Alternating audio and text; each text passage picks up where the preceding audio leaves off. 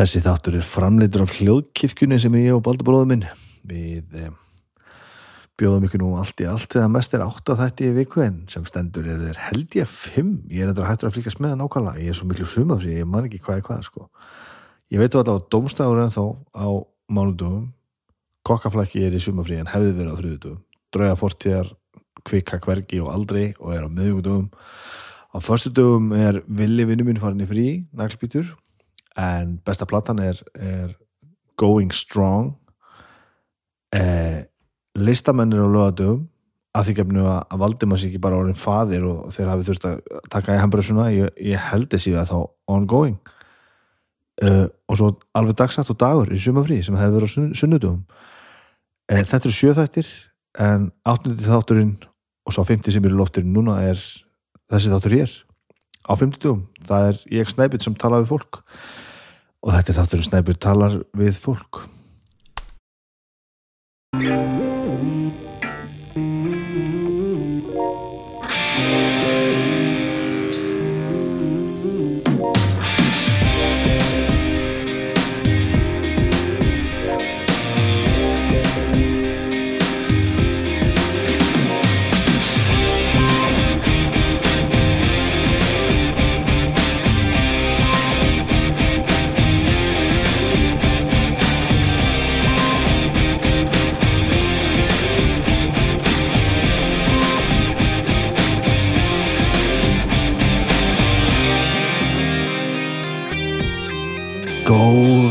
góða kvöldi Þið heyrið að mér líkur svolítið svona látt og rómur. Ég sitt hér bara í rökkri við í borðstofuborði í, í, í, í íbúð sem ég þekki vel á Húsavík og, og nýbúðin að svæfa börnum mín og, og, og, og fjasa svona ofan í hennar mækjana ég er með svona með svona ferðastatíf sem, eða ferðastatíf statíf sem ég er nú alltaf með en svona, ég er með svona svolítið minna rigg þó er ég með alla græfna, ég er með makkana og allt saman og ætlar að mögulega henni sumafrín og taka við töl og svona þannig ég tók nú alla græfna með.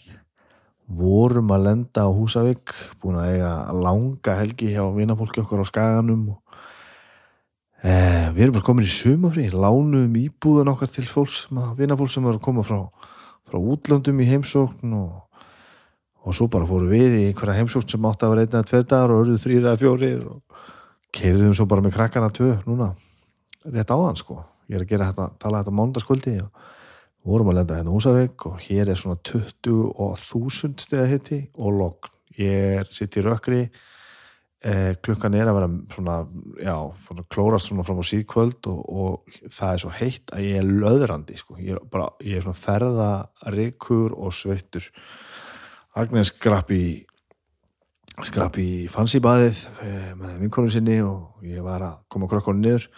Og við erum hérna í íbúð á tengdafóldrum mínum sem að þau eru í miðjum klífið að gera upp og hún er geðvik, djúvill þetta ógislega gott. Hér ætla ég að eða mörgum löngum stundum þegar framlega stundir þegar árið liða, þetta er djúvill þetta gott. Djúvill er allt gott. Það er gott að vera ég, það er allt gott í kringum mig alltaf Þannig hafið það, þannig ég er sérstætt komin í sumafrí frá, frá Pippar, alveg ekkur og tart, ekki mikil, ekki mikil spilamennska framöndan, eitthvað, jú, halvvitaðan eru nú bókaðar held ég valaskjál og miðgarðin vestlunum alveg ekki, ég held að sé ekkert framöndan nema það sko. Þannig að það er, það er bara það. Og annars ætlaði ég að vera alveg í frí, við, við vorum búinir að vinna okkur inn með bestu plötuna, þannig að Uh, ég þarf ekki að ágjöra henni en, en hérna en ég á ynga þætti inni hér sko, ég ætlaði ekki að taka suma frí og vonandi ger ég það bara alls ekki neitt en þá þessum er ég nummið töskuna sko. Ég á bara, ég er bara að fara þið eru að fara að hlusta á þetta viðtal við, við Unniösp sem var náttúrulega var, var, var frábærlega frábært en því það er ekki svo gott að það, að það tegi sér við marga mánuði þó að sé langt, nei marga viku segi mánuðin þannig að ég ætla að grípa hérna bara. Ég ætla að hafa þetta mjög casual. Ég ætla ekki að sprengja mig á viðtalspælingum hérna fyrir norðan og, og ég nenni ekki að fara á leita langt yfir skamt ég, það er fullt af ævintilega skemmtilegu fólki hérna nálat mér. Frægur eða ekki frægur sem ég er alveg sama. Ég, ef ég fæ góðar hugmyndir að tala við gott fólk þá ætla ég bara að gera það og gríta því í lofti þannig að þetta verður gott sumafrí sko. Ég ætla ekki að stressa mig um of. Um, ég ætla að segja ykkur frá styrtaraðalum þáttarins núna svona sem að gera það að verkum að, að ég get staðið í því hérna nýbúin að svæða börnum mín að, að setjast niður og, og bladra þetta hérna Mike Simin Pay auðvitað, búin að vera með mér alveg lengi, lengi, lengi, lengi. Um, ég, ég ætla bara að minna ykkur á matarflipan, eh, mathöllina í appinu eh, þar sem þið geti pantað mat eh, alls konar mat að við að tellja upp svona sko, Flatey, Smash, Brewdog Dökkenrós, uh, Kóri Public House, Fabrikan Fiskmarkaðurinn, Júsú Burgers Umami, Makai, Lamb Street Food Burgerin, fullt, fullt, fullt af mat, allt saman hægt að panta í, í sama viðmóti búin að skrá greiðkortið til þinn og, og þetta gengur mjög smurst og svo verður maður bara sækir og þetta er svona ógeðslega næs. Og þriðdugum eh, í held ég allt sumar, ég vonið sér ekki að ljúa því og ég, so far so good. Eh, verða tilbúð í gegnum Simin Pay appið, engungu þar í gegn. Þriðudagstilbúð á mat í appinu. Þannig að passið ykkur að opna alltaf, alltaf appið á þriðudöfum þetta svín virkar og þetta stækkar og stækkar og hér er hægt að gleima sér bæði náttúrulega sjálfsögðu hérna í, í matarflipanum en, en líka bara í tilbúða flipanum og ég ekkurat núna er ég búin að vera svolítið mikið í því, ég er búin að vera svo dölur að grilla og núna er ég bara að fletta grill hlutum bara bæði vandar, vandar, vandar ég þarf nýtt grill. Ég er bara með old school kólagrill, Weber pott út á svölum og ég er svona pæli hvort ég er að fá mér annan starri eða hvað ég er að gera. Og svo bara vandar, vandar, vandar þarf alls konar áhöld og dótari og, og, og ég er bara búin að finna alls konar. Akkurat núna til dæmis að með að ég er að töða þetta hérna, þá er ég að þá var ég að skoða tilbúðið frá grillbúðinni áhöld og svona. Ég til dæmis komst að því að, að, að ég þarf að eiga fleiri tangir sko. Ég þarf að eiga alvöru tangir og fleiri en eina og helst fleiri en tvær. Og gafla og svona alls konar dút þetta ég þarf að fara að fara að uppfara þetta aðeins hérna, verkfara verkfara partina þessu. Ég gerir það fljóðlega þið heyrið það og svo náttúrulega leggum maður bíljum sínum náttúrulega endalast með þessu. Þetta er frábært app og, og, og frábært fólk sem er reynast mér óskaplega vel tegur þátt í öllu sem ég er að gera hérna uh, fagnandi og gerir það verkum að þið. Getur hlusta á mig. Eh, annað sem ég langar að nefna er sjóvá sem hefur komið þetta inn með mér eh, eh, svona on off og búin að vera með hljóðkirkjunni á einna annan hátt bísna lengi. Eh, sjóa er ég, sko, ég vonaði sér ekki að ljúa þessu. Ég held alveg örglega ekki ekki að skipta öllu máli, ég held að ég hef aldrei verið hjá öðru tryggingafélagi heldur um sjóa þannig að mögulega hef ég engan samabörð og ætti ekki að vera að blara þetta en það lítur að segja sér sjálft að þegar maður hefur haldið hérna viðskiptu sínum um, þrátt fyrir gillibóð hjá sama fyrirtækinu í ára tugi þá er eitthvað rétt og gott að gera starf um ég til dæmis saði ykkur söguna því með iPad-i minnum daginn að hann hefði brotnað og ég sendi eh, tjóna tilkynningu um þetta á, á síðunni hjá þeim og ég fekk svar sko eh, ég, svar, ég sendi þetta inn að kvöldi og ég hef búin að fá svar upp, upp úr hádegi daginn eftir. Síðan eru liðni svona þrýr mánuðir og iPad-in er það brotin en það er bara mér að kenna að því ég er auðmingi sem hefur ómikið að gera. Ég var beinleins kvartur til þess að fara mér að bent á það af sjófa farðu þángað, gerðu þetta uh, við borgum og þetta verður alltaf lægi og eina sem ég þarf að gera er að fara með iPad-in og ég er bara ekkert búin að því. Þannig að ég get ekki lofaði að sjófa á breyti uh, auðmingum um, eins og mér framtagslega sem auðmingum eins og mér í, í duglegt fólk en að öðruleiti gera þau það sem maður myndi búast við að þeim og meira. Og sjá svo eh, gleði í því að styðja við fólk eins og okkur sem er að gera að okkur finnst skemmtilega hluti fyrir skemmtilegt fólk. Þannig að Simin Pay og Sjóá eru hér standa hér vaktana með mér og þið hlusti fyrir vikið þannig er það. Í, þið eru að fara að hlusta á mig tala við Unni Ösp. Um hún náttúrulega bara eins og þið heyrið, við höfum þetta að tala svolítið mikið þarna um fanga uh, uh, seríuna sem að, sem að hún gerði með miklu, miklu fleira fólki og ógeðslega skemmtileg stöf.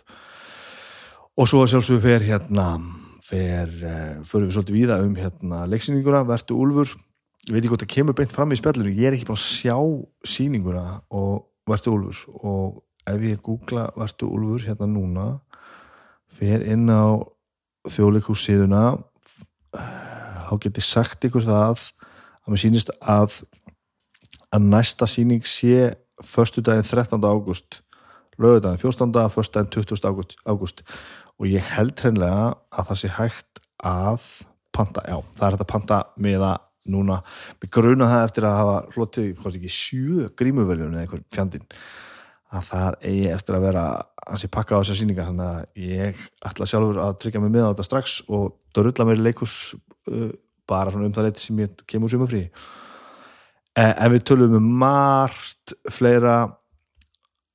Langflest gott en sumt erfitt. Uh, hún er óhemju skemmtileg og heillandi manniska sem að hefur margt að segja.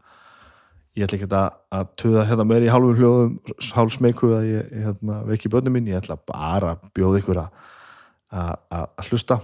Ég ætla sjálfur eitthvað að fara að finna út í hvort ég kemst inn á eitthvað internet hérna, ég þannig að hlaðu þessu sem ég er að gera hérna og svo kannski reynir ég nú bara að hlusta á, nei, horfa á eitthvað kannski tölfunni eða eitthvað árið fyrir að svo, þetta er sutta sumafrí það verður bara svona, svo á morgun bakari og sund og kannski bjór einhvers staðar dagdrykja á einhvernum opnum pub.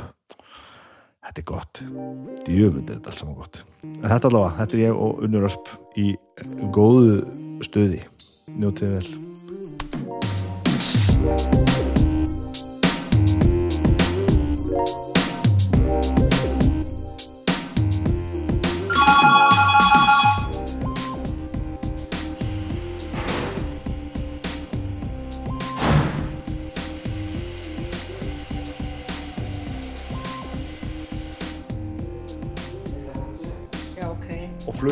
fluttum sérstaklega laugum í Reykjadal sem er svona hálftíman í landi frá, frá, hérna, frá Húsæk Já.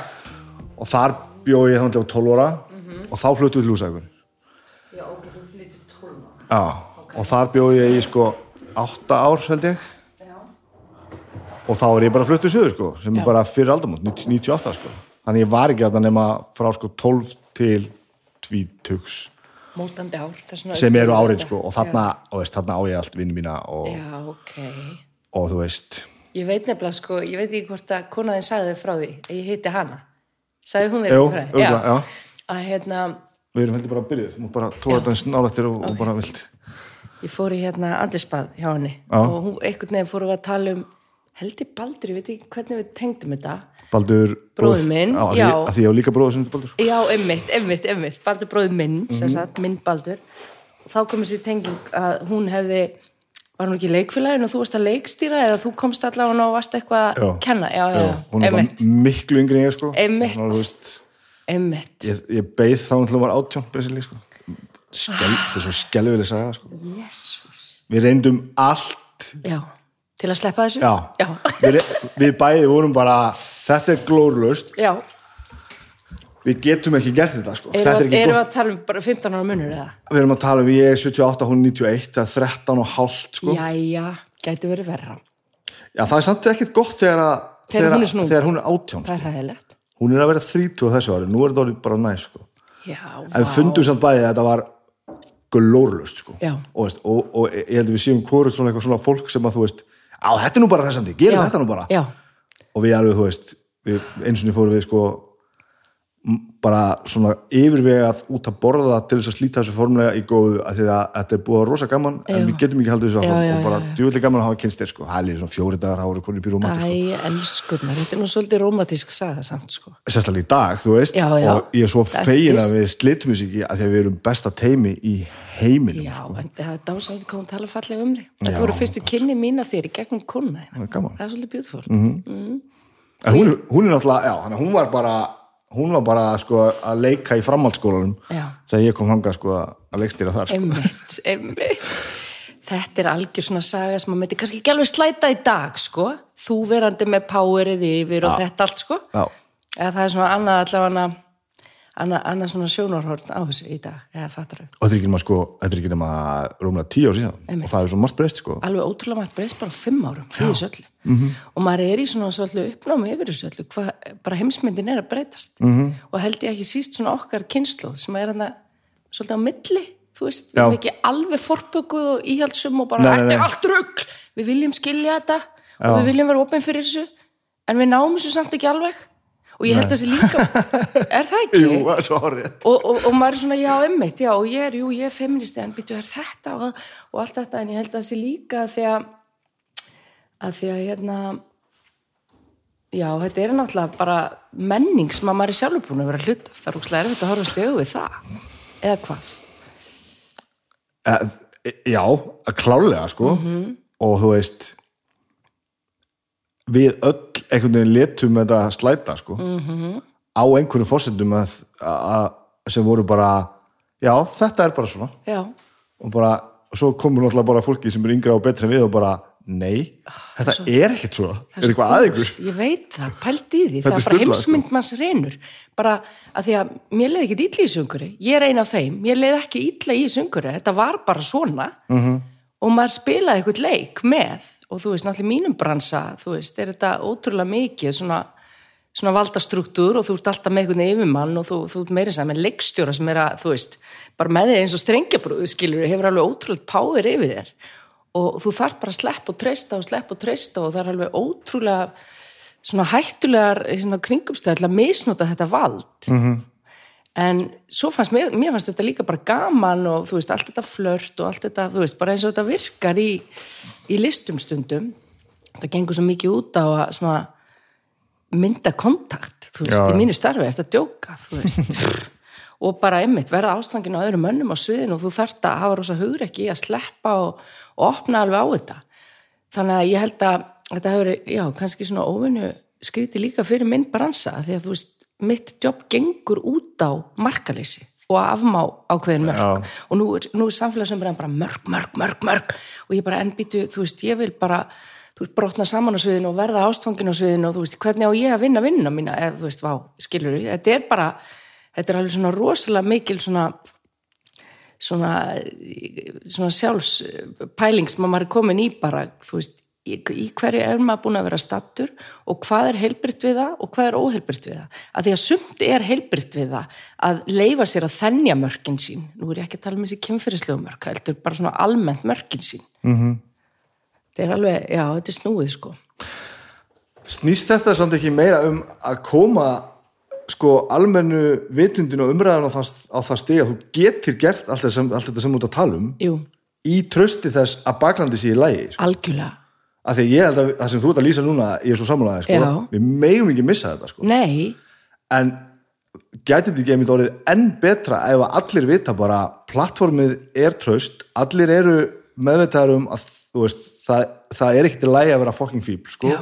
og getum við þá ekki þá einmitt bara gert ennþá meira sko. nákvæmlega, þetta er svo hárið til þér og þetta er svo hana, klára og hugrökk kynslu sem að adressar þetta að því að pældi því eins og ég leikus ég meina við erum alltaf bara, þú veist, í að kissa hana fólk og þú veist, þetta er bara mjög intimate vinna, þetta er ekki bara eitthvað svona kam og fólk að snertast og nutta hvort annað, þú þarft bara myndar og svo djúb tengsl og leiki ástasennum og þetta er alltaf bara fucked up dæmi, en aldrei hef ég fram að þessu, fram að þessu byltingatímabili átt eitthvað mikil samtöl um þetta. Að því að það hefur einmitt þótt svolítið svona þurfa að liggja í loftinu á hvernig kemistri að spennu og hættu skilurum mig? Já, já, en það verður að keira á Já, einhverju svona alvöru tilfinningu Já, sem er svona og bara fara og tensity bara halda í, þessa spennu. Um leiðu sest niður með leikstjórunum bara já, ég hérna vil ekki að þú komið við mig hér. Eða fattaru mig, sem er svo heilbrygt að gera? Já, já, ég hafði aldrei átt svolítið samtali með eina svona senu Át, þú veist, átjón ára ferli. Það er náttúrulega bilað, að því eins og þú segir þetta hérna er bara réttara og heilbriðara og við komum frá svo ólíkum stað, ég er kannski töffari en kannski mótleikarinn meina skýta á sig eða, eða hérna stelpa sem hefur lent í kynfyrirsóbildi hún dílar allt öðru í sig við svona senur en manneski sem hefur ekki gert það. Þannig að sjálfsögðu á að adressa þetta og ræði þetta til að hafa þetta til að hafa þetta bara örugt eins og við erum alltaf að tala um núna En heldur þetta að missi sjarman ef að þú veist ef að það er búið að krifið allt ég veit það ekki að því þú veist, ef að- ef að berða saman með, þú veist, grín og gamanleik Já. leðu búin að krifja allt það, þá er þetta dáðið sko.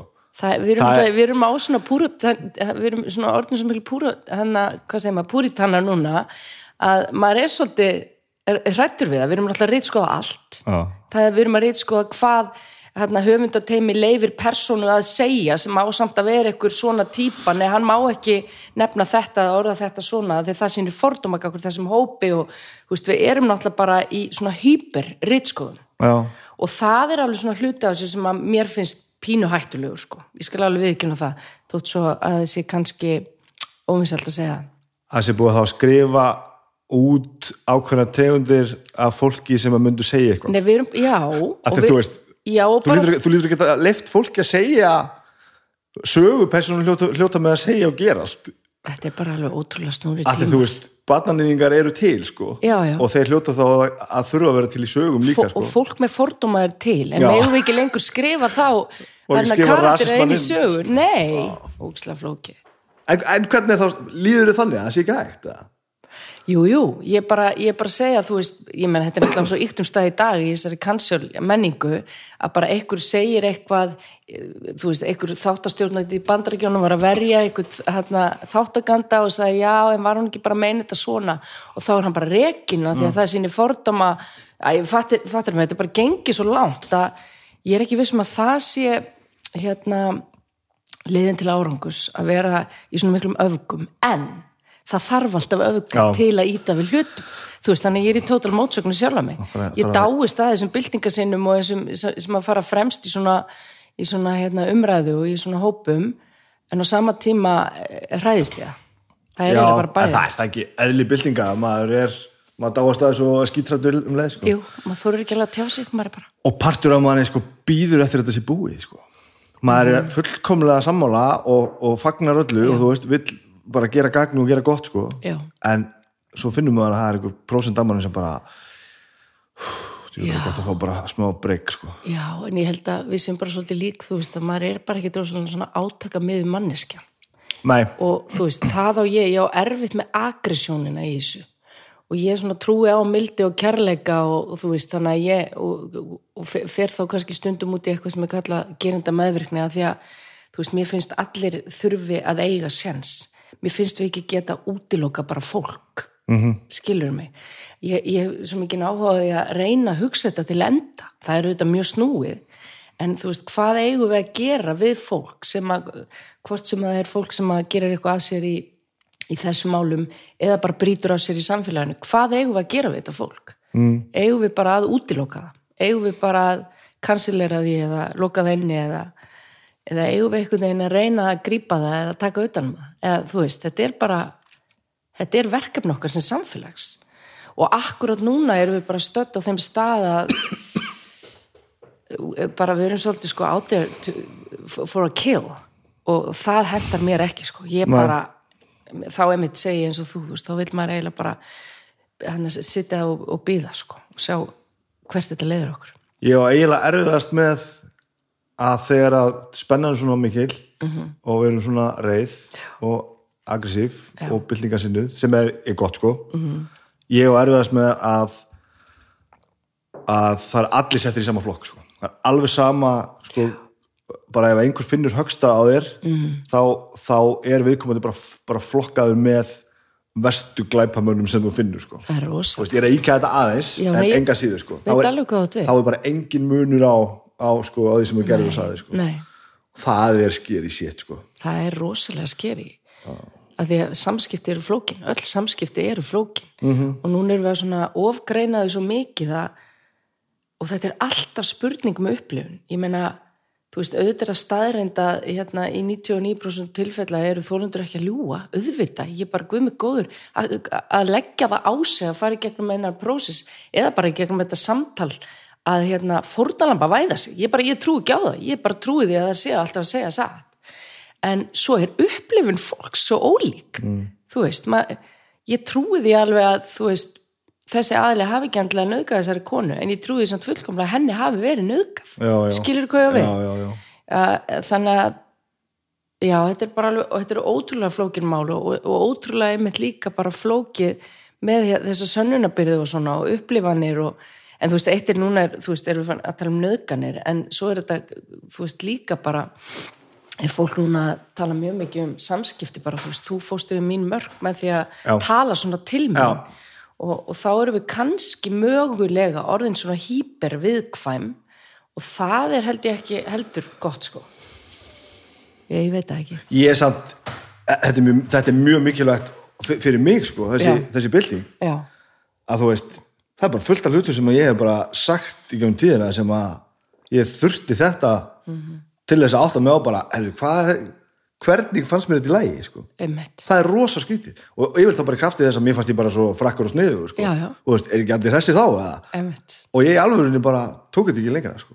og svo bara að vera að benda mann á þetta dag bara, hvað ert þú að gera eiginlega? vaðandi inn á fólk sem að þú veist sem að var ekkert að byggja um að vera að tala segja eitthvað sko. og nú er ég að tala um öllu spektruminu bara almenn frekja sko. já, já og ég, ég vona að þessar byltingar sé að gera að koma svona með fleiri sko, sem eru í, mín, í mínum spórum sem að, veist, með sitt í sitt svona sæmil á þurru sko. en bara að taka stefnuna sem var bara aðeins farin að drifta og bara herðu, herðu, herðu þú verður að fara áfram sko. þú mátt ekki eitthvað svona slæta hérna til liðar sko.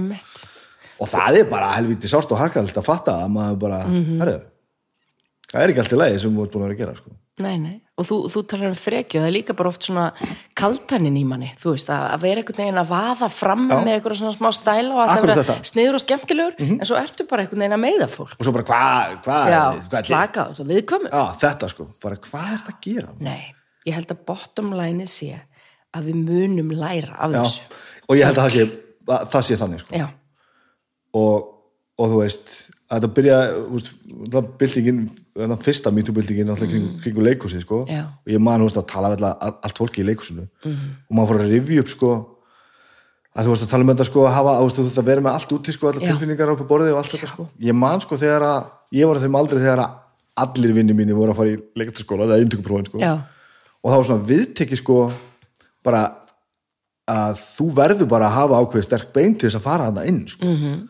Það eru bara hlutir þarna bara þú verður bara, stundum verður bara á því gengið sko. -hmm. og þú, þú verður bara tilfinninganlegt flagg eftir það, bara take it or fucking leave it og bara svona eftir á bara er það? Er það eðlilegt það? já, sko, þú veist ég, ég upplifði þetta aldrei sem eitthvað ofbeldi nú tala ég bara út frá sjálfum mér sko.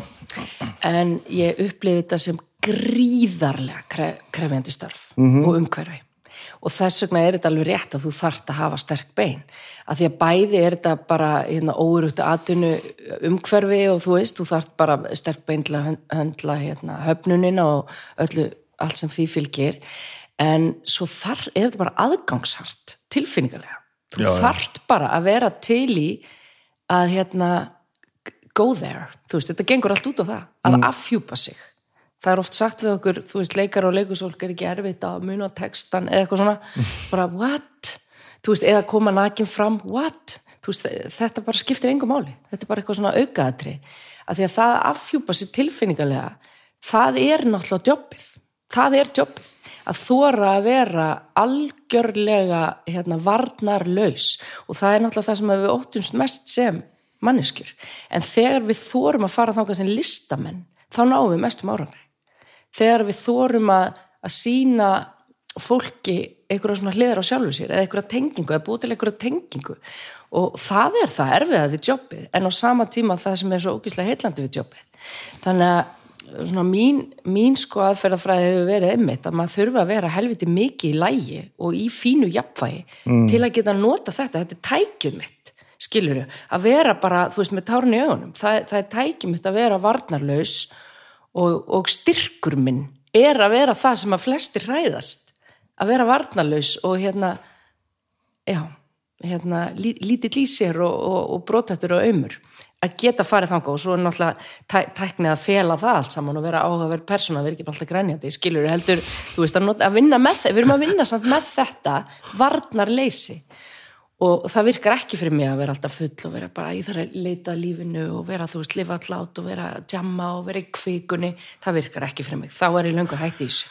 Þannig að þú veist, það er það sem að kannski var sagt við vinið þína, þú þarft að vera svolítið jarðbundin og, og passa upp á þig til að geta unnið með þessar tilfinningar þú veist, það Ég, mér fannst að viðkvæði verið meira bara, bara verður tilbúin, þetta verður von já, þú veist, Mhm. það, það, það, kemur fólk sem áttur að ganga á hlutæðin ef þú áttur að vera leikari þá verður bara, bara fucking face það sko. og það er bara svona uh, ok, já, hvað er bara fólk að fara að segja mér að gera eitthvað sem ég vil ekki gera já, já ég er ekki til í það sko Nei.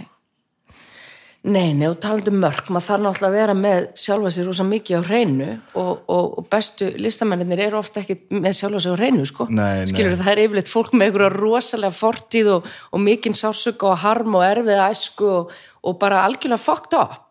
Og, se- og þú veist, þar að leiðandi hefur eitthvað mjög mikið að gefa. ín í allar þessar brotnu tilfinningar Já. og, Hanna, hva, hvað sagði ekki Cohen hérna, there's a crack in everything. That's how the light gets in þú veist, þetta er rosa mikið svona bara list, listamæðurinn sko. Þannig að það er alveg ótrúlega margir sem hellast á lestinni. Það er bara þannig, af því að þetta er mjög krefjandi. Og einmitt kannski, og líka bara þetta þú veist, að þurfa einmitt eins og segir að, að reyða sig á okkur annan bara fílar um mig, þú veist hvað vilt þú að ég geri, fæ hlutverk? Og hérna, hva, hvað segir á ég leika hund? Þú veist, þetta er náttúrulega bara þú, þú veist, þetta er skrítið jobb þú þarft að treysta rosalega sjálfa þig til að geta lagt tröst í, í hendurnar á, á mannesku sem að sem að er yfir þér og í, í raun og veru að stýra sýningunni. Og þetta er alveg fáránlega viðkvæmt fyrirbæri, tröst og þú veist, þú þekkir það náttúrulega bara úr, úr hérna, þínu samstarfi í, í hljómsveitunniðinu og hjónabandiniðinu, þú veist, þetta bara er í öllu lífinu, tröst er bara líkillin held ég að ákveðnum árangri í öllum samskiptum, þetta er náttúrulega líka bara gagvart börnunum sínum og öllu, en ef þú treystir ekki á sjálfa þig þá er okkur slærið fyrir að treysta okkur annan. Er það ekki? jú. Ég held að þú setja að lýsa bara öllu sem ég geri sko. Já. ef ég er með mitt sitt á hreinu Já. er miklu öðvöldur að, taka skýtnum frá öðrum sko Algjörlega. Þannig að ég held að það sé svona, það er rosa verkefni bara fyrir alla í, í hvaða starfi sem þið gegna og í uppeldi og, og í hjónabandi, veist, það er þetta, já, að treysta á sjálfa sér til að geta treyst öðrum. En þetta er svo, mín reynsla eftir svona núna 20 ári í þessum bransa mínum, þetta er ótrúlega viðkvæmt maður, þetta ferli og þetta sköpunarferli að, að, að tröstið brotn ekki. Og ef það brotnar, þá er ekki hægt að laga það. Ertu að tala um trösti á milli allra sem koma að því að búa já, til? já, já, bara sköpunarferli. Að því þú ert allavega í bandi þú veist, það sem að er svona meir og minna alltaf sömu gaurarnir. Mhm. þú veist, ég er rosa mikið að búa til nýja hópa. Koma inn í nýja hópa, vinna með nýju miðumanni vinna hana yfir nýju fólki. Þannig að við erum alltaf í svona eitthvað svona listrænu tilhugalífi í, þú veist, nokkra vikur til að byrja með og stundum nokkra mánuði. Og hérna þetta er held ég svona rosa mikið galdur í, í góðri sköpun þegar þetta tröst næra myndast á milli ólíkra aðalega sem þekkist ekkit fyrir.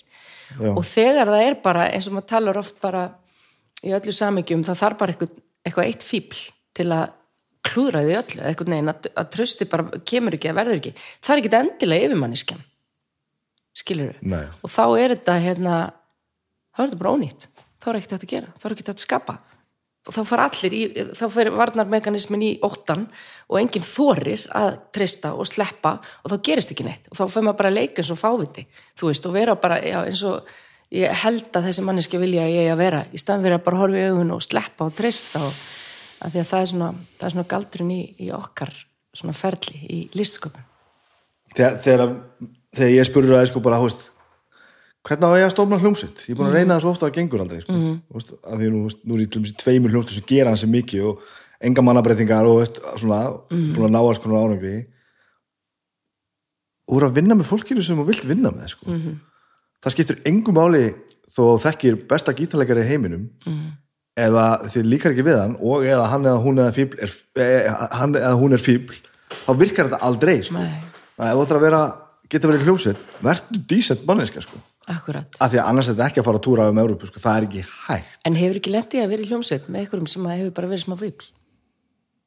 verið smáfíbl, Já. jú, Já. mjög oft sko. Já, en, en það er, það er mikil munur að vera smáfíbl eða, eða að vera að vinna með fólki sem bara, þú veist, fungerar ekki í starfinu sko. emitt. og svo rekur þið á miljón þróskulda og þetta er það líka skólin en bara, þú veist, þú eru líka komast yfir hindranina sko. Mhm. en ástæðan fyrir að böndin mín ganga vel er það að þetta eru með sitt á hreinu og er hægt að vinna með sko, og ég get unni með sko. auðvitað nuttast fólk saman og allt það en það er aldrei svona, svona ötter fávitagangur sko. og þá skiptir ekkert máli hvort þú kann rosalega mikið á trommur. Nei, ef þú bara lætur þetta virka og ert snillingur þá erum við góð sko. ég er svo samanlegar að því að hérna það er, ef þú pælir í bara, þú veist, hvað fólki gengur best það er yfirleitt fólk sem á auðvelt með samskipti eða einmitt er eins og orðaða með sitt sitt á hreinu og getur auðveldlega unni með öðrum. Mm. er það ekki raunverulegur líkill að einhvers konar árangri? Að. Al- það eru samskiptin, það er Allavega. ekki endilega með gítarinn eða hvort þú sitt besti leikarinn. Og núna í setjandi því ég fann að leikstýra meir og framlega þá hefur þetta alveg ótrúlega áhrif á hvernig maður velur fólk í kringu sig. Alveg ótrúlega mikil. Bara hvernig er að vinna með fólki Já, þú veist, það var eitthvað mann eitthvað fótið sem sagði um project, project over people. Að maður ætti alltaf að taka bara besta fólki og bara ekkert að pæli þú veist, hérna, hvernig manneskir það væri ef það væri bara Shit, hvað er ósamanlega sem var Já, ég marð þegar þetta var sagt við mig, ég var bara ok, þa- þetta er bara mjög, mjög fær, eða sem, eða, hvað hefur að segja, þetta er bara manneskja sem hefur náð ótrúlegum árangri sem sagði þetta við mig. Og ég hugsaði bara, já, ok, really, er þetta málið? Þú veist, ég var ung og blöytu baku eirun og hugsaði, ok, ég ætla að taka þetta inn, ég ætla að taka þetta inn.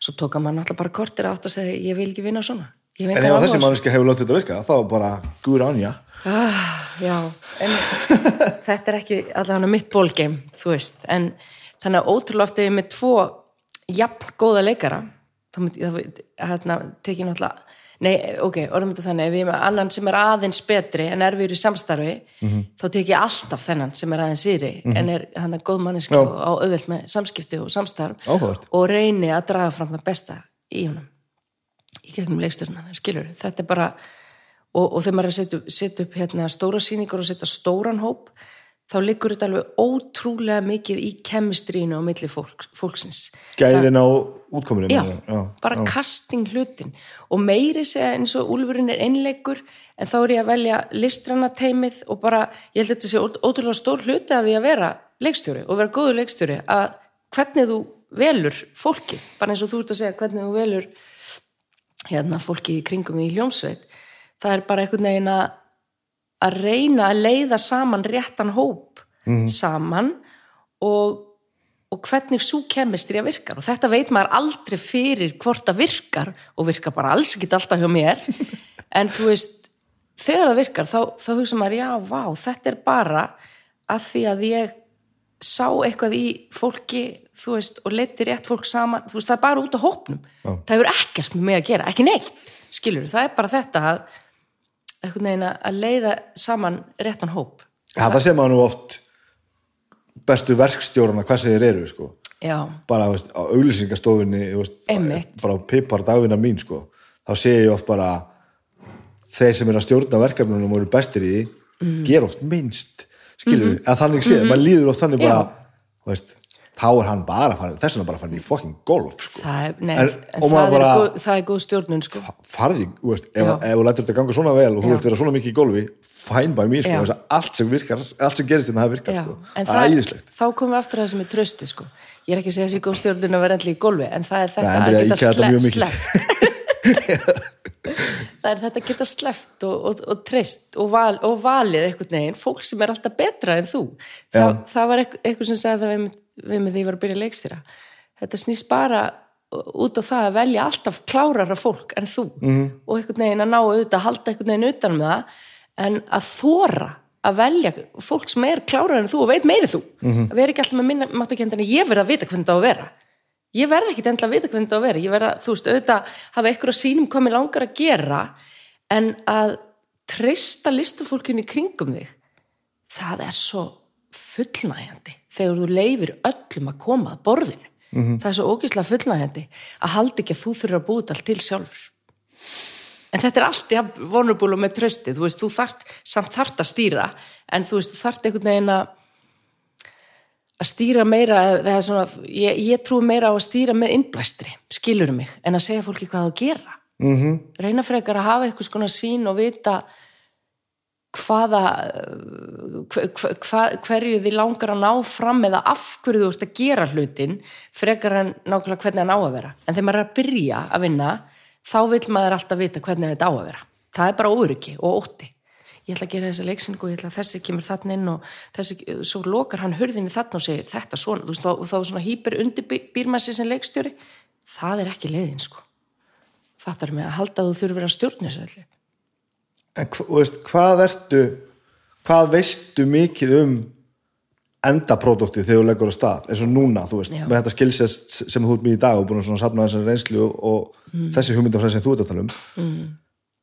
ég held að rosa margir gerir sér það í hugalund bara að leikstjórin eða hver það er, þú veist sé bara búin að sjá fyrir sér bara svona verður leiksýningin og nú þarf ég bara tíma til þess að láta þetta gera þjálfa alla svo allt verður eins og ég er búin að sjá fyrir mér. Hva, veist, hversu mikið sérðu fyrir um enda? Sko, þú, þú verður alltaf að hafa dræfið og innblásturinn til að langa að hafa eitthvað að segja. Það er bara líkil atrið af hverju ætla ég að gera þessa sýningu? Mm. og stundum er það þú veist að því ég, ég var alveg líka verið í svona commercial sýningum eins og Mamma Mia og eitthvað svona. Stundum er það bara eitthvað eitt lag sem kveikir á okkur tilfinningu hjá mér sem að bara, vá, þetta getur fucking breytt heiminum ég ætla að gera þetta Mamma Mia shit. Þú veist sem að ég hafði ekkit eitthvað rosalega mikið áhuga á, fattar um, ég kvorki abbaðdándi, nýja mikið söngleiki fann. En það var bara eitthvað the winner takes it all. Þetta er besta lag í heimi. Það er bestalega heimi, já. Já, er, þetta ekki samanlega? Jú, Nei, skilur, ég, bara, ég get ekki sagt nei við þessu verkefni, ég get bara breytt heiminum með þessu verkefni. Og þú veist, þetta dræf þarf ég að hafa skilur, ég verð að hafa þennan eld til að geta haldið á, þú veist, 50 manna pródusjón, sko. En ég, ég, ég samt ég vil alls ekki vita hvar sýningin endar. Nei. skilur mig, en ég verð að hafa innblásturinn. Ef ég hef það ekki. Og það er ekkit allt efni sem kveiki svona á mér þú veist, og það er ekkit bara eitthvað ótrúlega mikilvægt efni um fanga eða, eða hérna skilur, það er bara mjög mismunandi þú veist, ég var náttúrulega bara, þegar ég útskrifaðist var ég með úkslega mikla fordóma og bara var búið, fyrsta hlutverki sem ég fekk var í grís með Birgitta Haugdal og, og Jóni Jósepi og ég bara, ég er að djóka. Eitthvað svona pop, bara rugl þú veist, er þetta að fara að vera ferill minn, þú veist, maður tekur sér svo alvarlega þegar maður er að byrja. Svo bara þurfti maður að stíga inn í það bara já, þetta jobb er alls konar og ég get einmitt lært mest af því sem að kannski ég held að sé eitthvað sem ég kunni ekki neitt eða hafa engan áhuga maður getur yfirleitt lært mest af því. En hérna, já það er þetta með innblásturinn, en svo auðvitað er þetta bara rosalega mismunandi eftir í hvernig ert að gera, þú ert annars vegar að gera kannski fimm manna leikrit eða 50 manna stórsjó og auðvitað þú ert með svona mannmargar sýningar þarf þetta skipulegja ímislegt þarf þetta að vinna alveg í marga marga mánu og jafnvel ári í undirbúningu með listrannanda teiminu um svona hvernig þetta er að líta út þú ferð ekki bara með blað og penna og leikóp og bara, og hvað? Þú veist, en ég hef lært það svona með árunum og pródusjónunum að þóra að stíga inn í meiri óvissu. Já, þar gerist yfirleitt galdurinn. Að vita ekki allt, þú veist. Og, og, og náttúrulega þú veist í þessi verkefni núna hérna í COVID-inu verður Úlfur sem átt að vera eitthvað svona pínulítið dæmi út í kassa í þjólkusinu og svo bara út af því að heimurinn er á kvolfi og, og allt er unpredictable og, og við veitum ekkert hvað er í gangi veist, það er bara allt í total uppnámi þá umbreytist það verkefni í eitthvað allt annað en það átt að vera. Og þá þurfti maður að vera rosalega hugrakkur og ærilegs og bara ok, ok, hvað séru jólasýningin á stóra sviðinu bara, uh, þú veist, þá þurfti maður einhvern veginn bara að, að, að sleppa öllu og leita að produktinu miklu meira en ég hef haft tækifæri til að gera í öðrum verkefnum, skiluru og það er eitthvað sem eru lært að því er þá er það náttúrulega það bara vá hvað hérna hvað það getur gefið manni mikið að að vera ekki með neitt endapunkt eða skilur mig, auðvitað, en ég hafði þetta drive sem ég var að segja, veist, ég hafði þetta innblástur um hvað mér langaði að segja með þessu og hvaða erindi mér fannst efnið eiga. En svo bara, einmitt valdi ég fólk í kringum mig sem að var bara mjög svona lífsreyndar manneskjur svona fyrir utan að vera bara listamenn sem ég leitt upp til og hafði ekki unni með áður og svona það langaði mér svona svolítið að stíða út úr mínum þægindrama, vinna ekki bara alltaf með sama teiminu og svona heldur einmitt bara, vá, mér finnst hérna Elin hans geggjaði myndlistamæður Akkur hingi ekki bara í hana? Og bara Emilian Torini er búin að vera í mig frá því ég var 12 ára og er bara svona, hefur mótað með sem mannesku, ég dyrk hana, þekki hann ekki neitt. Akkur hingi ekki bara hana? Þú veist, af því að ég vissi að þetta var þetta var efni sem að kallaði á það að, að fólk þyrði að, að ganga mjög nærri sér í leitinni að sýningunni. Og þetta er allt manneski sem að náttúrulega eru hérna, listamenn sem hafa nálangt en líka bara með erfiða lífsreynslu. Að því að mér langaði að gera sýningu um það að vera manneskja og, og það að hafa upplifað áföll. Ekki það að bara fá að skoða eitthvað geðsjúkling. Mér langaði ekki að gera þá sýningu. Heldur hérna já þannig að þá þá valdi ég svona fólk sem hafi virkilega já bara sínar sögur af því öll eru, eru við náttúrulega með sögur en, en þetta er allt fólk sem hafi bara mikla lífsreynslu og mikið hugrekki til að deila sjálfum sér inn í svona sköpunarferli. Og þess vegna var þetta alveg bara ógæðislega erfitt ferli tilfinningarlega fyrir okkur öll. Við gengum öll mjög nærra okkur og, og, og hérna gáfum allir aðilar gáfa alveg ótrúlega mikið að sjálfum sér þannig að það var ótrúlega mikil sverið talandum að vera með fólk sem er hugrakara og klárara og, og færara en maður sjálfur sko. Að, að þarna var ég bara umkringt svoleiðis fólki. Má ég fá mig kaffi? Já, gjör svo Skal skipta þegar þú lettir með vatni þá erum við góð. En þú veist finnst þér þetta alveg vera á svona ófrávíkjanlegu líkill að þessu? Að þú veist að það þurfi að vera bara fullt af tilfinningum upp á borðinu ég þú veist ég, Já. ég, ég, að svo fyndi að ég sé taka viðtalið við núna. Því ég tók viðtalið síðustu viku við Halla Mello já, sem er alltaf einn af okkur allra bestu mönnum sko. hann skilur þetta bara ekki sko. nei ég veit það. Hann er bara hann, hann er, hann er dásamlu sko. og stórkustlu leikari og hann, hann var eftir að lýsa því sko bara þegar hann var í leiklisskólanum og bara hvenær ætliði að kenna mér að leika mann í leikriti? Af því að hann vil bara leika mann í leikriti. Það er bara það sem hann gerir og gerir frábælega sko. Það er alveg ótrúlega ólíkar hérna, aðferðir, þú veist, og bara ég elska Halla og vinna ógislega mikið með honum og, og við höfum leikið hjóni bara já, eh, þú veist, og allt það í mjög hérna, aðgangsörðum verkum og svona en, en okkar nálgun er mjög ólík Já. þú veist, og þetta er svo, er svo dásalegt að hafa við bara með vikum millibili að segja bara einhvern veginn að sömu ástriðinni Já. fullkomnur úr hinni ástriði sko. algjörlega. Skemmtilegt Já, mjög magnað. Nei, ég veit ekki, kannski er ég bara svona mikil dramasökkar eða eitthvað. En því ég tala um þetta með sko, þú veist, að, að fara alla leið og, og hérna, gefa sjálfu sér, þá er ég ekki að segja að ég setjast niður sem leikstýr og bara, og í hverju lendir þú, Emiliana? Þú veist, ég er ekki að krefja fólk um að nota beint sitt líf, en ég er samt að tala um að í raun og veru ganga næri sér hvað varðar sko að nota sinn sársöka og, og finna honum eitthvað tilgang af því að það finnst mér í eðlísinu vera heilandi. Þannig að kannski er ég bara aðeins, hef aðeins meiri áhuga á svona þerapíu hliðinni á vinnunni en, en, en halli. Þú veist að mér- mér finnst það geta verið mjög heilandi og geta hérna á endanum skila sér alveg klárlega inn í sýninguna á einn eða annan hátt. En ég er mjög skýr með mörkin þú veist, ég hef unni með, með brjálaslega flottin leikstur eins og Þorlefi sem að var alveg bara, þú veist, akkur við bara tölum bara um okkar líf á sviðinu og eitthvað og ég var bara bítu, bítu, bítu, bítu þú veist, ég er alveg með mín stóru verkefni heima fyrir sem að ég hef ekki áhuga á að berstrýpa bara hér á, á sviði borgarleikusins bara því að það er svo áhugavert fyrir þig sem leikstjóra að við séum öll bara eitthvað berstrýpuð, eða skilur, þar, þar fann ég að þar voru alveg mín mörg ég er hins vegar alltaf að vinna með hennar sársöka Já. og með mín áföll.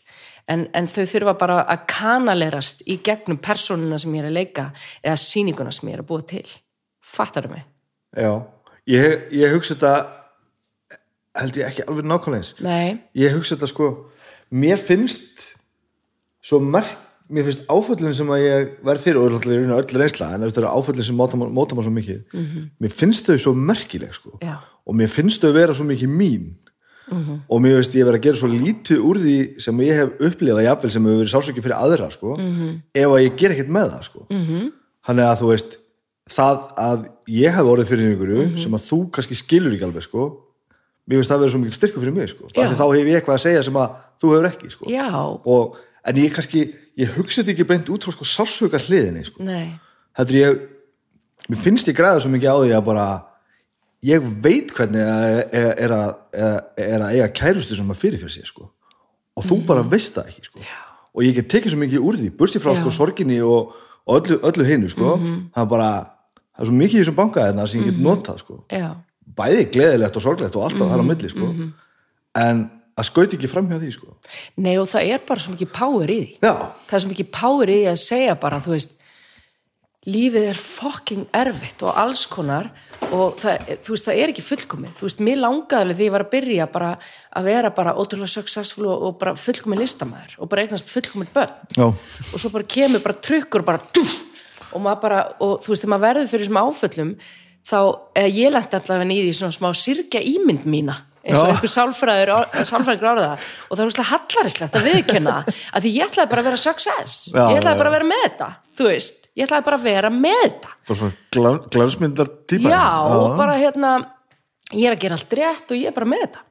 Og svo hérna er ég bara alls ekki með þetta. Og bara, þú veist, fullko fullkomlega hérna ófullkomin og, og bara, þú veist, að díla við alvöru áföll og, og að lenda í svona alvöru risaverkefnum í engalífinu og, og ég lendi í því að sirkja þessa eigin ímynd mína, eða Já. fattar mig, að því maður er náttúrulega bara svo fáránlega upptökin að álita annara það er nú líka það að geta stíða aðeins út úr því sko, þegar maður, þegar maður lendir kannski í svona alvöru áskorun eins og þú hefur einsla þú veist þá, þú færi náttúrulega bara algjörlega nýtt sjónarhörna á allt lífið. En mynd, myndur þú vilja skipta? aldrei, Nei. Nei og mér finnst líka bara svo gott að að geta ge- geta viðurkent þetta hérna þessa viðkvæmni eða þú veist þessa lífsreynslu og, og þessa viðkvæmni sem fylgininni að því að það er styrkur í viðkvæmninni. Eða þú veist þa- þetta finnst mér alveg ótrúlega áhugavert bara og þetta er ekki bara í listum. Þetta er líka bara góður stjórnendur þú veist þeir ég held bara þetta að þóra að vera weak og þóra að segja ég veit ekki. Og þóra að segja hérna, eigum við að finna þessu?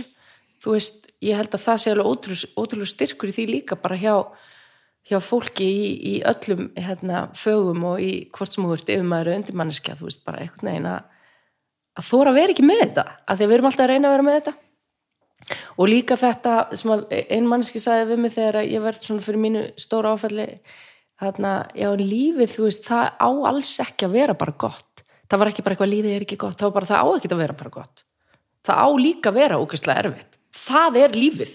Mm veist, lífið er hérna líka sársökin og ég held og, og, og hef bara fundið það sjálf að eftir að hafa upplifað mikinn sársöka þá verður þú hamingjusamari líka er þetta skrítið? Nei, ég held að þetta snúastu samt um sko ég held að koma aftur niður á á þann stað að hafa sitt í sitt á hreinu sko. Já, Ég held að, að því ég er þúsund prósent sammálaðir en ég er rosa glaður að ég var með fólk á bakvið mig og, og, og bakland og hugsunargang kannski líka að ég gat komist ánga sko. mm. gat farið með þetta veist, og, og, bara tekið það bara lífið skrifin lengra sko. bara, hei, ég er búin að gera þetta og búin að komast í gegnum þetta og búin að feysa þetta og búin að díla við þetta allt og þess vegna er ég komin neitt í tröppu herra sko. en ef þú hefur ekki orkuna eða netið eða einmitt. til þess að takast á þeir þá það náttúrulega gengur frá þá ferðu bara út af spórunni þú veist, og það er náttúrulega það sem er svo ósangjart í þessu lífi, þú veist að ég hef alveg bara einhvern veginn upplegað mig svolítið í bómull. Þú veist, ég er með stuðning foreldra og ég er með frábæran maka sem stiður og maður er bara umkringdur einhvern veginn stuðningi. -hmm. það er náttúrulega bara ekki allir þar sko. Og þá er kannski auðvelt fyrir mann að segja já, það er nú hérna sorgin dýfkar hamingjum hans og nú er ég bara getið líka verið bara glaðir á einhverjum mómentum og þakkláttur og eitthvað svona.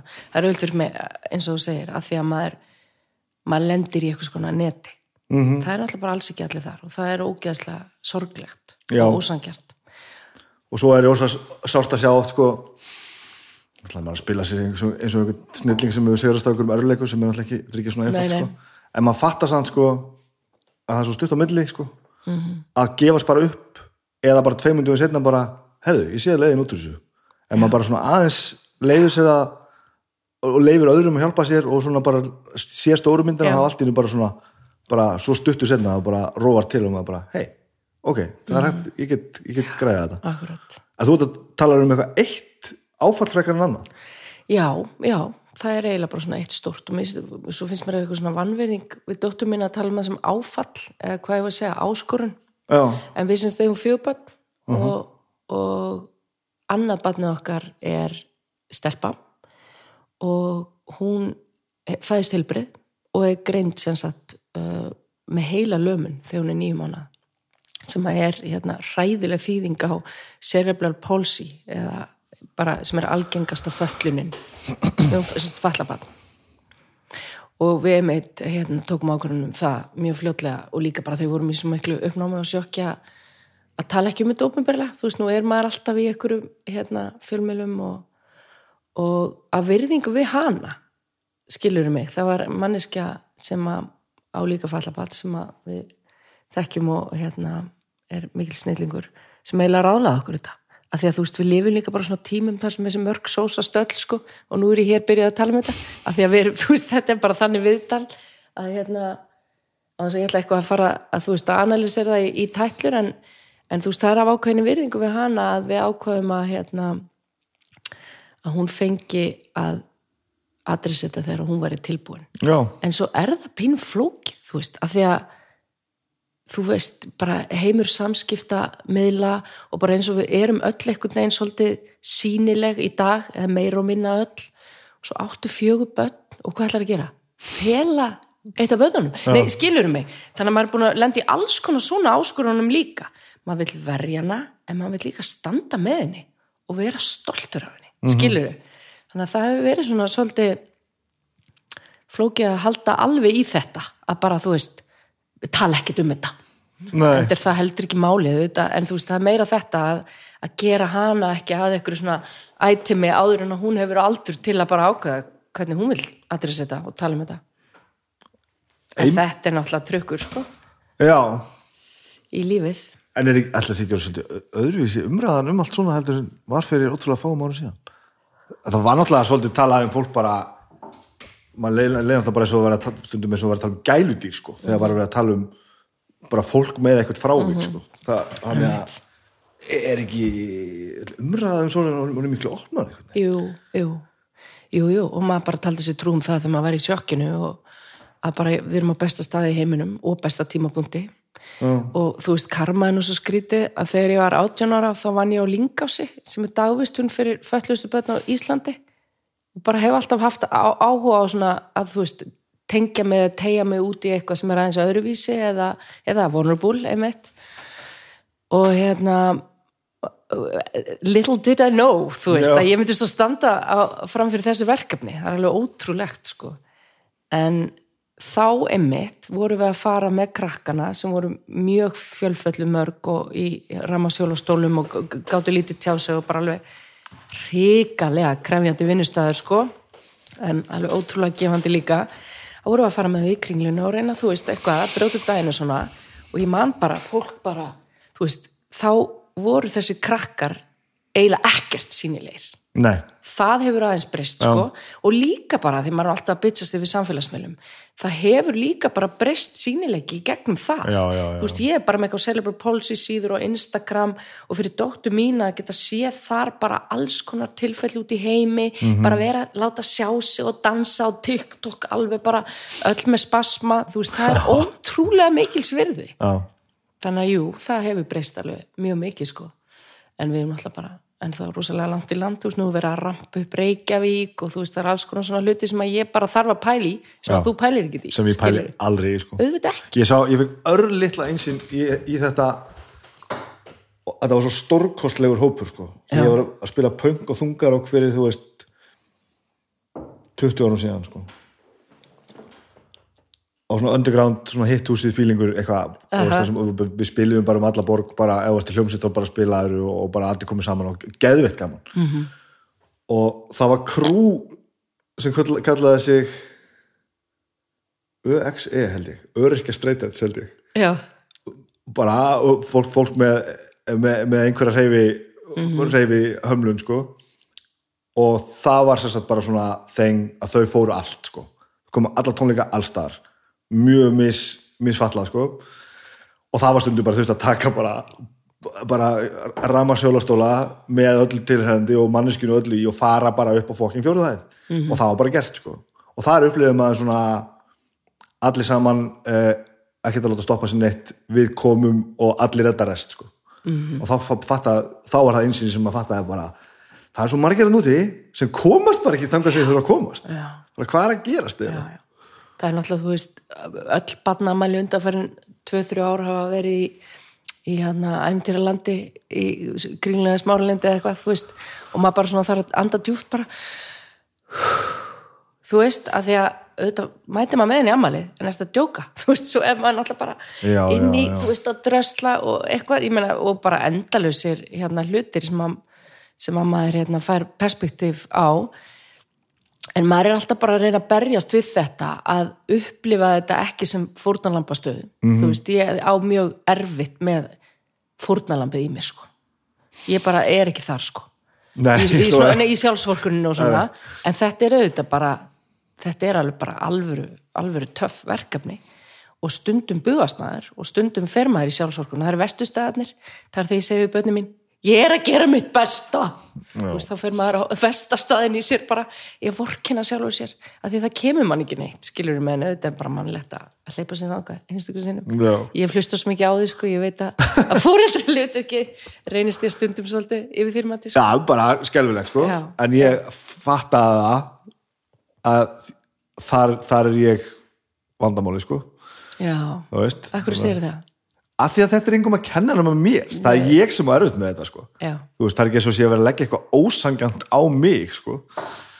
Þannig að ég bara, veist já, ég fór bara til sálfrængs til að finna út úr þessu máli sko. Ég Já. Mm. bara er að gera það núna, það er mjög skemmtilegt sko, já, að bara að, þess að gera lítið úr sko verkefnunum, ég er ekki að því Nei. en ég meina að þau eru ekki, það er ekki vandamáli sko, það er ég sem ræði ekki við þetta og það er vandamálið. mm, einmitt, einmitt að þetta er en það er náttúrulega bara þetta, þú veist, maður bara ber ábyrða sjálfa sig og er bara með sjálfa sig og ég hugsa stundu til tíman sem maður var þú veist, við með einhvers börn rétt upp úr þrítugu þegar maður var bara með sjálfa sig Mhm. -hmm.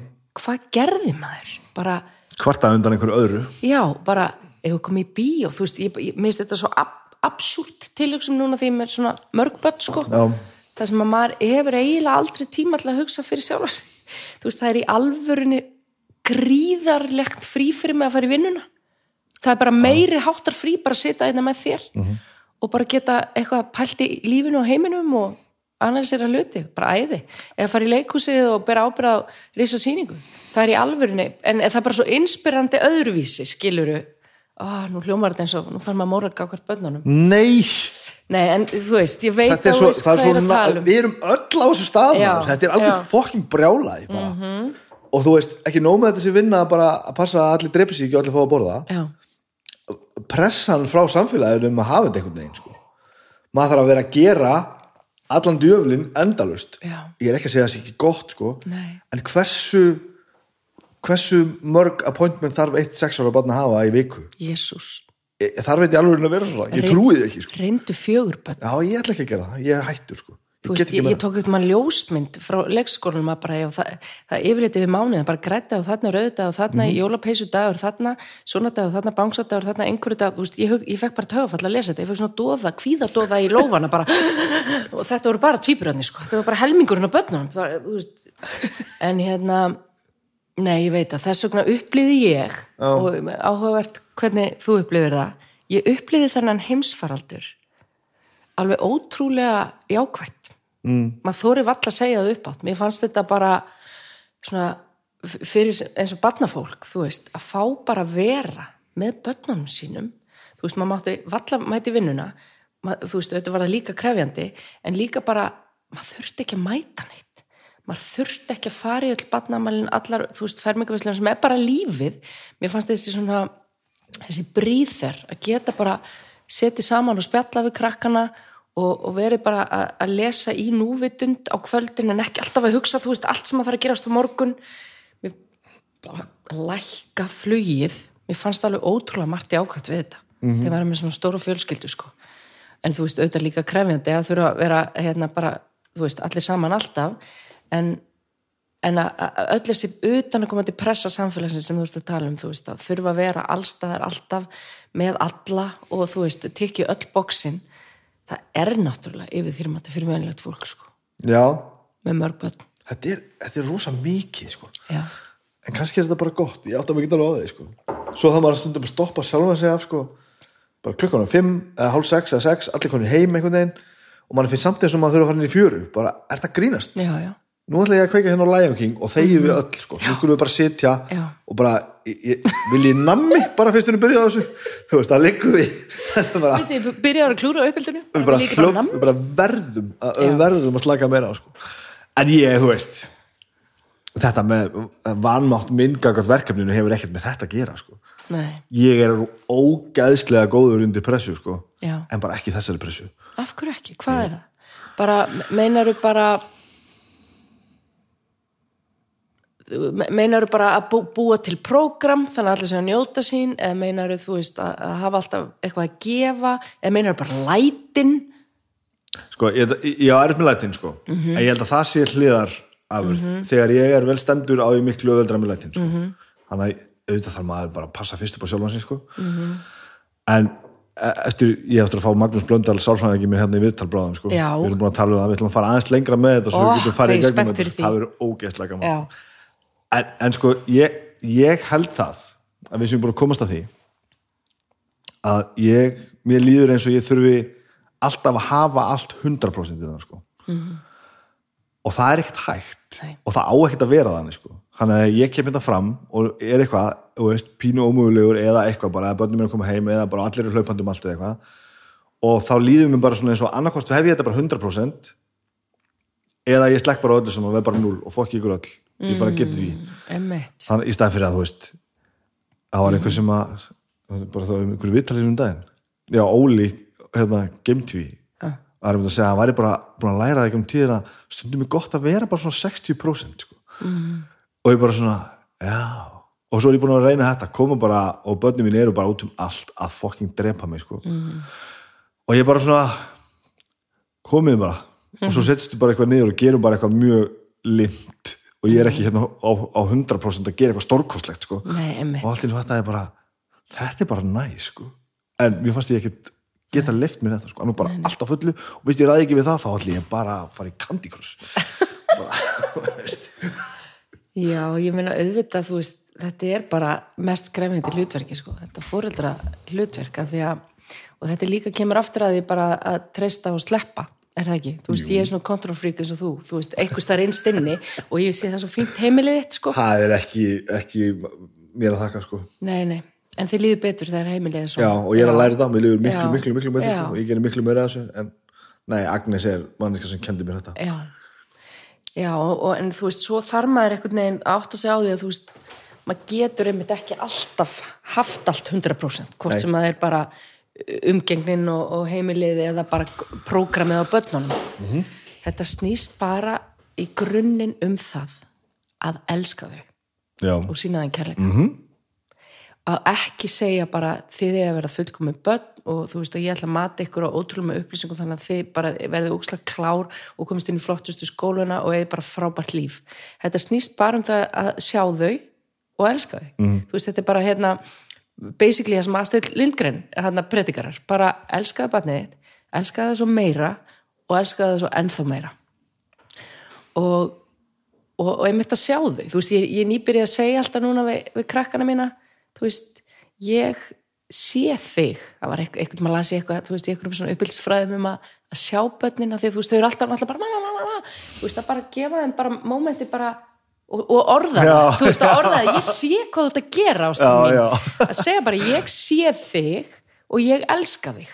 Og nú er þetta orðið svona þing á milli okkar þetta er óslega sætt fyrir maður að fara að sofa. Bara mamma, og þá segja þau það á móti þú veist, ég sé þig, þú skilir þetta ekki alveg núna, Nei, en nei. þetta er bara eitthvað þú veist, maður er að reyna að predikera bara hérna að þetta, þú veist, þú ert nóg. Þú veist, ég ætla bara að elska þig eins og þú ert og svo líka við erum, þú veist, búin að vera svolítið mikið með krakkan í hjalla, það sem þetta snýst um að segja ekki, ekki, Mhm. þú veist að heldur frekar bara, þetta er í bóði passa þessa hluti, þú veist, að vera ekki alltaf að skamma heldur að í raun og veru upphefja frekar það sem þau eru að gera vel.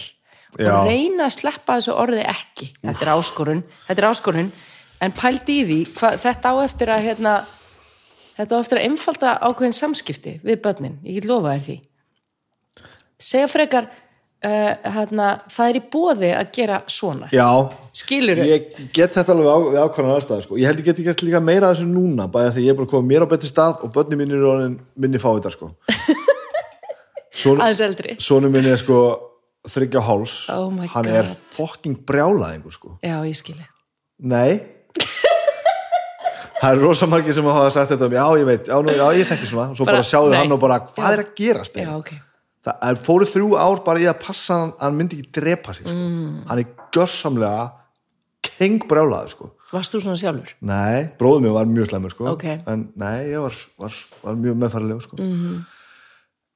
hann er snillingur sko Já. og núna eftir að hann hefur, er búin að fá aðeins vitt í kollin sko Mm. þá er þetta ekki lengur þetta sko að því að, að það ekki snýrist um bara ekki hlaupa fyrir strætó Já, emmett. það þýr ekkert að segja það er í Það bóði það er að hlaupa í boði. garð það er ekki, að því að hann er farin og er út að koma í göttu sko. þannig að þetta er búið að vera Vá. bara þetta er búið að vera pínum bara svona sjálfsbraka viðlétti bara að halda öllum á lífi sko. Jésús minn, er hann að róast núna? Nei, hann er bara að fá aðeins vit í kollin sko.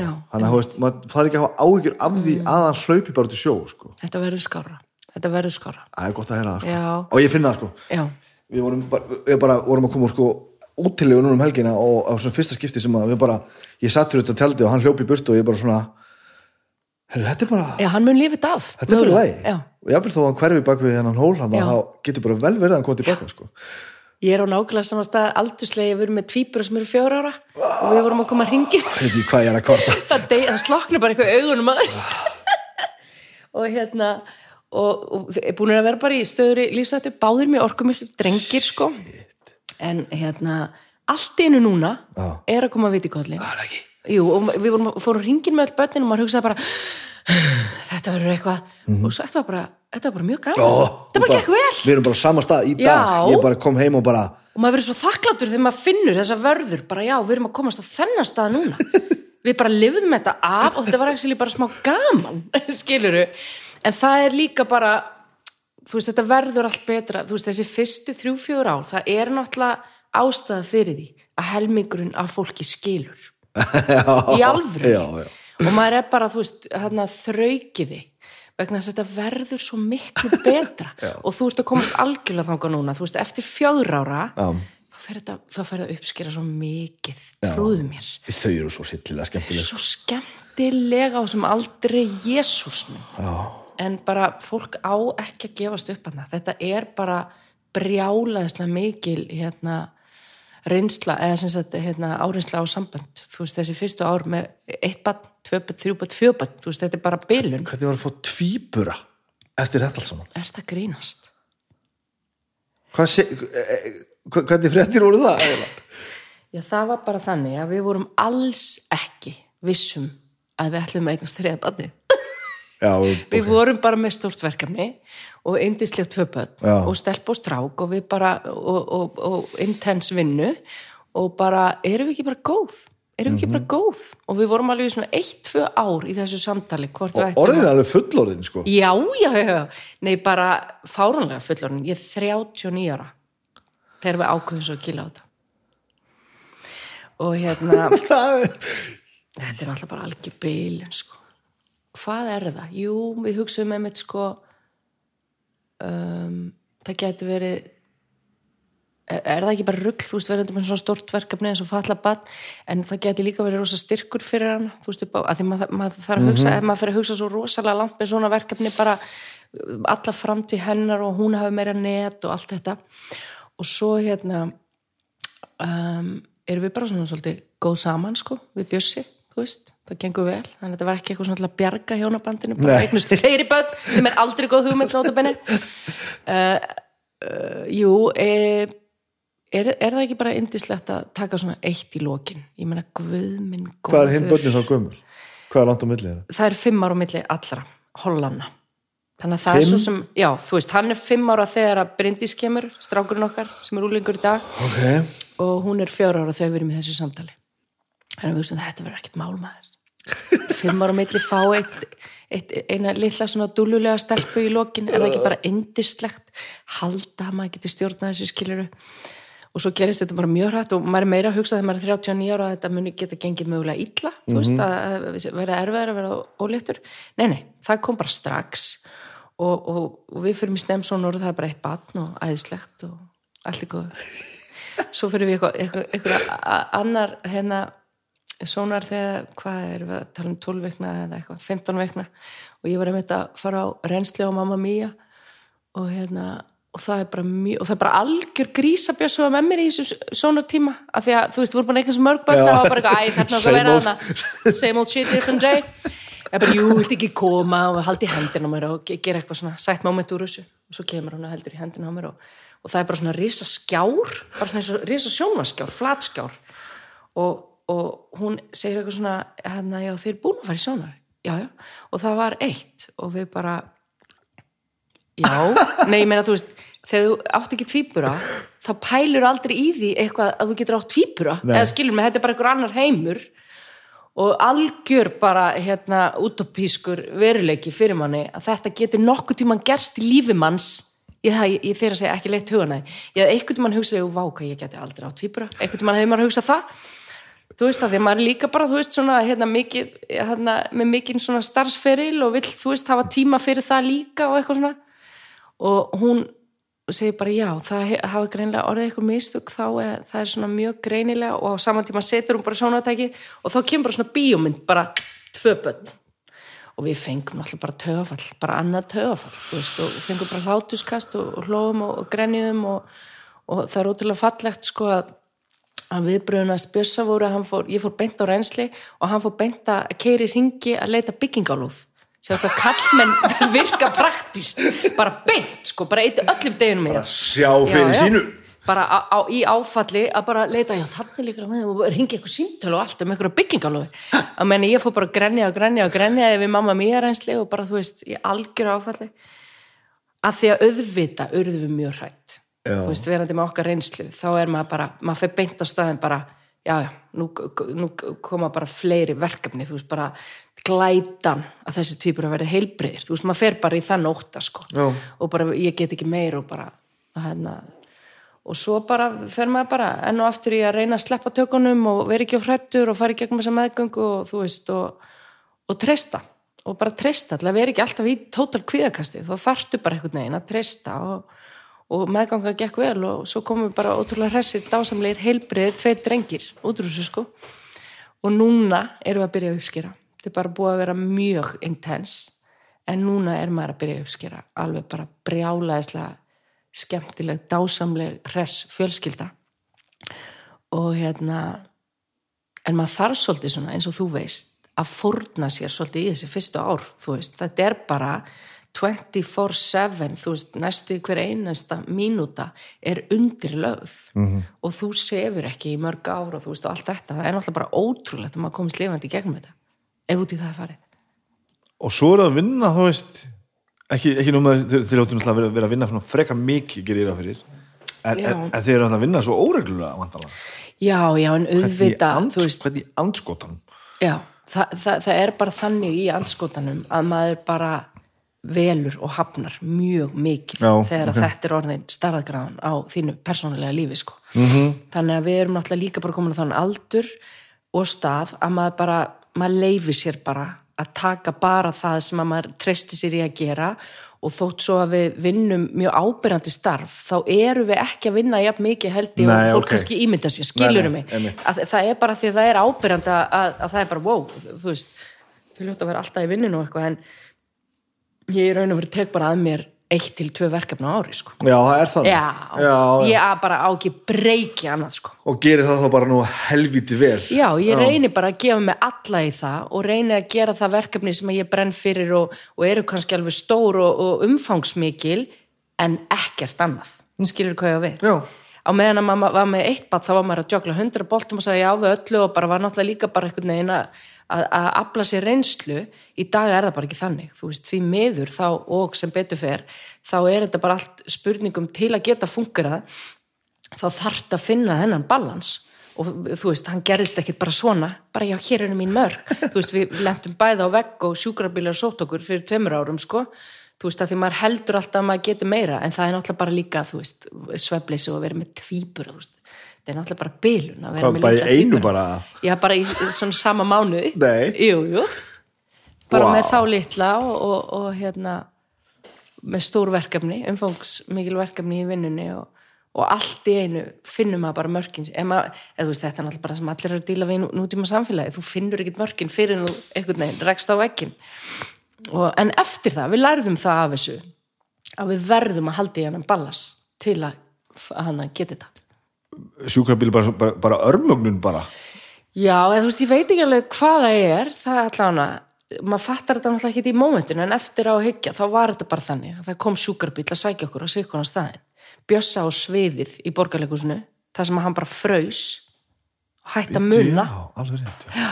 og hérna fór bara í rannsóknir og svo var ekkert á honum. Bara þetta var bara álag já. og, og ég var bara heima og fekk eitthvað, eitthvað magakrampa eitthvað, nýbúin að koma týpur á niður og lá bara á gólfinu og bara skalv og grét og, bara, og þurfti að hringja á sjúkrabíl.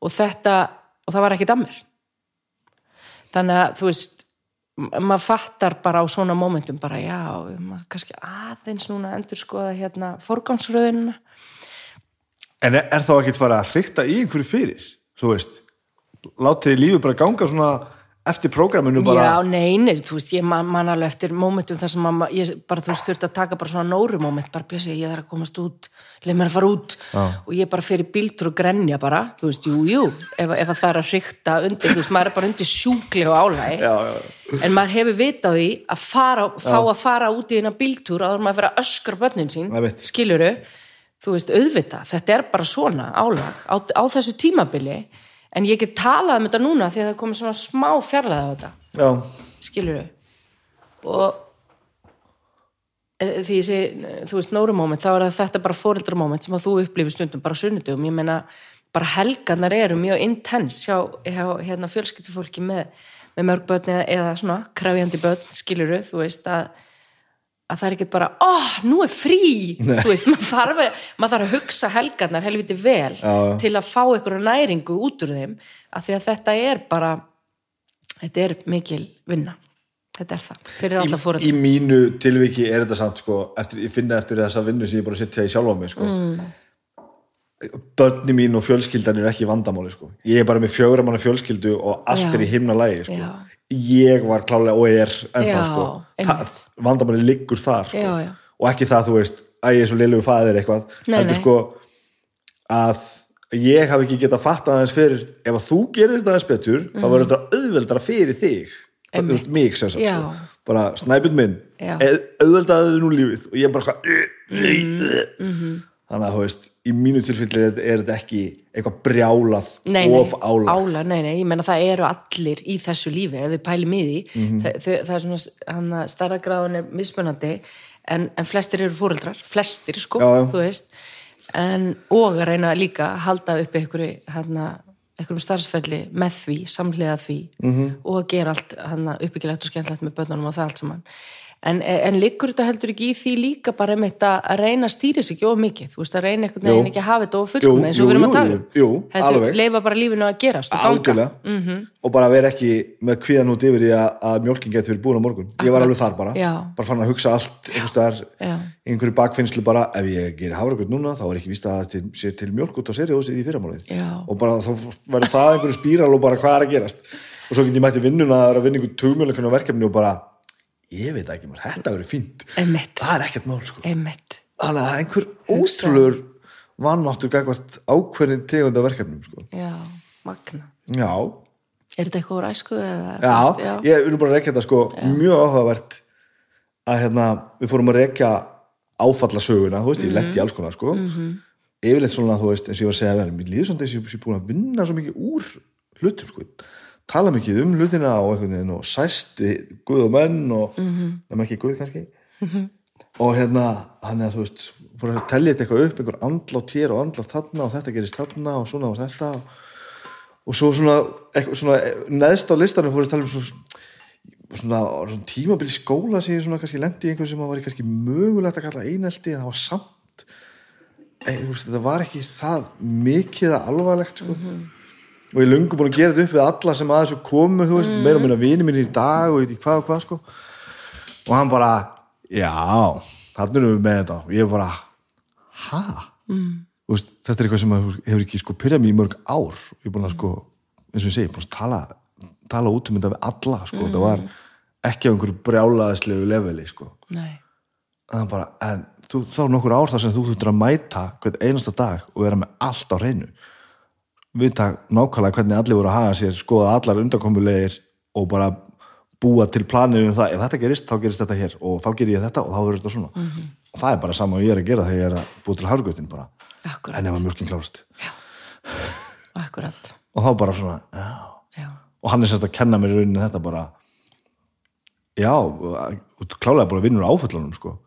en þetta er búið að hræra í því hvernig tilfinningin að virka hjá þér sko.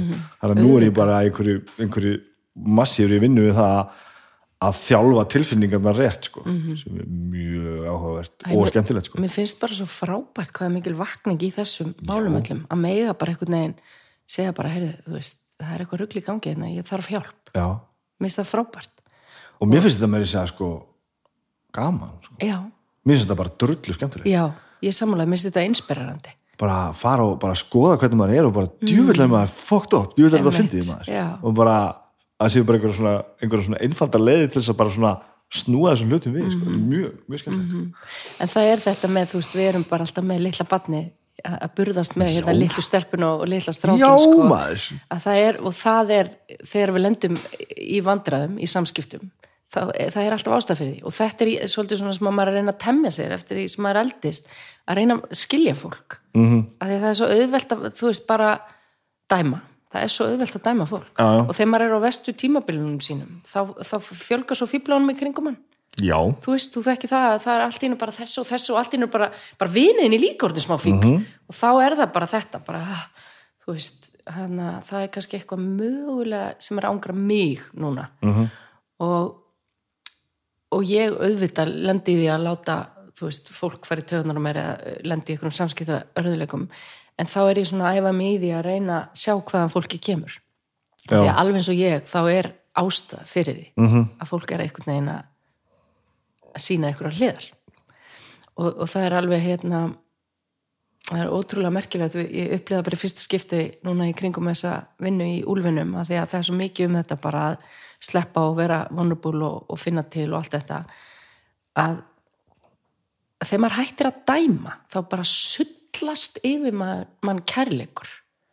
Og þú veist, ég upplifa það næstum því svona trúarlega, ég er ekkert trúið þú veist að, að þegar maður já, þegar maður, þegar maður bara upplifir svona eitthvað innblástur í, í, í gegnum eit- eit- eitthvað svona erfitt og, og svona í raun og veru dramatist verkefni sem að fólk tengir við og fer að opna sig gagvart og eitthvað svona, þá er ég líka að tala um fólk sem upplifi sýninguna að þá hérna já, ke- það verður bara svona eitthvað svona rosalega mikill svona kærleikur og, og ást og svona bliss í kringum það. Og þá fer maður sjálfur á betri stað og, og hættir eða dæmir miklu minna. Og það er svona það sem við erum að reyna ótrúlega mikið að gera með þessu er í raun og veru bara að ala á umburðalindi -hmm. og, og það er það sem að mér langar að gera í öllu í raun og veru sem ég er búa til í listum, að ala á umburðalindi að því að ég held að við bara komumst svo miklu lengra sem manneskir að við reynum svona að setja okkur í spór hvers annars er markvist, er það því að, þú veist Já, algjörlega með þessu verkefni. Veist, það var bara markmið. En ég bara lesa þarna bók eftir Heiðin Unstinsson Mhm. sem að mér fannst um, bara kveikti rosalega í mér. Bara, wow, hvað þetta er spennandi. Hann er einhvern veginn bæði búin að gangi í eitthvað helvíti en er líka einhvern veginn að hjálpa. Hann er, með eitthvað svona, eitthvað svona tæki, þú veist, eitthvað verkfæra kistu sem er eitthvað svona lífsorð. Hann er líka að reyna að heila og hjálpa út frá þessari erfiðu reynslu. En mér fannst það kveikt alveg rosalega í mér og og það kveikti svo í mér að hérna, hann var einn af okkur þetta var ekki eitthvað svona jaðarsaga af einhverjum hörmungum Já. og við endum á því að kasta okkur fram að örkjablokkin þú veist, sem er svona Já, okkar já, kannski svolítið reynsla af þessum sé eitthvað svona annar hópur sem Já. við tilheyrum ekki já, nei, þetta eru við. Já, af því að við, við, við lendum öll í því, þú veist, eins og hann talar um í bókina að standa utan ringsins mist það svo fallega orðað. Að hann tilangar bókina öllum sem hafa einhvern maður staðið utan ringsins og ég held alveg ótrúlega margir tengi við þetta. Mm -hmm. af því að og, og mig langa allan að sjá, sjá þá línu sko í gegnum um, gegnum verki sem ég skrifa upp, upp á bókinni að þetta sé bara um í raun og veru áföllin okkar og, og það sem við göngum öll í gegnum. Ég menna þú veist við göngum öll í gegnum um, alvarlega áföll tímur í lífsleginu og, og þeir sem eru heldur góðið framan af þú veist vingur hún oft, þú veist, eftir svona 35 bara, vá, lífið, akkur þarf að vera svona erfitt, veist, þegar fólk fyrir að missa fólk og, og lenda í svona alvöru áskorunum, margir díla við áföllin aðeins setna á lífsleginu, af því að lífið er bara þannig, þú veist, það kemur ef þú ert með góðan grunn en náttúrulega mjög margir eru bara, þú veist, brotnir frá upphafi. Um, en mér fannst það hérna það var svona það sem að, þú veist, kallaði á, á mig að reyna að þetta erindi sem ég er að tala um með þessi innblástu sem að mér langaði að koma með út í samfélagið. Og, og það er eiginlega bara svona kanallin er síningin en ég hef ekki síður metnað fyrir því að að taka þetta bara lengra þú veist, vera með málþing og, og hérna, við, við hérna höfum verið að vera með fyrirlestra og svona, þú veist, að bara opna þessa umræðu raunverulega. Já. og það er svo mikið tæki listin er svo mikið tæki til þess. Að því að þar við að vinna með tilfinningar að ná til hjartans, skilur mig. Ekki ykkur pontu í pólitíka þú veist, predikum hvernig samfélagi við viljum hafa og við viljum að sína meira umburlundi eða eitthvað. Þú veist, þú getur bara komið þarna bara í, í leikús eða á myndlistasýningu eða eitthvað og upplifa eitthvað tilfinningarlega sem að reynlega mögulega stimulerar eitthvað breytingu innra með þér. Þú veist, þannig langar mann að skapa leikús eða þú veist, með, með eitthvað erindi eða veist, það er svona minn draumur. Og og þú getur alveg líka gert það með mamma mía eða einhverjum söngleika, eitthvað, þú veist það þarf ekki endilega að vera eitthvað svona brjálaðislega dramatísk topic, það getur líka bara verið eitthvað sem er samannlegt og þú tengir við sem manneskja. En hvernig gengur þið þá með sýningar og, og þú veist og, og svoleiði sem eru bara ekki þannig? Ég, ég er leita að því, þú veist ég reyni að finna það. En er það um bara að þú kemur ekki að sjálf sko. já, Hafðu það þá bara ekki til þín? Nei. það er bara þannig, þú Nei. vilt bara fá svolítið svona no compromise sko Já. líka sem áhörvendi Og hvað, þú veist, hvað, hvaðan kemur þessi að því þetta er ekki bara leikusmál, nei, þetta lítur að vera eitthvað komur frá einhverjum öðrum stöðum líka já, já ótrúlega mikill, mikill áhugi bara á samfélaginu og bara manneskjunni Já.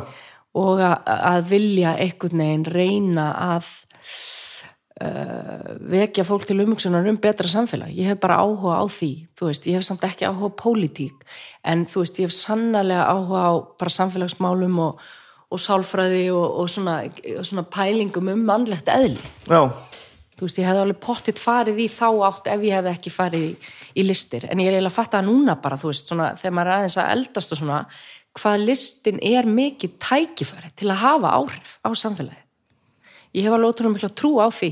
-hmm. þannig að kannski á endanum endaði maður þá á, á réttum að, að taka rétt ákvörðunum að fara ekki að því mér langaði annars bara að fara að vinna alveg svona beint með fólki.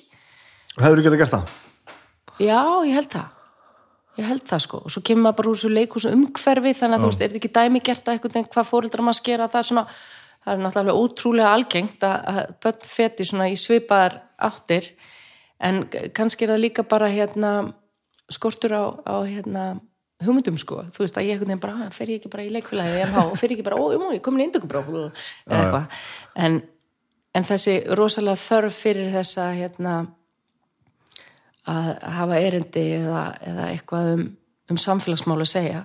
Þú veist, ég fæ svona meiri útrás fyrir það þú veist, ég fer svona meira að taka stjórn á mínum verkefnum eins og fangar og þetta sem ég er að gera alveg sjálf eða svona kveiknar út frá ein hugmyndum það er ekki bara eitthvað, ó, hérna kemur til leikustjórn og svo, mér langar að gera þennan söngleik eða mér langar að, eða þú veist, það er alltaf út frá einhverju svona þörf. Og líka svona research þörf. Ógeðslega spennandi að fara á kaf inn í hérna, vettfangsvinnuna og rannsóknarvinnuna. Ég fær rosalega mikið út úr því.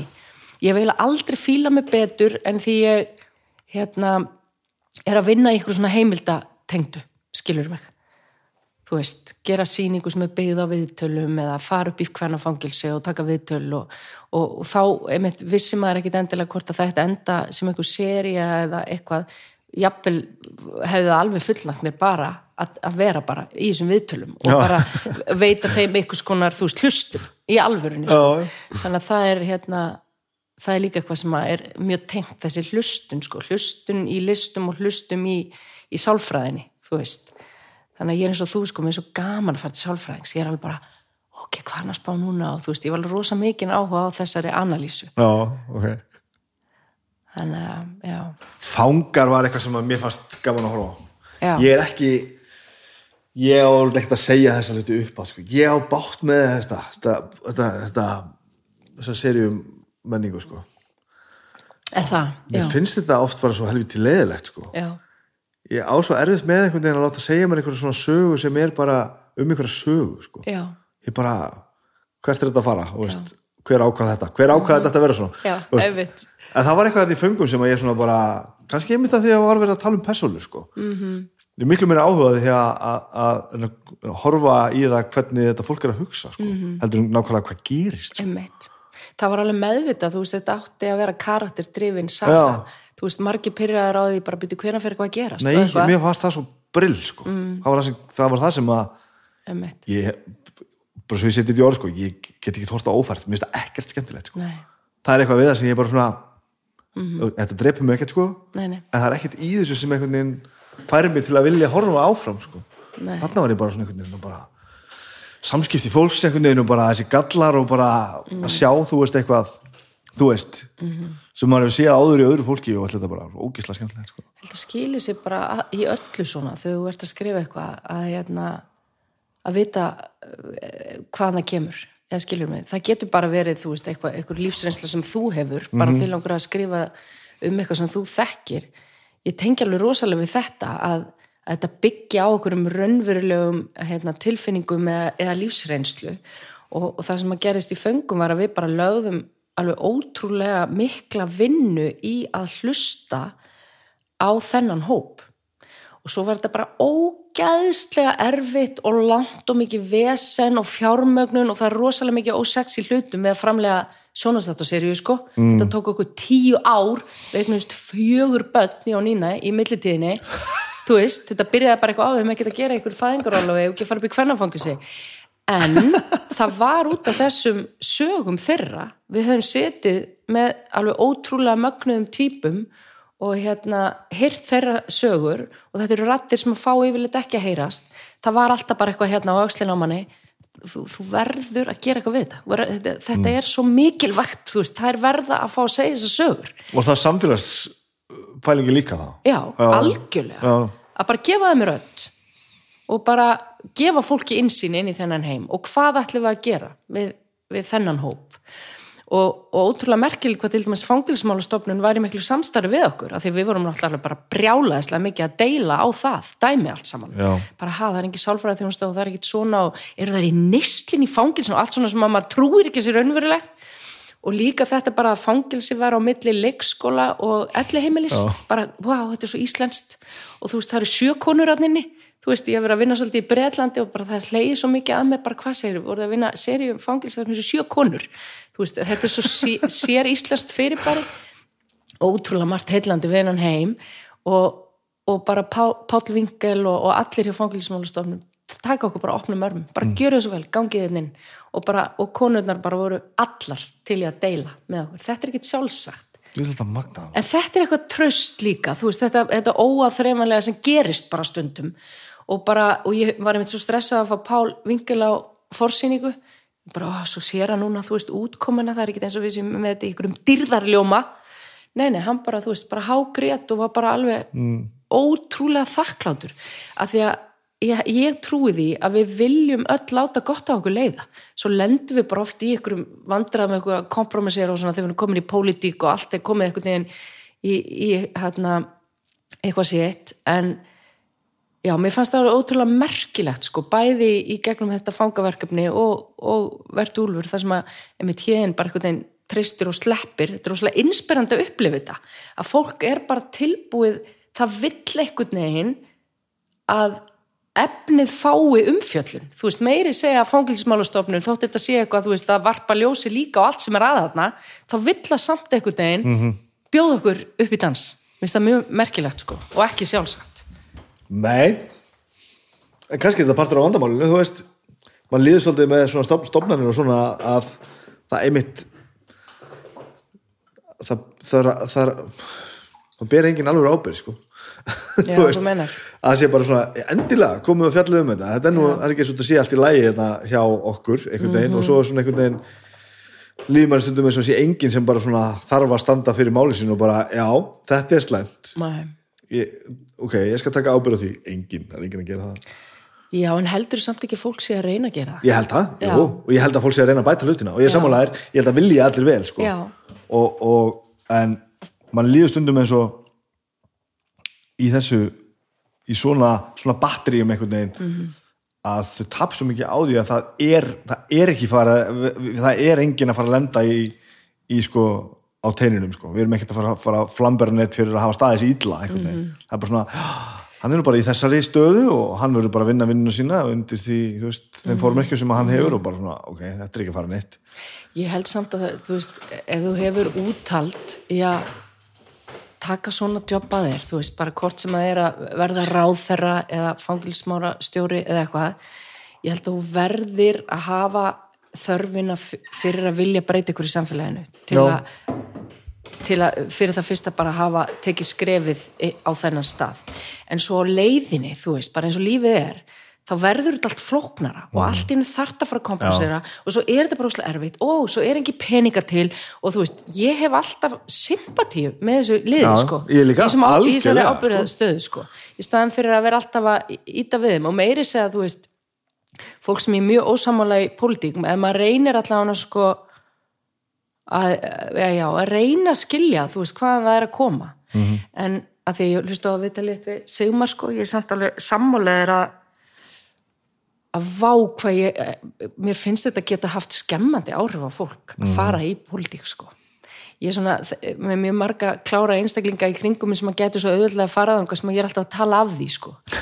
Í að- sem er svo mikið þversögn að því að auðvitað vil maður besta fólki sko, ég veit að það, ég veit það. En það er, það er bara ekocentrist því þetta er bara, þú veist, fólk sem er náum mér og bara nei, don't go there, I don't wanna lose you. Af því að ég held bæði færð að kompromissera og svo er bara þetta streitu umhverju, eh, þú veist, þessi átököll sko, ég meina það er ekki tilviljun að allir ráðuröðnir fengu heilægsli í hruninu, þú veist, ég trú alveg á að þetta, þetta vinnur allt saman sko, þú verður bara veikur á endanum ég man Fattarðu hvernig, mín kresa sko brást við þegar að sem hefur ekkert með hann að gera sko Mm. í beint þegar við, þegar við náðum óttar tilbaka sko mm Mhm. -hmm. þegar óttar proppi bara, þú veist, við fengum hann tilbaka Einmitt. hvernig kom hann undan? hann, Þessu? ég að hann hafi bara rétt sloppið sko Já. að hann hafi ég ætla ekki að, ekki að tala fyrir hann sko, en mér fannst svona árum allavega tíma og kannski þetta breyst eftir því sem að lengra líðu sko, eins og hann hafi bara þurft að komast út úr þessu sko. Mhm. af því að það er svona maður sem vil virkilega gera gott sko. Dásamlegur ræðmaður, djöfur Og var hann inspirerandi sko. og flottur og æðislegur, hann var held ég bara orðin svo nú er ég að segja allt og mikið sem ég veit ekki nákvæmlega um sko, Nei. ég upplýði svona þannig á honum að, að hann var ofbóðslega þreyttur að, að þurfa að synda svona mikið á móti strömmnum sem að var óskilalega sko. já. Já, maður ma trú líka bara á, á svona einhver orkuskipti eða ekki? Og þegar þú ert alltaf í negatífri orku Já, að, það er bara vinnan þín að vera í átökum. Þú veist, þetta er líka leikur auðvitað en þetta hefur áhrif á þig. Ég hef líka trúið því, þú veist, að samskiptamælar ef þú ert alltaf brjálaður samskiptamælum þá líður þér ekki vel þú veist, þú, þú mátt alveg vera með réttlætiskend en ég tek ákverðunum að nota samskiptamæla á jákvæðan uppbyggilegan hátt Já. það er kannski óslega væmið og wet og eitthvað en ég bara, að því maður verður líka bara að hugsa um eigin hilsu bara ég trúi því að þú ert alltaf að senda út neikvæðni þá hefur það á endanum áhrif að því og mér, fann, mér leið bara illa í samfélaginu þegar ástandi í borgamálum og á alþingi var bara átök, átök þú veist það var bara allt vittlust núna fyrir nokkrum árum þú veist þegar Eithor ætlaði að drepa dag og, og Hauks var, var ekki alltaf geðveika og klustusmáli, þetta, þetta var alltaf svona svipu um tíma og þetta er einhvern veginn stopnarnir sem við höfum að líta upp til og treysta fyrir að halda á samfélaginu Já. Það var allt í fokki, þá leið mér svona eins og arkabarni, þú veist, bara gummi góður þú veist, pappi reyður og mammi reyður það er allir að rífast og, Mhm. og þetta er fólki sem á að halda á samfélaginu. Wow, þú veist, hvað ég held að þetta sé ég- yfirþyrmandi vinnustöð Já, það heldur líka. Þarna fæ ég sorga viðbröðu mínur bara í alvörunni. Eru þið ekki meira fólk en þetta þú veist. Já, eða hafa einhver svona? Já, ég, já. Þetta er bara svona ég er bara pyrraður við börnum mínu þú veist, hvað er það að gera við erum bara börn ég held að það sé máli, við erum alltaf bara- þessi börn. Ég menna ég er bara með strák í fótbolta og ég er stundum á fótboltamótum á að horfa fóreldan á hliðarlinni og þeir eru bara, hafa sinni svo fávitar. Já, já, já. Maður hugsa bara, ert að grínast? Og þú veist, félagum þurfa stundum að grípa inn í og við fáum alltaf reglulega post bara kæru fóreldrar nú verði því að sína góða fyrirmynd og í alvörunni, þetta er alveg ótrúlega menning í kringum þetta og þá fattar maður bara, já, vá, við erum öll bara stór börn, við erum bara stór börn og þú veist, og kappseminn er að drepa fóreldrarna miklu meira en krakkana sem eru bara 12 ára að spila Já. fótbolta, jafnvel 8 ára og það er bara fóreldrarnir eru með kjaft. Þú veist, maður trúir þessu ekki. En, en þetta náttúrulega endur speglast líka á þingi stundum, Já. bara really?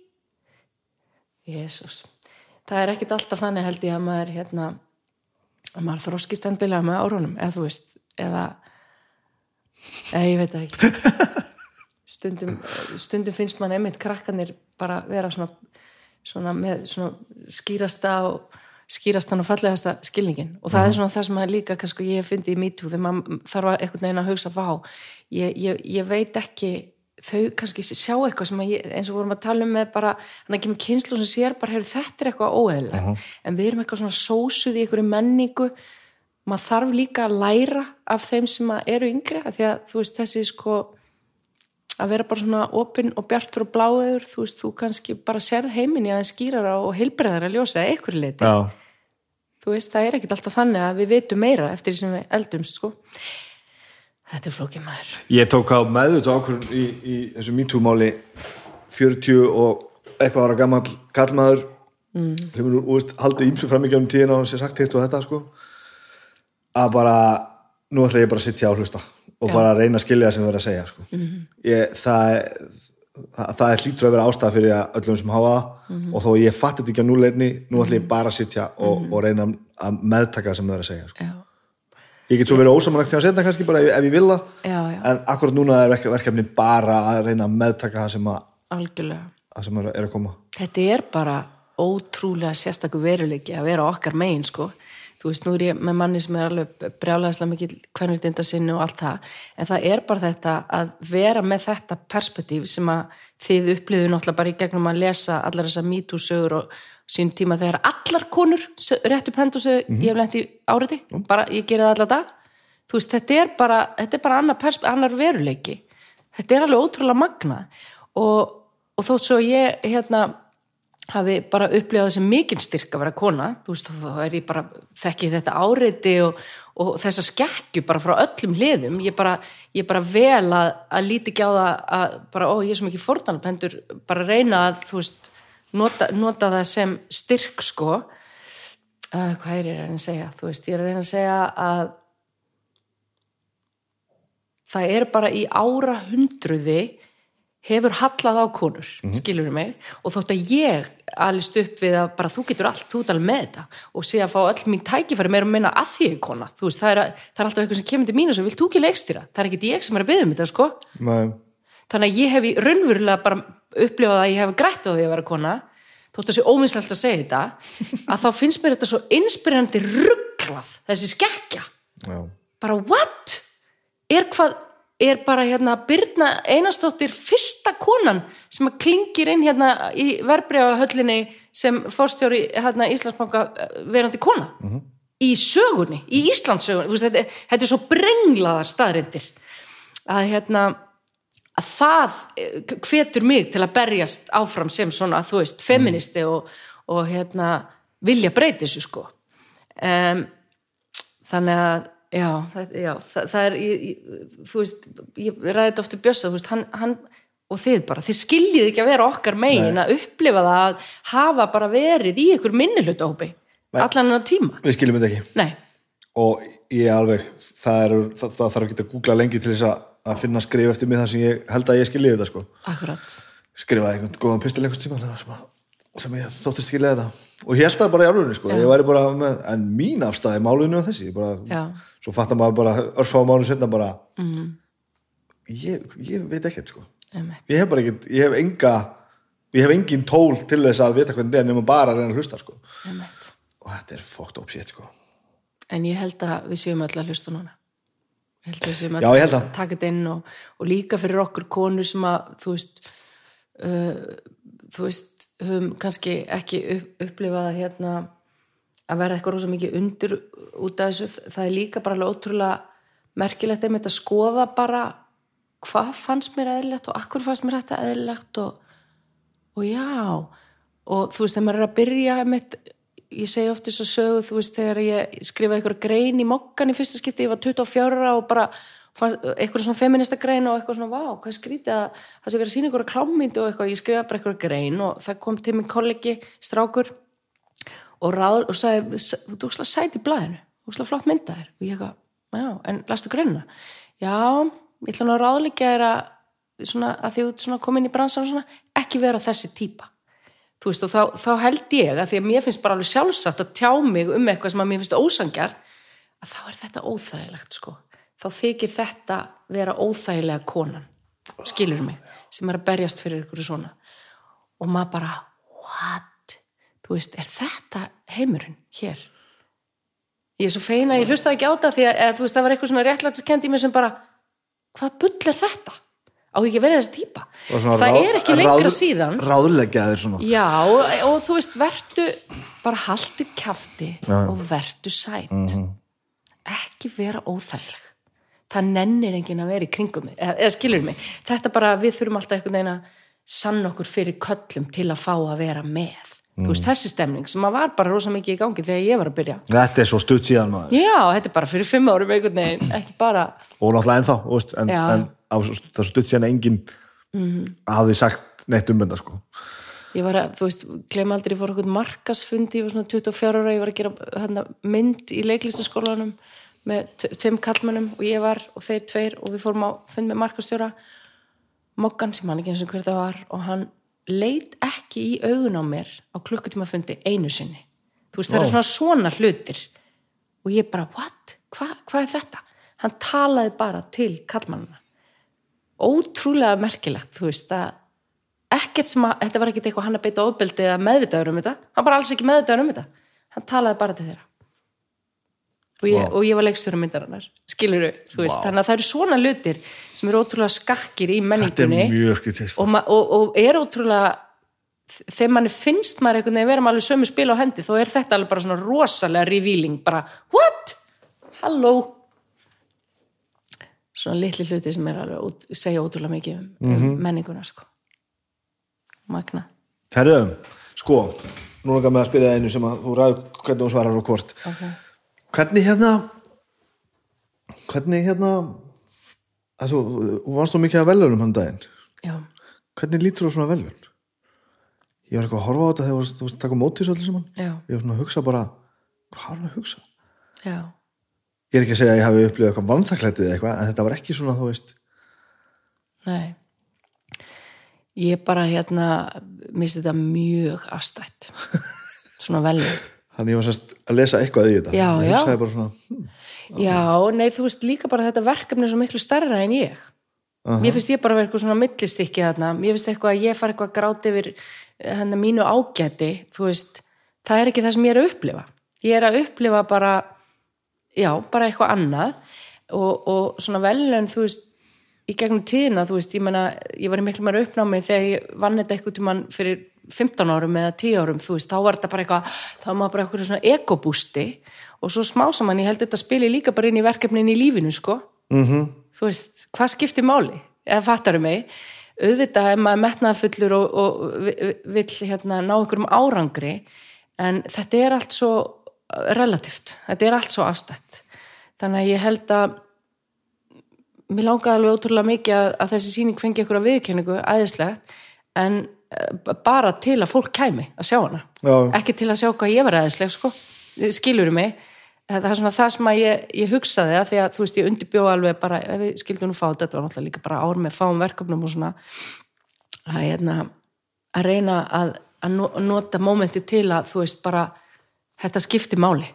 Þú veist, þetta skipti máli. Og líka auðvitað, þú veist, ef maður er ótrúlega inspiraður af þessu samstarfi sem að, þú veist, ól af sér þetta verkefni. En, en að, að við hefum unnið en ekki eitthvað önnur sýning, þú veist, þetta er bara það er alveg skipt að fara öðru í það skiptir einhver máli eða skilurum mig. Og, og það er það er eitthvað kjánalegt við það, þú veist, við erum nýbúin að venjast þessu hérna á Íslandi að því við erum svo fá. Já. en það er líka eitthvað mikilvægt við það. Mér finnst þetta líka að vera bara plattform fyrir listir.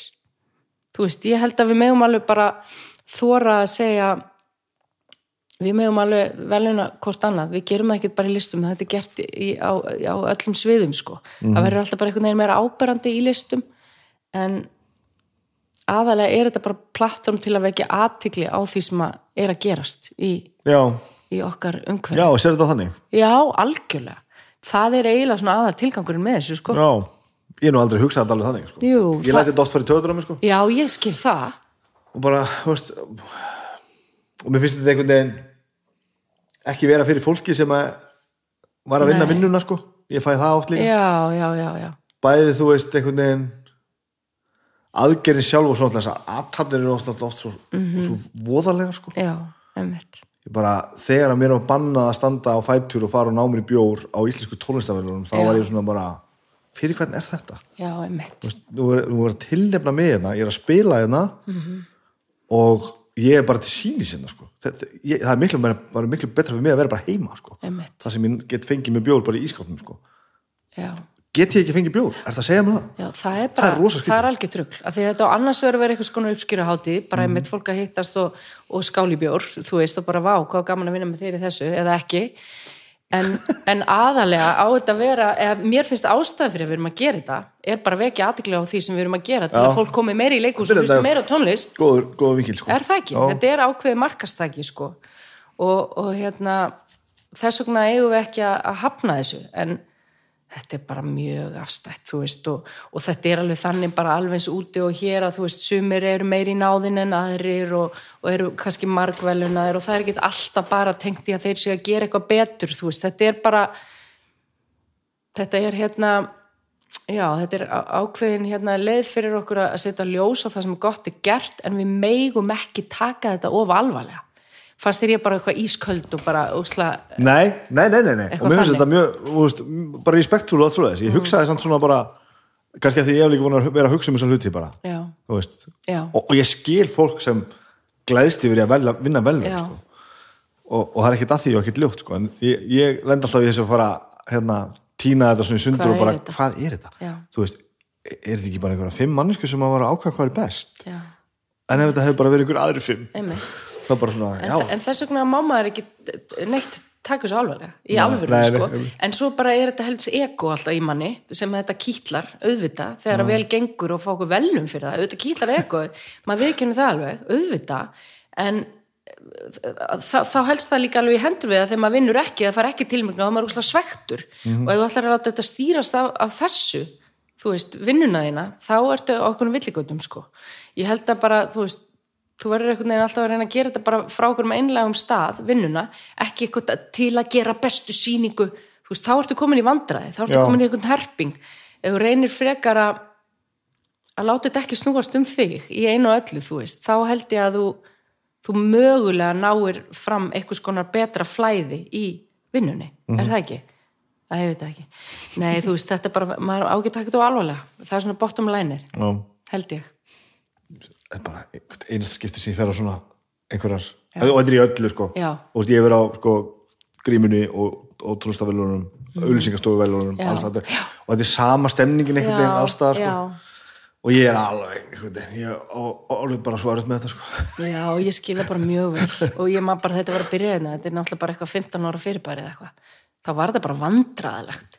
Núna er svona fólk aðeins bara meira búið að samþykja þetta sé í lægi en þú veist ég segi bara, þú veist, þetta er bara til að vekja aðtikli á því og eins og í leikúsinu þá er þetta bara bókstaflega uh, notum við þetta mjög mikið þú veist, við sínum síningarnar áfram árið eftir og bara þetta stóð Já. mögulega upp úr fyrir einhverjum komið endilega að sjá þið, við þurfum ekki að skammast okkar fyrir það að þetta er að vekja aðtikli á því sem, já, sem að einhverjum fannst gott á góðu vingill mm. er það ekki? já, þetta er gott sko Því að hérna, við viljum auðvitað fá fólk í leikhúsið og við viljum, þú veist, hana, selja seríunar okkar og, og plötunar okkar og þá er þetta bara einhver svona ein leið til þess, þú veist, held ég. En mamma alls ekki láta þetta, þú veist, skipta sig eitthvað miklu máli. Guð minn almatur. árið ég glemmi, var ekki fangar komnir í einhverja útrás, var ekki búið að selja jú, það eitthvað Jú, við erum búin að selja sem sagt remake réttin til Hollywood svo náttúrulega hrundi heimurinn og þú veist það átt að gerast í fyrra. Þannig að það er ekki off, við erum búin að skrifa undir samningin og allt, en það er bara í, í ferli og, og eins og bara við erum að tala um hérna með að bara sleppa og reyna ekki að þú veist, það, það bara gerist eða gerist þú veist, -hmm. ég er ekkert beint að býða eftir því. Það er bara í höndunum á alveg ótrúlega flottu fólki úti í Ameríku. Við erum komið sjóranir og við erum komið höfund og við erum komið leikstjóra og þetta er allt alveg bara fólk sem að maður er að bara klípa sig í hendina bara er að tengjast bara stærstu seríum í, í Hollywood í dag en svo bara gerist þetta ef þetta gerist þetta er eitthvað svona bara hvað, er, Mögulega. hvað ert að selja þá? þá í raun og veru bara seljum við hugmyndina þetta er auðvitað svolítið mismunandi eftir bara hvernig samningar eru gerðir Já. en við seljum ekki handritin frá A til Ö Nei. heldur seljum við hugmyndina um þú veist hérna systur bara aðst, aðsta hérna leigir samfélagsins og, og hann að neðsta. Og þær eru systur og hún er fósetsráðherra, önnur systirinn og hinn er í fangilsi fyrir að, drepa pappan, þú veist. Og svo er bara svo í raun og veru gefum við þeim rétt til að vinna áfram með þetta efni. Og ég er til dæmis búin að fá að lesa hérna, fyrsta þáttinn og þetta er bara svona tíu sinnum betra en okkar handrit. Þú veist, þarna er bara alveg ótrúlegt fagfólk sem sér eitthvað í konseptinu og tekur það á next level. Og hvað, hvað heldur sér mikið af því sem að við þekkjum?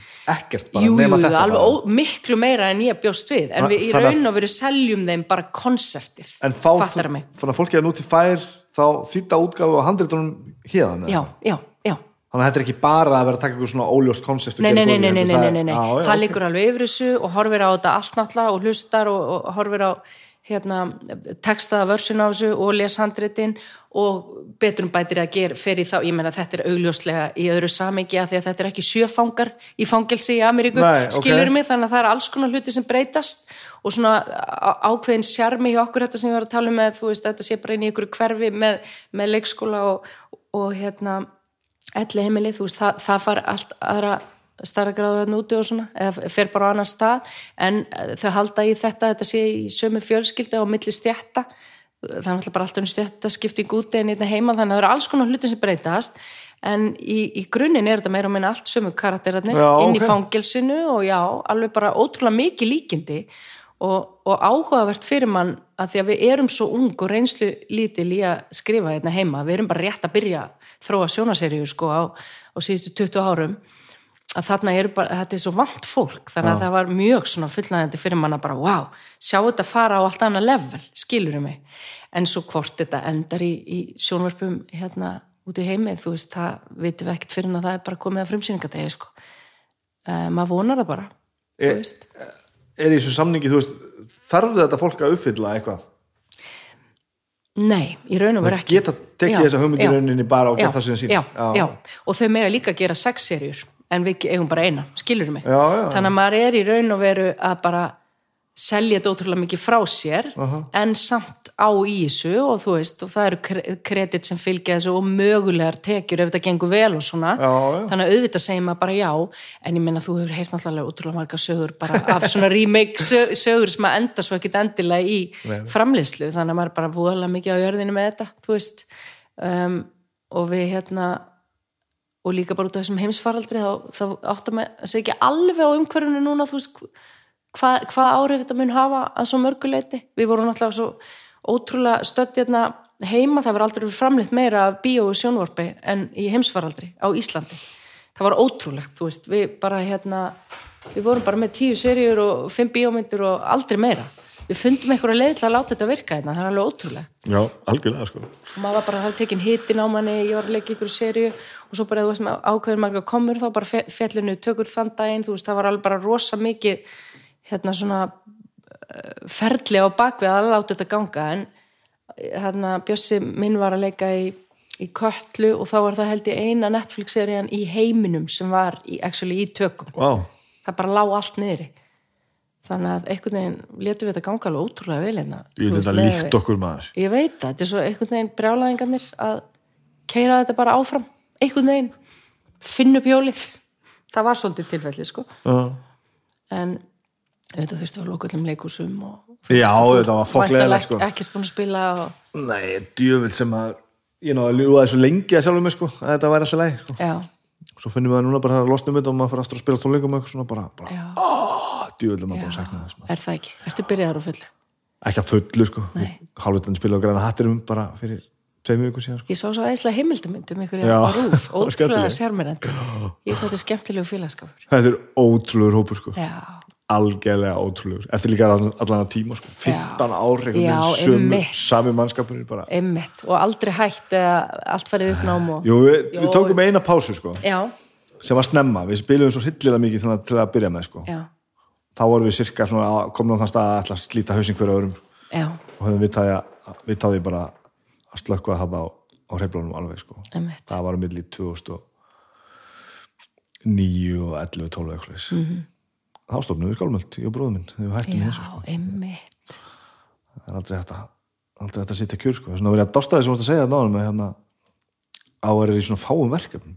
Já, ég er ekki góður í því, sko. Nei, ég þarf að fara að læra þetta. Um leið og opnast einhver opnast einhver smuga að ég held þá er ég búin að fylla hana með bara best að vera með tvo hlaðarpsætti já, emmitt en ég meina ef að það, það er bara alltaf þetta þú veist, er það að gefa þið meira að taka? Já. sumir funkar bara þannig og bara ógislega vel. En um leið og þú finnur bara þú veist, þú hlýtur um eitthvað svona streitu mæli bara, þú veist, þú finnur bara að hjarslátturinn er og vörið eða þú nærðir ekki niður á kvöldin eða þú veist, þráðurinn farin að styttast. Mhm. þá þarf það að fækka verkefni já, ég er eiginlega bara að læra þetta núna sko. já, já, það er eiginlega bara, bara síðast, síðasta svona árið þar sem ég er svona Mhm.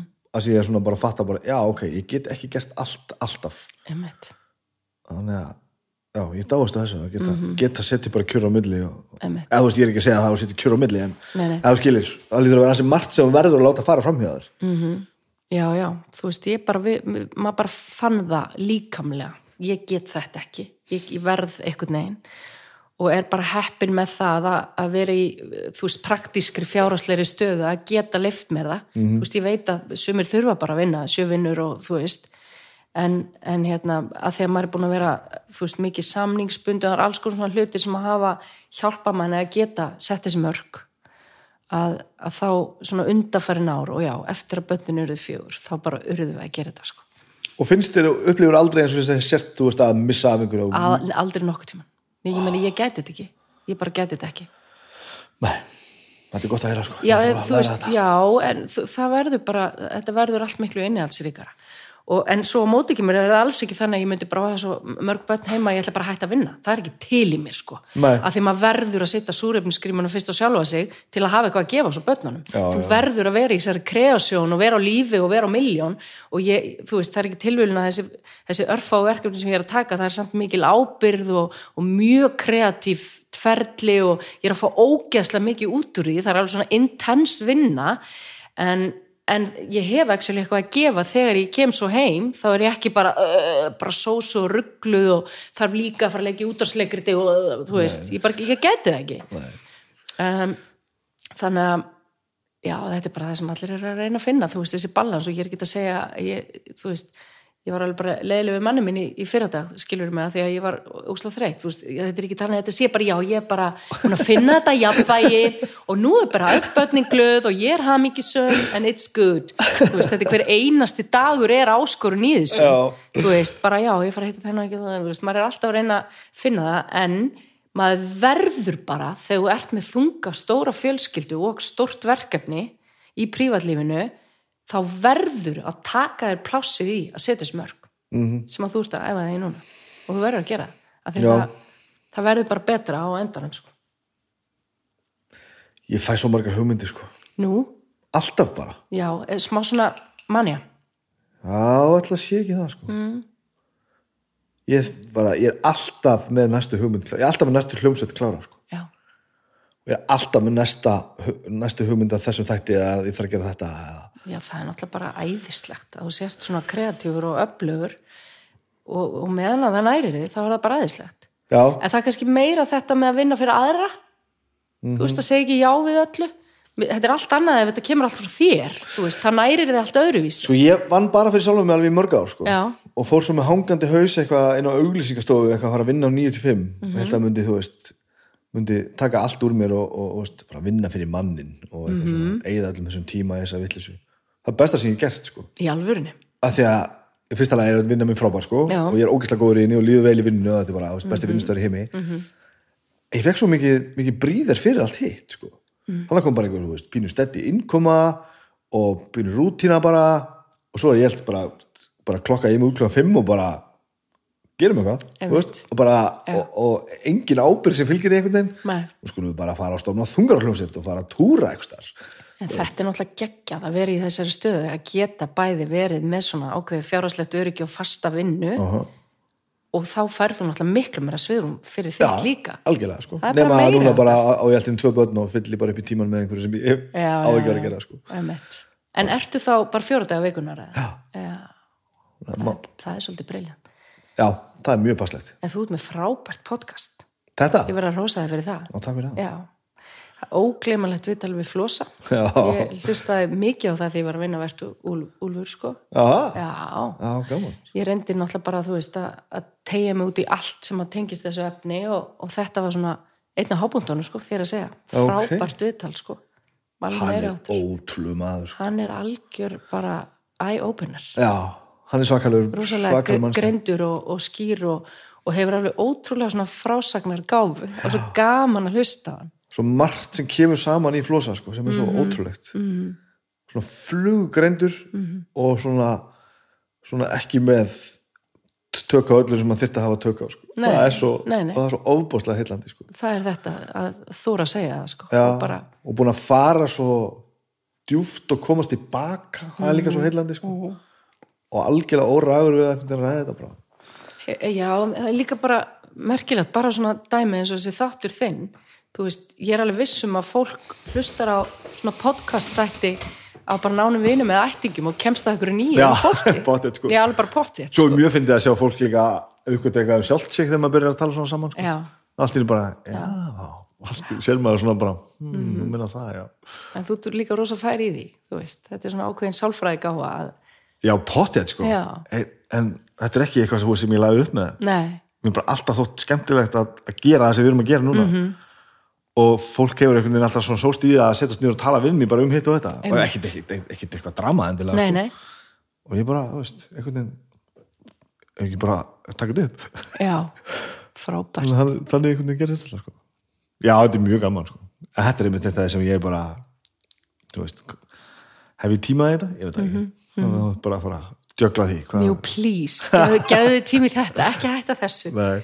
fækka aðeins ljónsutunum ekki taka sex bönd. Nei, þetta hérna talandum líka, þú veist, að gera eitthvað gott fyrir samfélagið, eða þú veist, þú veist að hafa rosa áhrif með þessu.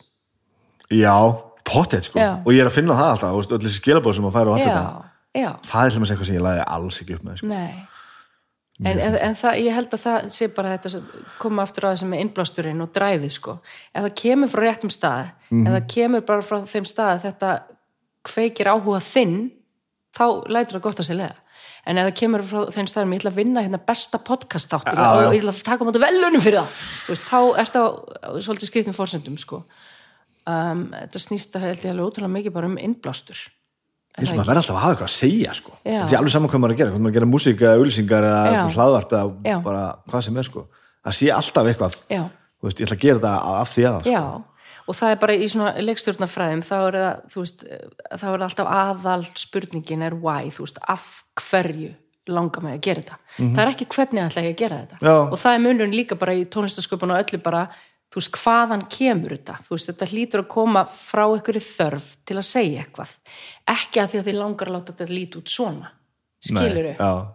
já, alveg 100% þess að var geggjaði í úlfinum þú veist að við, ég var búin að sjá eitthvað fyrir mér eitthvað að gera eitthvað þarna svo allt inn fáum við stóra sviðið og þá við vissum bara hvað okkur langaði að segja en gátum bara að leita að leiðinni að sýningunni, skilur mig, ætlum við að ekki að að urðum ekki hrætt á leiðinni þótt þetta hafi verið ógislega erfitt, ég er ekki að gera leitið úr því af því að einblásturinn var svo mikið mm. skilur mig, ef, að- ef að ég, og það er alveg eins með, með fanga og eitthvað svona ma maður hefur úthaldið ef maður hefur þörfina skilur alveg þá gefst maður ekki upp sko. 100% sko. Já. en það er nú líka lært sko. Já, þú ert vantarlega búin að læra það líka að stundum þarmaður bara að beita sér svolítið ofbeldi og halda út af því þetta. Já, er ekkert alltaf gaman Nei, jésús minn þetta er alveg vika nummer 60 og eitthvað sem ég er að gera þetta sko. og nú með hvað er þessi þáttur Ertu með einn á viku það? Já, Já. ég held að sé ég held ekki 61 Wow. og það eru bara 61 svona viðtal í röð sko. Mhm. og það er stundum klukkan hálf nýja á mótnana á mándagsmótni þegar ég á að vona á enninum gestinum er maður bara Mhm. af hverju anskot hann er að þessu sko. en svo kemur, kemur alltaf þessu mómenti þá man ég nákvæmlega hverju- af hverju ég er að svo ógeðslega gaman sko.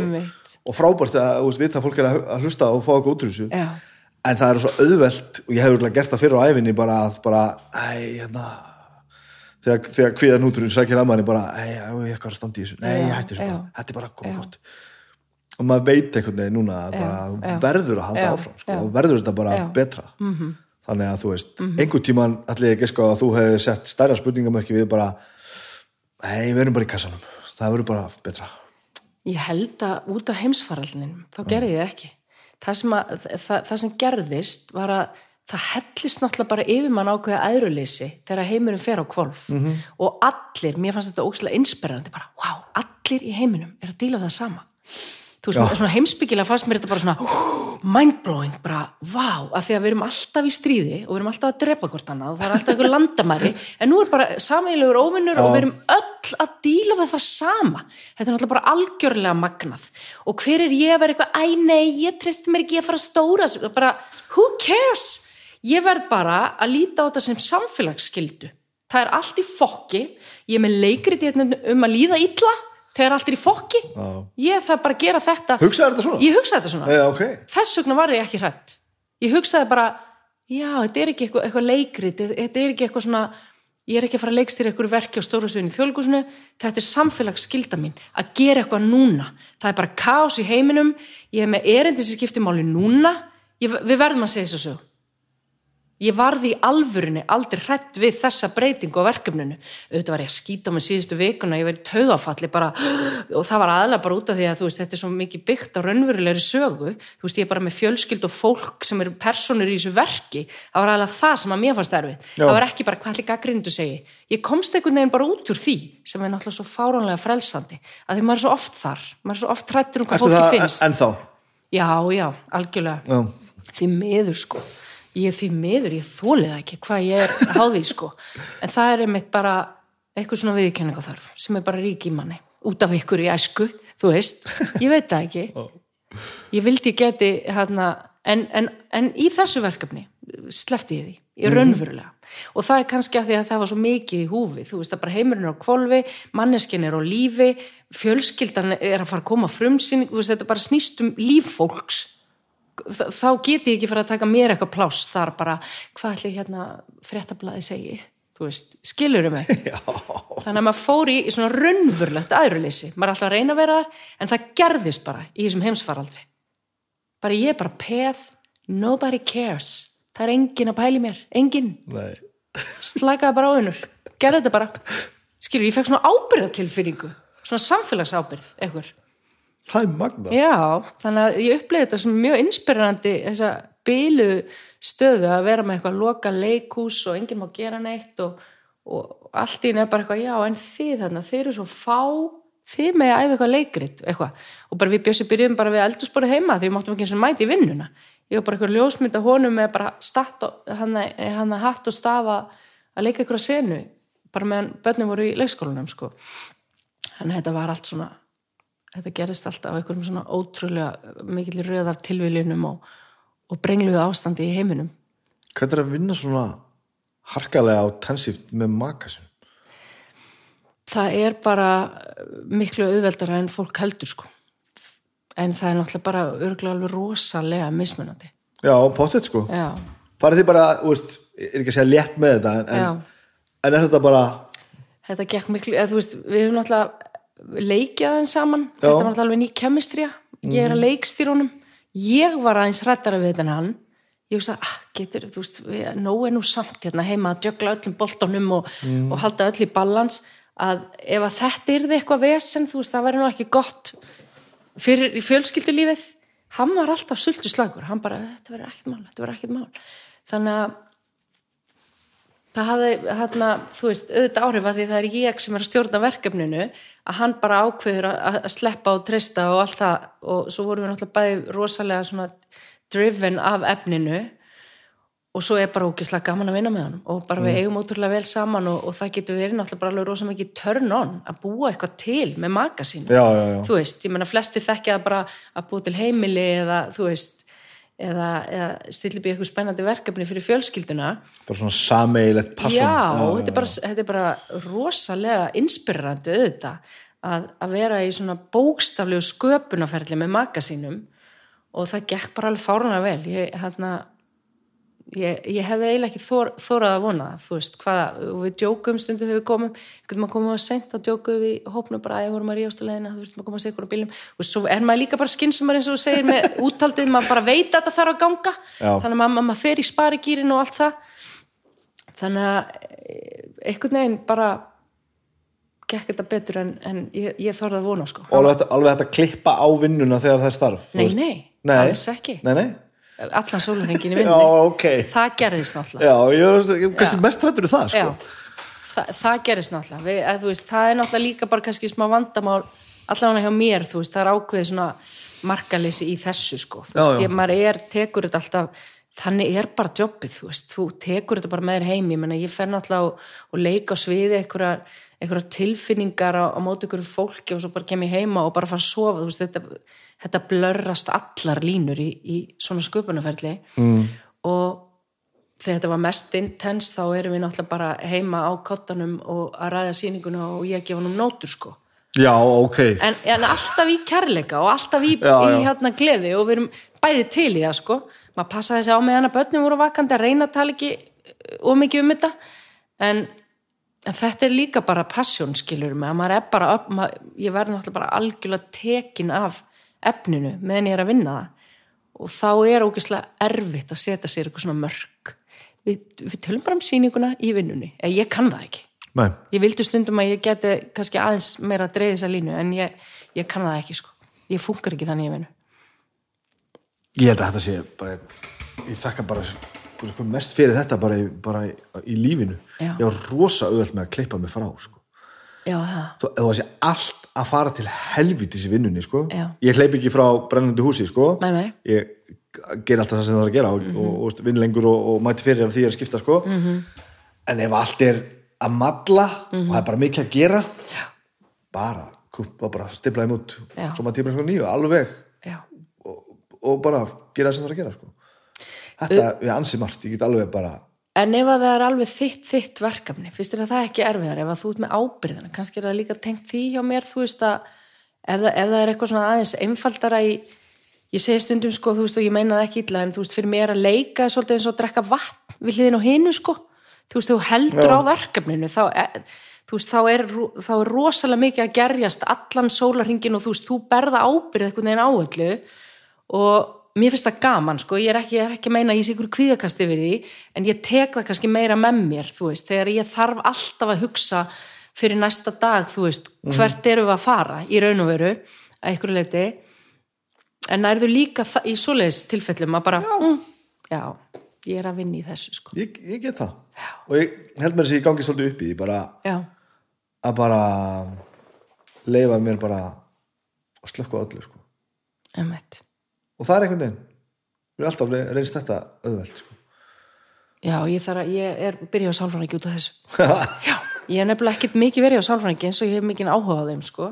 en það var einmitt núna í úlfinum þá var þetta svolítið intens og ég hugsaði ég gengur mikið á sjálfa mig sko. mm -hmm. því ég þarf að vera svolítið stabil heima, gagvart krökkunum að bara, þú veist, ég fór einhvern veginn já, það blörruðist bara allar línur þú veist, að því að maður er líka bara einhvern veginn að skrifa verki þannig að maður fer inn í allan, allar tilfinningarnar þar. Svo er maðurinn minn að leika þetta og hann er alltaf heima þannig að ég hef alltaf aðgang að hannum fattaru, og ég fann bara að þetta var farið að ég var orðin svona bara ofiðkvam með þetta, ég skilur held að sé- þetta sé ástæð fyrir ég spurði þessu með að vinna svona með honum sko. já, já, að þegar ég allt mitt snýst alltaf um það að mér finnst ég græða svo mikið á því að að klippa á hugsununa sko. og mæta svo bara eftir tíu tíma eða eitthvað. Og byrja þá að hugsa aftur já, sko. já, já, já, en það er þetta náttúrulega undatekninga við vinnum saman, þóttu, þú veist, við höfum aðeins gert það og, og í raun og veru líka bara praktist reynum við að taka okkur sikkur verkefnin út af börnunum og svona, þú veist, það er ekki í burtu sem er kvöld og svona, en þetta var mjög intens í þessu tilfelli sko, en gaman fattarum við, Mhm. Já, skilur við, svo já, nærist maður á þetta er um það, sko. passion. Þetta er ekki sko þetta er ekki átök okkar á milli en þetta verður algjörlega markalust já, og þá auðvita fattar maður allt í einu að kannski eh, hefur maður ekki alveg það sama að gefa barninu þegar maður er alveg að spóla í sínum hérna, í sínu sköpunarferli heima hjá sér af því að bara hann leikarinn sem er að leika hjá manni er bara að vaska upp með manni. Skilur þá er maður bara, hvað með að prófa? Þú veist þetta verður, en við djókuðum með að þú, veist, þú fær meira fyrir peningin, kemur á sýninguna þetta er eins og svona fjórfald æfinga tímabil að því við erum búin að vera að vinna alveg bara allan sólaringin í þessu. Og gísla fendi, ég verð að pissa. Er Pissa? ég að heiðilega Nei, nei, bara beint á Nei, ekki þannig, farið beint á augum Já,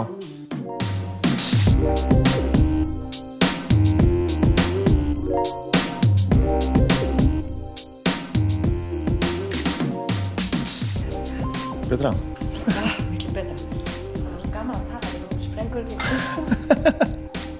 og þá heldur maður að fara mér Það er ekki skýrsulegt Herðu, mér Já. langar líka aðeins að vita bara hvað hann kemur sko feinum sem að byrja á því núna, þegar tíma síðar Já, að fara að byrja á þessu viðtali Já, nú getum við byrjað viðtali. Herði, ég kem úr breiðaltinu uppalega, uh -huh. flytt í Vesturbæinn átt ára. Okay. Á einn bróður sem að þú kannast lítilega Aha. við, Baldur. Það eru fimm ára meitla okkar, við erum rosalega ólík, en samt mjög náinn. mm Og fóreldrar okkar eru ennþá gift. Eru þið rosalega ólík? Hvað segir þú? Þú, þú Mér finnst þetta, ég myndi ekki lýsa eftir þetta spjall sem við erum búin að Er núna það ekki? Þú veist, Ég þekki hann ekki, hann er, við eigum bara svona sameiginlega vinni og hittum ok. stundum og tölum saman sko. Ok, en svona ástu við höfum alveg settið svona og spjalla saman Mhm. sko.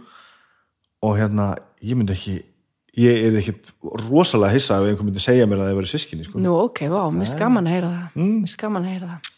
Ég lít svo upp til Baldur sko, mér finnst hann svo vangiðu klár sko. á, bara prr, en, en við erum kannski svona bara búin að við, það er svona ólík heilakvel Mhm. virk í okkur sko hann er svona starffræðingurinn og, og, og sénið í, í skóla og svona rosa náttúrulega svona sölumæður og svona, svona sa, samfæringakraft á engan sko Mhm. -hmm. og að meina ég einhvern veginn hef alltaf verið meira bara í svona einhvern veginn mýktinni og eða bara svona aðeins öðrum stað sko og hann náttúrulega fer út í business og ég út í listir við erum samt alveg upp á svona miklu listaheimili Mhm.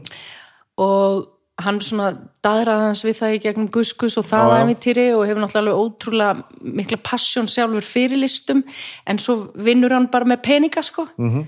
Eitthvað sem ég bara sé ekki að geti henda mér nokkuð tíman í lífinu. En um, jú, kannski eru við líka en ég held, ég veit það ekki. Ég veit það ekki. Með svona einhverja skýra og svona jákvæða sín á ástriðuna sem þau eru að beita Já. í sem þau eru að gera? Já, það þetta er ekki, þetta er ekki, þetta er ekki ósvipa spjall og ég ástundu við hann um hitt og þetta. Það er svona einhver svona, ég er að gera þetta af því að, þú veist, það er eitthvað svona Mhm, veist, já, einmitt, hvers og sem hvers og sem verkefni nákvæmlega er sko. svona vera ekki sama um það sem er að gerast Akkurat, akkurat. Já, það, það er auðvitað komið frá báðum fóröldrum okkar en mamma er svolítið svona powerhouse sko.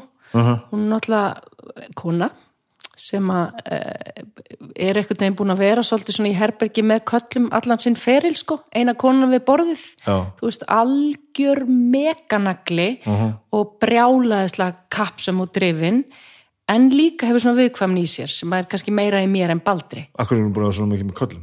Nei, svona í setni tíð er hún búin að vera, þú veist, hún er, hérna var stjórnaformaður í Hörpu, kom því allavegi, var í menningaborginni, þá var hún alltaf eina konan, þú veist, hún er bara mikið stjórnandi, sem að hefur náttúrulega bara mikið, þú veist, auðvitað unni mjög mikið með konum, en ég meina bara hefur oft setið svona stjórnarfundi fulla af köllum, já. já, og þannig að hún hefur þurft að taka á honum stóra sínum og ámarga bræður og, og ansi magnaður karakter, sko. Um, og svo er pappi miklu meiri diplomat og svona, svona, svona fullkomlunar áráttan kemur frá honum, sko. Svona vill gera allt rétt og en e, í grunninn eru þau bara þau e, einhvern veginn, já, þau svona vega hvort annað svolítið svona upp og við náttúrulega bara ölumst upp í þessu mega lista umhverju ég bara frá því ég pínlítil sitt í salnum á yðin og, og bara upplifa eitthvað svona æmyndir að heima og finnst þetta bara allt geðvegt. Bara strax? Já, Já. algjörlega bara hugfangin af þessu. Og var einmitt að vinna með Raka Kjartans þegar hann var bann, þá vorum við að leika saman. Þannig að við tengdumst svona inn í, inn í þennan bransa Baldur var strax bara, þú veist, farin að vinna 5-6 ára bara á alþingi eða eitthvað, þú veist, hann var bara strax bara einhvern veginn miklu sjálfstæðir en ég mm. og, og miklu svona Já, bara með, með svona einhvern veginn svona sjálfsberga viðlitnina framar. Ég var svona viðkvæma blómið og þurfti fóða mikið að halda utan með og passa upp á mig sko, alveg dæmi gert sko, hvern og kall, óþóland að segja það sko, en þannig að hann svo einhvern veginn rektaði sína styrkleika og fór bara í, í þann bransa. Á meðan eitthvað sem ég kannski hafði áhyggjur af að yrði minn veikleiki varð svo einhver, styr, einhvern styrkleiki. Þú veist, ég hugsit oft með hérna, ég á eitt batt sem er svona svolítið viðkvæmt og hún sagði eitthvað maður við mig kennarinas en þetta, þetta þú, þú mátt ekki reyna að laga þetta þetta er hans stærsti kostur í lífinu. Já, já, og það var svona face að því ég fattaði bara já, vá, ég vinn við veik, veikleika minn sem ég held alltaf að vera veikleiki minn. Að vera svona viðkvæm og svona, þú veist, needy og svona elskiði mig elementið sem að, sem að er einhvern veginn líka dræf í og verður að því sem að ég bara á endanum starfa við, basically sko, að bara sína inn í sálina og sína bara, þú veist, ég er bara manneskja og, og þetta allt sko. En Baldur er alltaf náttúrulega miklu meiri töffari og, og hérna, gæti ég verið í hans umhverfi í svona átaka með peninga kalla umhverfi? Aldrei, þú veist, ég bara ég fæ kvíðakast bara við tilhugsununa en hann geti náttúrulega heldur alls ekki verið eitthvað berskjálta sig á sviði þjóðlugursin sko, en merkilegt sko að þegar maður eignast svo börn hvað hvað sískinni geta átt svona ólíka element innar með sér. Já, þetta er, er rosalegt að að að eiga eiga börn og sjá hvað eru ólík sko. Það ekki merkilegt? Jú, af því að þegar maður fer að fatta maður hefur, maður hefur svo li- litla sem enga stjórnaði sem er að gerast mm -hmm. auðvitað að líði vel, jú maður stjórna því alveg sko -hmm. upp að einhverju vissu marki allavega en að sjá sko bara þú ert svona og ég það var ekkert sem ég gætt gert til þess að breyta því sko Einmitt. það er rosa yfir þrjumandi sko það fær alveg eh, bara nýtt hérna, nýtt level þegar þú eignast tvíbura sko Já, þegar þá ertu með ná þú ert á nákvæmlega sama stað foreldrarnir eru á nákvæmlega sama stað því börnin eru mínútu jafngömmul upp á mínútu. Já, en svo verða það svona ólíki karatrar ef að þetta er ekki svona atferðlis rannsókn fyrir mann sem foreldri bara þetta er bara upplegið í þessum gaur og þetta í hinum. A- og tvíburarnir okkar eru svona. Annar er algjör, algjör töffari og, og emitt smá baldur sko, algjör brjálaðingur og fyrir sínar eiginlegir og hinn er svona mamma, mamma, pappi og svona viðkvæm blóm eins og ég var. En þeir eru samt fættur á svo mínútu eða þú veist, tvær mínútur á milli þeirra. Þetta er þannig að fyrst er þetta ekki merkilegt? þetta og maður bara algjörlega sama uppeldi sem þeir fá þetta er sko. magnað sko. það er mjög magna og þetta mjög líka gaman. gerir manni gott að að fá mann bara til að gefast aðeins upp bara. Hæ, hættu bara að hafa alltaf að sá reynast- þú stjórnar þess ekki neitt nei, sko. nei, bara, reyndu bara að gera þetta besta 60% það er bara fínt. Algjörlega 60% er bara fín og þetta með bara hvað karate kemur snemma í ljós. Já. mér finnst þér að hafa bara verið svona frá því þeir litu á mig í fyrsta skipti. Hann var bara svona og bara eða þú veist, maður bara finnur alveg ótrúlega sterk karakter element á fyrstu mánuðan í raun og verð þetta sko. þetta er, já. Allt sem maður vill trúa ef maður sé að stjórna og maður er ekki að stjórna neinu maður. Maður stjórnar einhver og maður þarf bara það er indakið í söguna síðan sko hann sem hefur gengið í gegnum svona rosalega miklar sveiflur upp og niður þú veist að bottom line þá erum við bara öll að róa árabát og við höldum að við vitum hvert við erum að fara og við erum að reyna rosa mikið að fara en við vitum ekkert hvert við erum að fara Nei. þannig að eina leiðin er að leggja áratnar í bát og sleppa og mm. mér finnst þetta svo inspirerandi að því að þetta ávið um allt þetta ávið um sunnudasmótana þína þetta bara, taka bara 60% og þetta ávið um að hvernig verður sönglingurum í næsta ári í ekki, að fara ekki á frumsýningakvöldi og fá panic attack, heldur bara leifis að gerast, veist, þetta er bara eitt ári í einu, já. Og leiðin ekki að stjórna alltaf öllu maður. Nei, því er ekki að, þú veist, leggja stað að búa til heila plötu og halda og viti hvernig lögin verða sko. þá, er, þá fyrstur þetta að þvinga sko. nákvæmlega, og mér fannst nefnilega COVID kenna okkur ógislega mikið, að ég held ég væri miklu meiri kontrollfrík, svo kemur bara svona alvöru áskorun, bara þú mátt ekki mæta í vinnuna, þú bara hérna, mátt ekki fara þú veist bara ekkert er eins og það á að vera. Allt er upp í loft. Mér fannst þetta miklu auðveldar en ég held ég held náttúrulega ég fengi bara kviðakast sko, en svo bara nei, vá þetta er bara actually nice. Þannig að ég kynntist svona smá nýri hliða sjálfur mig hvað það var þar ég held að því að mjög margir fóru alveg í hináttina sko, og margir í kringum mig bara í algjöru kviðakasti já, en ég hugsaði, vá, hvað þetta er merkilegt. Ég held að ég væri stjórnsamari.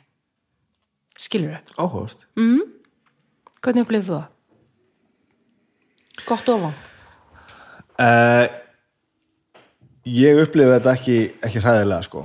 nei, að litaði okkur svolítið mikið að við fengum bæði COVID sko, í alvör í sko mars í fyrra svo snemma að við vissum ekki þetta á COVID. Þá var þetta bara einhver, einhver veiki í Kína.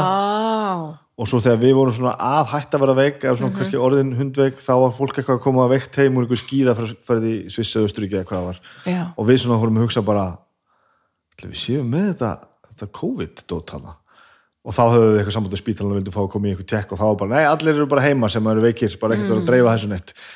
Og svo viku setna þá var basically bara allir að koma sem eru með einhver einkinni og við bara ringdum og bara, við erum ekki með einn einkinni lengur, bara, nei, nei, þá bara verið heima. Vá, en urðið mjög veik? Já, við erum svona hundveik, Já. en ekki, þú veist e, og við erum minna veik af því að við vissum ekki hvað það var, sko.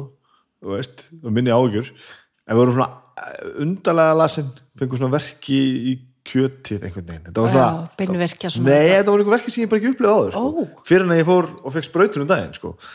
af því að við sem erum veik, sérst, höfum veikst fáum líka sprautur sko. Og þá bara þá fengum við bara svona ah, þessi einkinni, alveg rétt sem við, þú veist, upplifum fyrir einu og hálfu ára síðan sko. Mhm. þannig að ég held að COVID hafi svolítið litast að því okkur að við Þið voru slakari fyrir Já, vikið og við fórum, smitast ekki fórum bara Já. í, blóðpröfu og bara, á, Já. Mhm. þeirrum mótefni þeir eru búin að fá COVID sko. þannig að við bara svona, ok, það slakar á ýmsu og, mm og ég, þannig að ég mátti þú veist, að þetta skipta vinnustafnum mínum í tvent og stundum þrent, fjárvinna heima vin, vinna á staðnum eitthvað svona ég var einhvern veginn bara fríflótaði bara því, ég mátti bara vera sem ég vildi sko. Emmett þannig að allt þetta svona einhvern veginn var hérna, var næs og, og ég ha-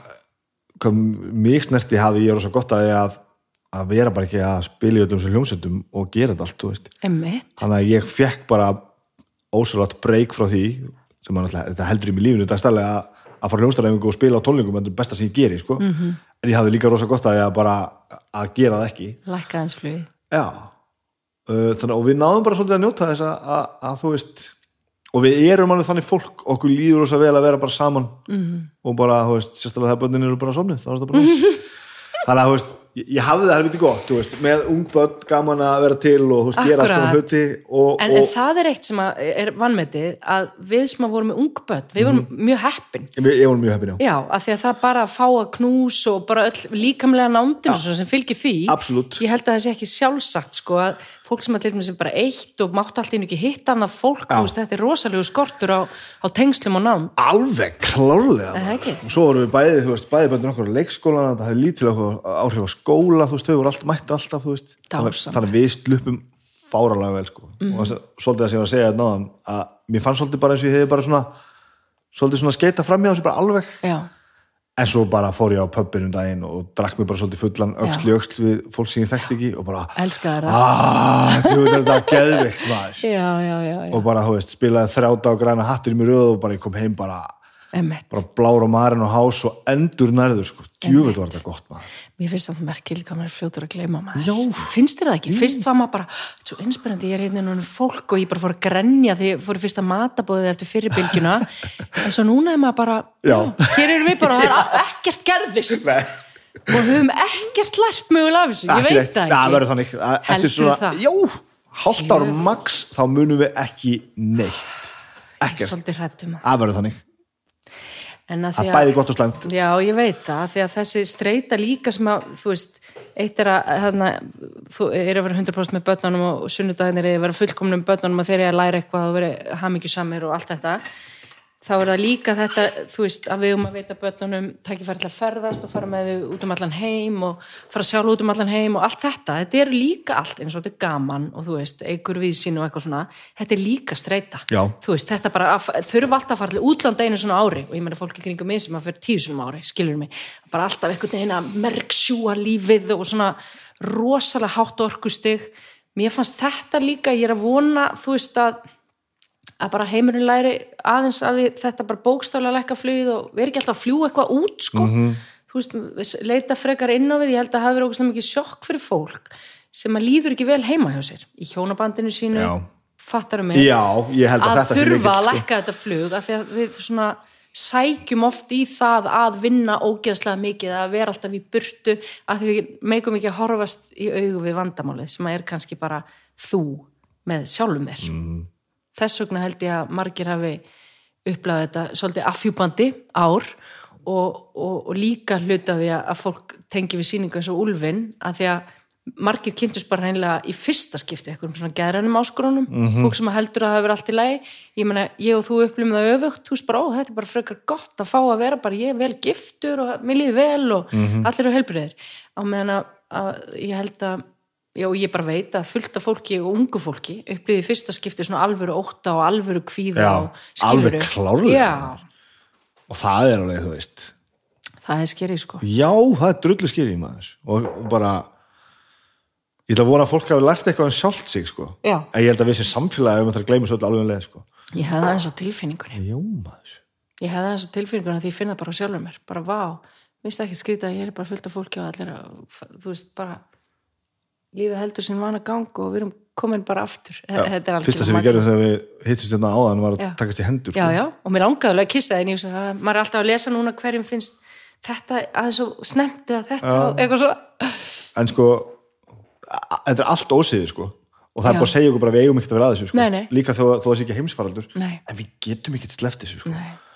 Og þú veist, við gleymum þessu öll alveg um leið. Þetta verður bara, við verðum nákvæmlega eins og við vorum eftir svona hálftar, það er þannig. Já, og tölum um þetta í baksinspeglunum eins og við munum þetta en við munum þetta ekki neitt nei, mitt við komumst rosalega stutt með það hvað, hvað þú ert og hvað, hvernig, hvernig, hvernig æskan var já, já, æskan var sem sagt bara hérna þeir eru bara fjóra manna, bara Já. fyrirmyndar kjarnafjölskylda og já, fóreldriðin fyrirmyndar, er Já, það ekki allt svolítið relativt? Jó, en Jú. svona á papjörunum allavega Já. Já. og hérna ég upplýði mikið hérna mikið svona slaka og, og, og tröst í uppeldi, það voru ekki mikla svona reglur sem að ég, að því ég var svona allavega þá mikið svona control freak og kannski eitthvað svona lítil í mér ég tók ábyrðinni bara mjög uh, bókstaflega. Þannig að þegar ég verið úlingur þú veist, þá var svona ákveðið tröst á, ég færi mínar eigin leiðir og fengi að hlaupa á mér hotinu og eitthvað svona.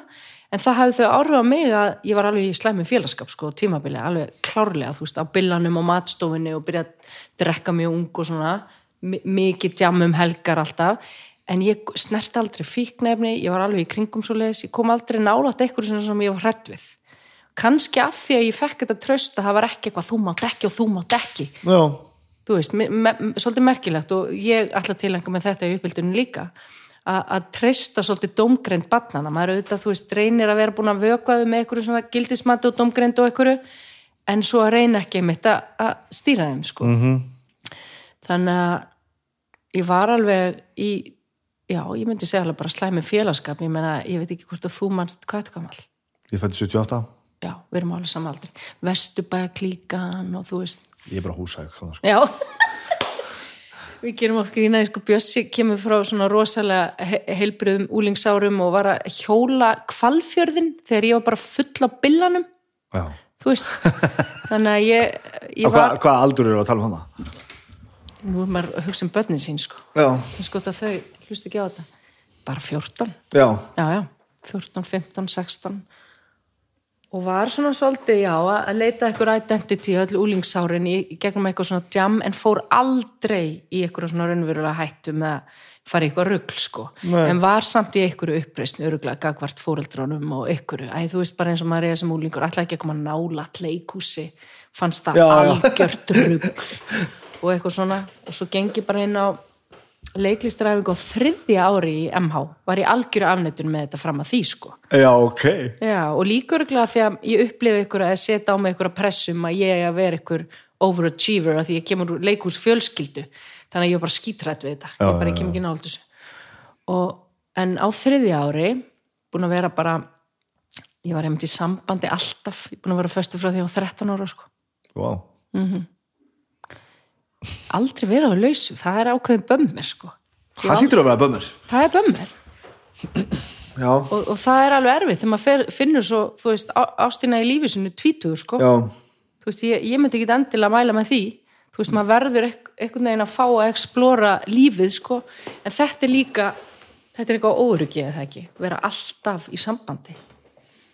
Ég var alltaf á föstu. Getur þetta nú ekki líka verið, það þekki ekki þitt, sko, en Nei. getur nú ekki líka verið einhverju tilvílunum háð, þú veist. já. Stundum er þetta bara svona, sko.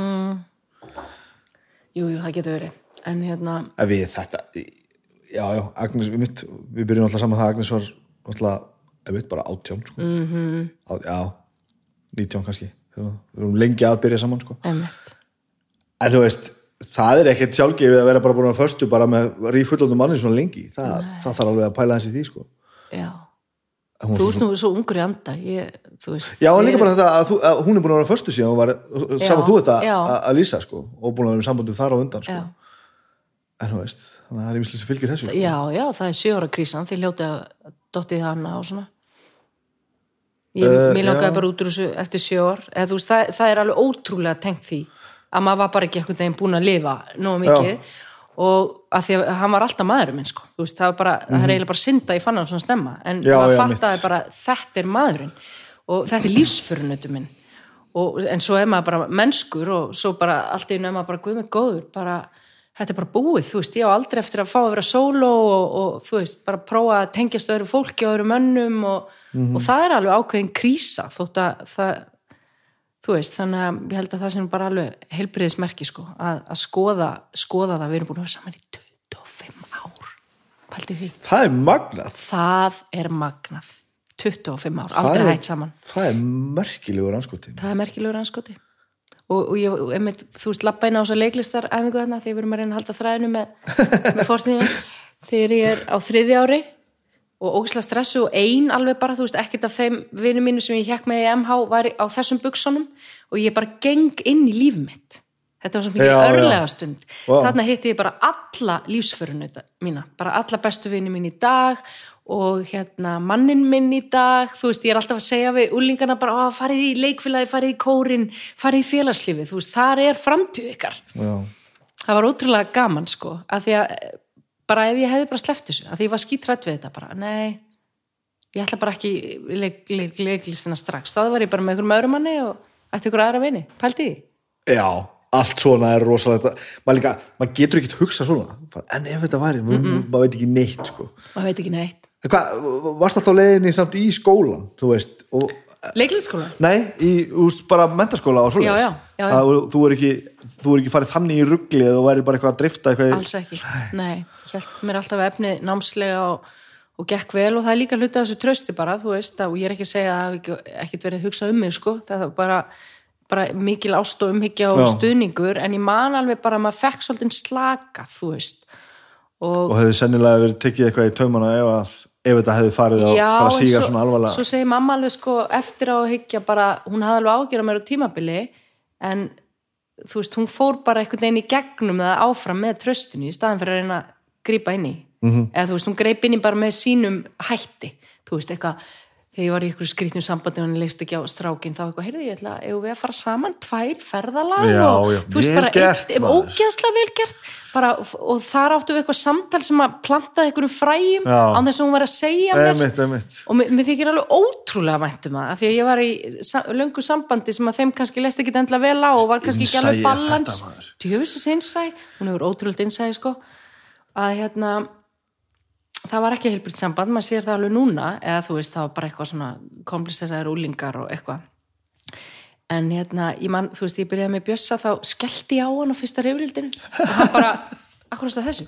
Hvað meinar og þá var ég bara í ykkur, komur ykkur sambandi sem var já. en maður veit ekki að það er óheilbrigt með maður er í því. Nei. og hann sagði bara, þetta er, þetta er ekki búið. Ég bara, er þetta ekki búið? hann tók bara hellastefnun á mig. Ég bara, hvað meinar hann bara, tölum bara saman, akkur það skella á mig og þetta, var- þetta var svona eye-opener bara, wow, hann er bara einhver heilbriðu strákur og þetta er ekki búið hér. Og það er ótrúlega mikilvægt held ég þessi fyrstu mánuðir í ástarsambundum að því að þú leggur ákveðna reglur. Að reyndi ég að koma með eitthvað gamalt sitt úr mínu sambandi og kasti yfir á hann og hann bara, nei, þetta, þetta ég nefni þess ekki. Og þá læriði ég bara, já ok, þá ætla ég bara að frekar að tala við þig en að vera ykkur dramakasti og þar lögðu við bara eitthvað grunn að sambandi sem að, já, hér eru við 25 ára síðan mjög merkilegt sko Hvernig tæklaði þess að sjórakrísu? með bara samtali Bara með honum bara? já, já, já, já. en þú veist það var bara erfitt og þú veist og ég man alveg eftir svona mómenta sem ég leit upp, ég er ekki trúið og bara hjálp Mm. ég þarf svör þú veist, það var svona augur stund en það er einhver skynsemi alltaf í manni sko, þú veist að því að lífið er alls konar og mann langar í einhverja átt á einhverjum krosskutum með tímapunkti. En ég vissi að þetta væri gott og heilbritt og rétt. En svo er maður bara þroskast sem manneskja. Og það er náttúrulega bara ótrúlegt að maður geti þroskast með annara í mannesku í svona langan tíma. -hmm. það er mjög magnað. Og, og við finnum einmitt núna svona við erum að stigin í meðaldarkrísuna sko að hvað er ótrúlega mikilvægt að eiga samtal um það allt saman. Þú veist, að, að þóra bara að tala um hvað maður er að upplifa. Mm. það er alveg edgy og hættulegt en og gaman. Og gaman. Ógeðslega gaman. Maður er bara skýt stressaður í samtalið við makasinn það Já. er ekkert skemmtilega sko. nei, en það er rosa tenn sko. ég veit það. Og, og kannski bara því að við erum svona við höfum ekkert oft átt svo, svona hættuleg samtöla því að þetta er bara verið ótrúlega svona stabílt samband.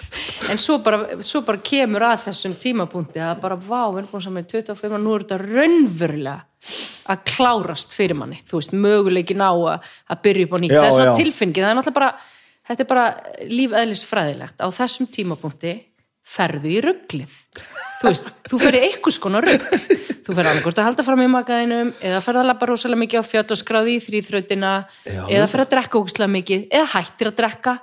Þetta bara gerist. auðvitað. Það er bara búið að segja okkur og það er búið að sanna. Þannig að það er rosalega gott að tala um þetta allt sem að maður er að upplifa. Þetta er bara döðleiki ég upplifi þetta bara wow, ég mun deyja. Já, og ég er að fara að deyja þú veist, eitthvað daginn þetta verður rosalega áþreifanlegt þú veist, þegar þú ert búin með alltaf batnegnar pakkan þú veist, komin okkur á svona miðju í ferlinum og bara já, þe- þetta er miðjan þetta er, þetta er bæði ókslega inspirerandi en þetta er líka rosalega skeri tilfinningar, finnst þið það ekki? jú, Já, alveg þú, þetta er auðvitað skrítið ykkur af því að hún er á alltaf um stað eða hvað? nei, við, þú ert þú ert bara að segja svo margt sem ég, ég, ég er að tengja við sko. Já, ok við erum alltaf, bara saman í þú veist þessi tíu ár sko, Já, veist, emmitt munurinn er kannski sá að við erum á svo missum, aldrei sko, þannig að við þurfum, við þurfum svolítið að taka tillit til þess oft sko. Já, að ég er bara orðin eldri og latari sko. emmitt það er bara þannig og hún er bara ennþá kornung og miklu hressar en ég sko. og, það, þú veist, og við þurfum bara að vinna mjög mikið með það sko. og Einmitt. okkur gengur bara mjög vel að mætast á miðurlega en við erum, við erum með tíu pluss ára samband að, að baki sko. þannig að við erum alveg búin að fara svolítið mikið í gegnum allt þetta sem við varst að tala um sko. emmitt þannig að þú veist, og þetta er svo þetta er inspirerandi skeri að ég lýsi þessu þannig þú veist að það er hérna bæði hérna hvað þetta er eins gott að það getur orðið og það er líka bara er ég komin á malbyggaðan veg og er bara keira Já. upp í sveit? Skilur hvað já, það er rosa þægilegt. Já, ég er bara hér og ég horfi hérna á náttúruna í kringum mig en ég er bara keira upp í sveit og ég enda bara þar og svo ég. Bara einsta bænum í dalnum. Drifið þér mati en hvað, ertu þannig að koma bara með leiklistabakteríu og bara Já, svo bara þarna þegar ég byrjaði e, á þessari leiklistarangu og Rúnar Guðbrandsinni, það var ekkert aftur snúið. það bara var bara kviknað í mér, sko. já, Bæði náttúrulega fannst mér þetta geðveikislega skemmtilegt og kreatíft og byrjaði að tengjast allir þessu fólki sem að hafði þessa kanela að vilja skapa og sá hennan unga mann hérna, Bjössa, sem að var svona, hérna, við tókum okkur nú alveg heldur tvö ári að byrja saman en Já, það var bara engin spurning. Og alveg bara ég ætli í indugubróf og fór í indugubróf og komst ekki inn og fekk svona, þú veist, fyrstu stóru höfnun lífs míns og, það var náttúrulega besta sem að hafi komið fyrir mig, skilur bara ógeðslega erfitt, hjælt bara að ég væri með þetta. Þá er maður alltaf á vestastaðnum, sko. Já. Nei, ég menna ég hafði engar ágjur að því, ég kemist ekki. Nei. hældi því, ég var bara "Ja, þetta er nú ekki rosalega góði krakkar þetta með mér í pröfunum, bara í rugglinu og bara niður. Og hérna og fór út sóttum nokkra skóla úti, komst inn í fjóra flotta skóla úti og þá hafði ég einhvern veginn svona smá confident í að prófa aftur hérna heima. Og þá var ég komin í samband við Bjössa og komst svo inn heima og þá var þetta svona no-brainer að velja Ísland Já. af því að annars hefði við örgulega bara hætt saman og þannig ég fór í leiklistaskóla Íslands. Og fórstu einhverja, veist, með einhverjum öðrum aðferðum inn í hérna inn í ár, ár tvö, að segja um aftur eða? Já, algjörlega. Bara, þú veist, bæði náttúrulega einmitt, vulnerable, bara ég kann ekki neitt, þú get ekki neitt og elskiði mig. Og þá maður auðvitað aðeins svona meira interessant stað en bara, hæ, hér er ég. Og en samt líka með leið. Ég var með leið, ég ætla Já, að fara já, að læra varst- úti þannig ég líka slakar, ég er bara öll eitthvað neginn kannski aðeins meira humble. En það einmitt kendi mér að því ég hafði alltaf einhvern veginn meira og minna, þú veist svona verið við stjórnina þú veist, ég, í samböndum og svona, þú veist, það var ég sem hætti með strákum. Ég hef ekki upplifin eina svona dramatíska höfnun í lífinu. Já. og þannig að þetta var algjört svona smá mín í áfall, þú veist, fyrir 20 mannesku, bara óguð með góður ég er ekki nóg, skilur og var alveg bara lengi að jafna mig á því og svona, það voru svona svona, fyrsta svona áskorunin mín í, í eitthvað svona svona, og fyrsta á eina eiginlega, þú veist, ég upplýði bara svona sveflust sumar. Nú, alveg þannig já, bara. já, Já. real shit. Komst aðeins, steg aðeins út fyrir hringin og bara, wow, mér liði bara illa þú veist, alvöru, alvöru, alvöru illa. Já, ekki, ekki þannig að ég, þú veist, var eitthvað, ég veist mér villi lifa, það var alls ekki þannig, en svona raunverulegu kvíði. Og ég held að þetta sé vannmetin tímapunktur í lífinu, þessar krossgötur að klára mentaskóla og þurfa að ákveða hvað ætlar að verða þau eru stór.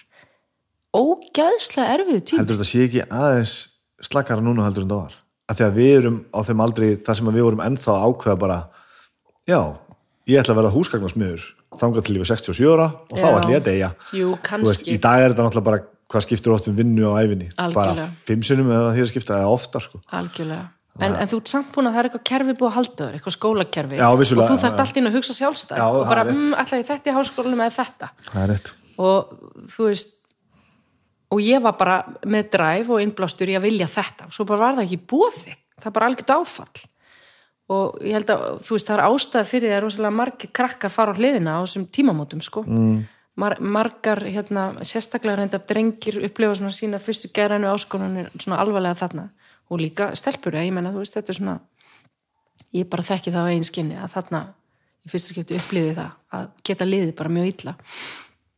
Og svo einhvern veginn, einmitt að því að maður var með gott bakland og í bómull og þú veist nýbyrju í samband með mjög heilbröðum náunga þá fór ég bara gegnum það og komst inn í annari tilraun og, og naut mín bara úkslega vel í náminu. Mér fannst þetta bara brjálæðislega spennandi og gaman og inspirerandi og erfitt og allt sem þetta er, þetta er náttúrulega nafla skoðun maður er óþólandi þegar maður er í leiklistanámi.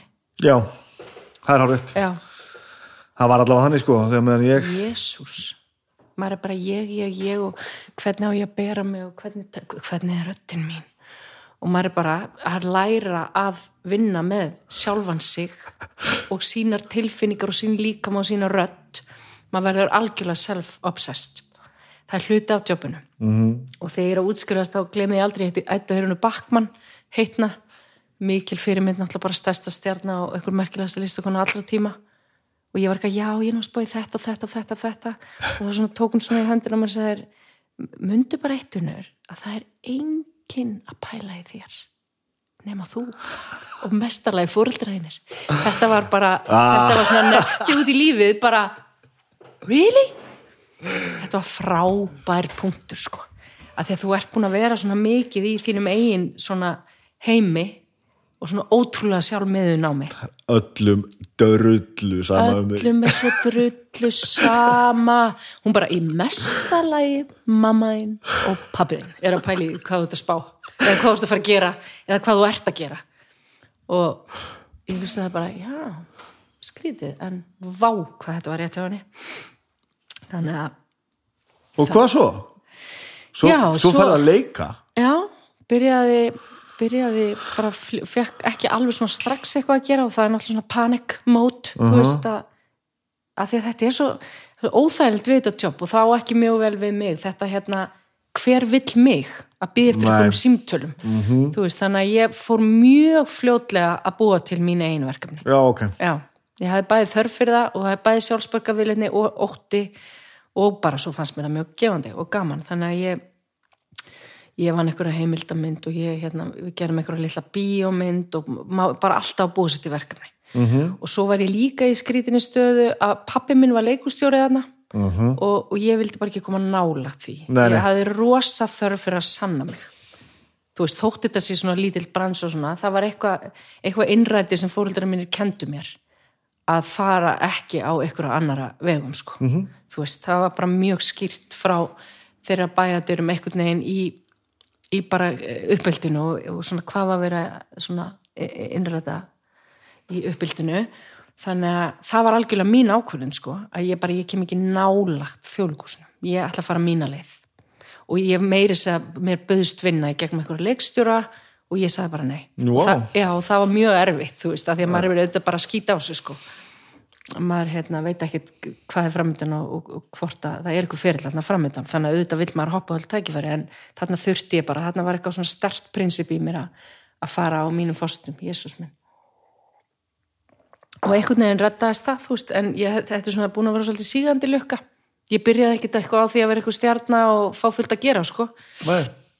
alls ekki, en varstu tímann ekki fyrstu ári, nei. Nei. ég var svona meiri þess að, þú veist, svolítið fyrst í svona sjálfstæða geiranum var svolítið í þeirri senu.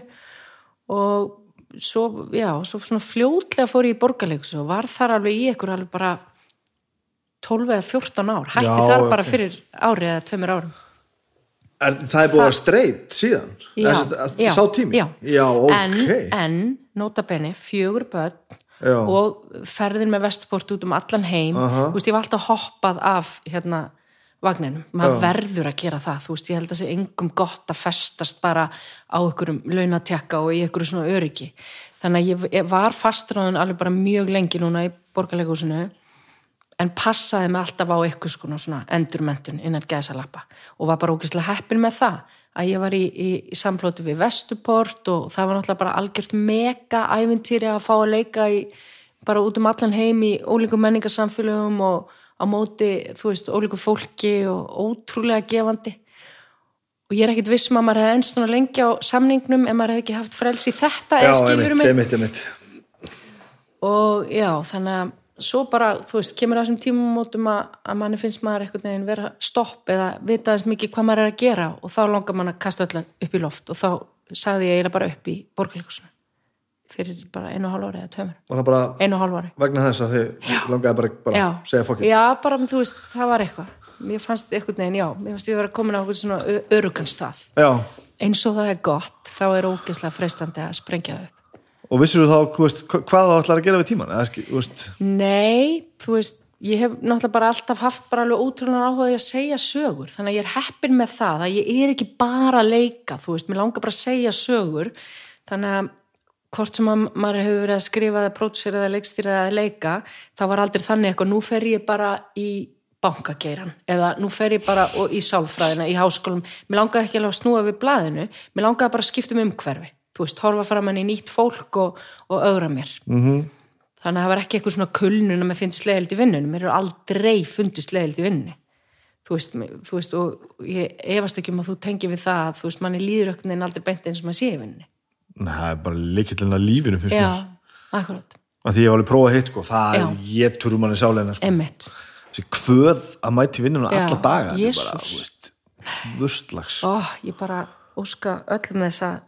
að að gera þá kröfu á sjálfa sig þú veist, að, að finna þetta passion í hverju sem þú ert að gera, sko. Að ég líði ekki beint þú veist, og nú er ég ekki að segja, þetta er óvíslega ofta erfitt og stundum er þetta að gera misspennandi verkefni og já, veist, já, auðvitað. stundu þarf að finna já, jákvæðu punktana sko, það leit af þeim sko. Jésús, en að þið séu þar sko, það er Já. svo mikið líkilega trið sko. Já.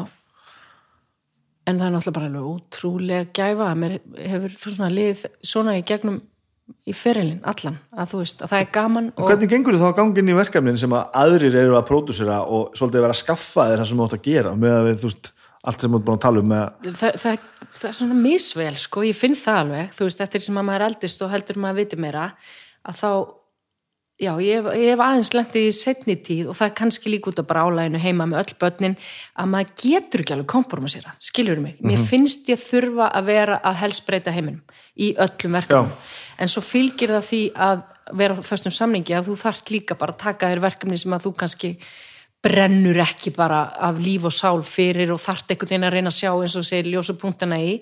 Og það gengur aðeins verð hjá mér með það, ég viðkenni það.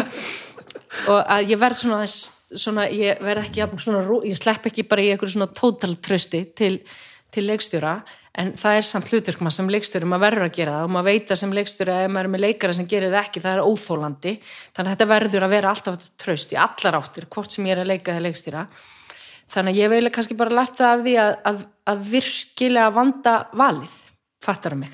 Að en gera þú getur það þá? Já, ég get, já, eiginlega sko, núna svona upp á sí- síðkastið bara, skilur mig? Og, og, og líka bara eins og eins og heyrir að þú veist þegar maður er emitt tími mann sé bara mjög dýrmatur þegar maður á fjöguböld og þú veist flestir eru mjög ung skilur þú veist að þá hérna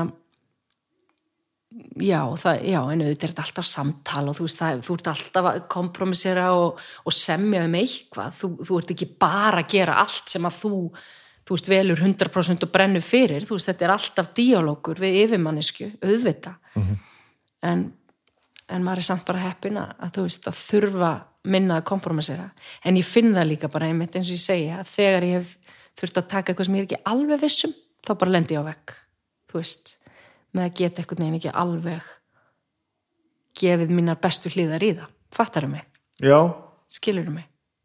Já, ég gera það sko. Ég, eh,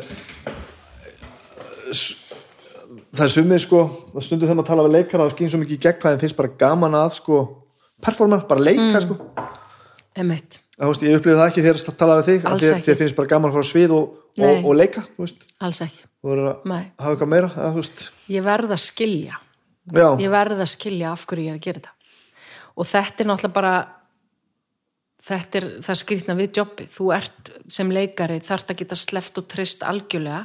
Og, og ef ég skil það þá er ég til í hvað sem fucking er. Já, já. þú veist, þá færðu mig alla skilur, en ef ég skil það ekki það er eitthvað að vera fokk í mér það er eitthvað statusleikir, eitthvað hlutverkaleikir eitthvað að vera íta okkur óþægileg mörg þá bara, pú, þá lókast ég. En það hefur gerst ógeðslega sjaldan en þegar það gerist þá bara, þá bara lokast maður alveg.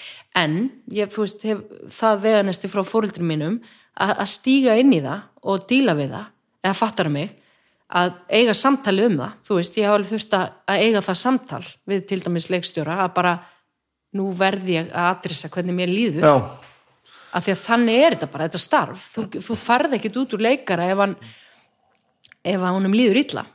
Þá bara lokast hann, maður leikur aldrei verð en þegar maður veit ekki alveg akkur maður er að gera hlutin. Þá bara, þá lokast maður og fyrir bara leikókslega illa og hætta að hlusta og reyna að sína einhverjum áhörundu hvað maður er aðeinslur, þú veist, þá er þetta bara nömulegu leikari skilur þau, þú verður að skilja.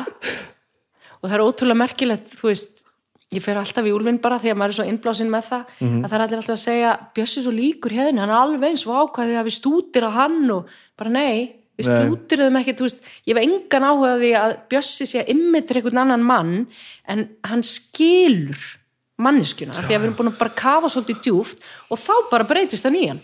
Skilur mig, þetta er aftur að þessu hérna, why en ekki how -hmm. af hverju erum við að gera þetta og, og þegar þú einhvern veginn ferð með skeiðin alveg að innsta kjarna þá á endanum kannski virkar það eins og bara eins og hérna hann hafi einhvern veginn bara stútirað hreyfingarnar hans eða bara enga meginn þannig að hann, hann skinjar hann einhvern veginn og skilur hann og, og þegar maður sem og Bjössi er alveg eins og ég held í sem leikari ef að hann skilur ekki alveg til hvað sér ætlast af sér sem hérna leikari þá, þá lókast hann ennþá meira en ég sko. Ég er þó alltaf einhvern veginn aðeins meiri sko player þegar kemur að því að reyna bara þú veist sína leikstjórunum traust. En þetta er vonubúl samband maður á milli leikstjóra og leikara. Þú getur ímyndaðir, þetta er bara annars stjórnar og það er svo auðvelt að misnota. Það. og það eru fullt af leikstjórum sem betur fyrir fáirinn á Íslandi sem eru í ykkur í ykkurum svona hlutverkaleik og í ykkurum svona manipulation stemningu sko, þeir eru alveg til. Það er ekki tilvílun að það velst fólk í kvikmyndaleikstjórn og, og, og, og leikstjórn sem að sem að færa eitthvað út úr því stundum að vera með völd. Mhm. ég fæ ekkert út úr því sko. Ég fæ alveg út úr því að vera með ábyrð en ekki völd, Já. skilur mig? já. Þú talar svolítið eins og að tala eins og það séu svona svolítið svona óljósa línur það sem þú ert að gera, leika, leikstýra Mm. skrifa, þetta er svona, þú hugsaður þetta allt í sömu svona, já, já, mér finnst þetta allt mjög tengt. Já, mjög tengt. Það er svona ný, ný reynsla fyrir mig að því ég var að skrifa handrit núna og ég fór einhvern veginn inn í þá vinna alveg og leikari, skilur mig? Þannig að ég fó, fór í svona rosa tilfinninga uppnám við þessi skrif. Ég hugsa að ég hef nota bara í raun og vera algjörlega ómeðvitað sömu tæknu ég nota sem leikari. Já, þannig að mér fannst svolítið erfið þegar var að frumsýna að ég var alltaf bara eitthvað heima og fekk aldrei útrás á sviðinu. já, já, þú veist, sem leikari færði rosa útrás í gegnum allar tilfinningar hreinsa út það sem búin að vera, einmitt. Og, og maður er spurður er ekki erfitt að þú veist, leika svona erfið hlutverk út af eitthvað svona tilfinningulega nei, það er í raunverulega streitulosandi. Þetta er svona Já. næstu í þerapist en sem höfundur þá þurfti ég bara að skila verkinu til leikarans svo er ég bara heima að passa börnin. Og það var úrslega skríti, ég náði ekki alveg já, ég, ég veit ekki hvernig ég lýsa. Það, það var svona ný reynsla fyrir mig því að ég fattaði eftir að já, ég er að beita sömu tekni og ég sem leikari, ganga mjög nærri mér og mínum tilfinningum en svo er ég einhvern veginn bara, bara búin, bara bless, þú veist, það var mjög skríti En kom þetta frekar eðlilega til en að fara að skrifa og, og stýra og svona? Þú, þú, þú ferð vantilega inn í þetta sem leikona, Já, þú ætlar að, að fara að leika eða hvað. algjörlega. A- allt, alltaf planið að vera leikari en ekki leikstjóri eða Nei. nei, það, en það kom bara til mín. Ég hef aldrei ákveðið að vera leikstjóri eða höfundur eða framlegandi já. þetta allt einhvern veginn kemur til manns. Þú veist, einhver þú veist, veðjar á mann eða býður mann eitthvað tækifæri og maður svona og ég fe fekk mjög snemma bara sem frekar ung kona sem ung leikkona. Já, heyrðu, ég get ekki skorast undan áskoruninni að vera kona sem er að fá tækifæri. Mm. það ko- kom mjög stert yfir bara, langar kannski ekki mest af öll að gera hérna litlu hryllingsbúðuna en ég verð að gera þetta, mér er treyst fyrir að gera eitthvað að rísa verkefni hérna. Skilur mig? Mm -hmm. þannig að það er kannski svona feministinn í mér. Já. ég hef ekki skorast undan. Þannig að reynslan sem ég hef fengið er ekki endli gegnum verkefni sem ég brenn mest fyrir heldur hef ég verið svolítið svona að æfa mig. Og þá ósælvart er ég allt í nú ó, er ég hún leikstjóri? Eða skilur ég ætla aldrei að vera leikstjóri, nú er ég bara orðina það. Er einhvern veginn bara gerðist þú ætlar til í það, vantilega. já, já, já, sko það sem er svo geggja við að leikstýra og skrifa það er náttúrulega bara miklu meiri sköpunar útrás þú sem leikari ert túlkandi Já. listamæður Mhm. þú skrifar sjálfnast textaninn þú getur ímyndaði bara þú veist, það, er ekkert jafn fullnægandi og vera á kottanum og bara mér langar að prófa á morgun að það rigni yfir alla senuna þarna þegar Coldplay þú veist, þetta er bara brjálaðislega kreatíft Já, já, já. og svo bara kemur þetta daginn eftir og prófar þetta og annarkort virkar það eða ekki þetta er náttúrulega bara brjálaðislega kreatíft starf Já. ógeðslega skemmtilega en sem leikari þá ert alltaf að dansa í ykkur um hóp þar sem er allt annar haus og þú, það er annars konar útrá sko. Er þetta, upplifur það samband alltaf þannig, að leikstjórin bara ræður? Nei, Þú bara, er búin að segja þetta svolítið núna, já, nokkuð sinnum, þú veist nei, en þú þart samt að vera mjög meðvitaður um píramítana, hann hefur sínina, þú getur ekki og þetta hefur alveg verið erfitt fyrir mig að því að mér finnst ég alltaf að vita svo mikið veist, um hlutina að þá er ég ofta eitthvað að efast stundum á leiðinum leikstjóran sem er náttúrulega bara stór hættulegt fyrir mann sem leikari, þá kemst ekki áfram.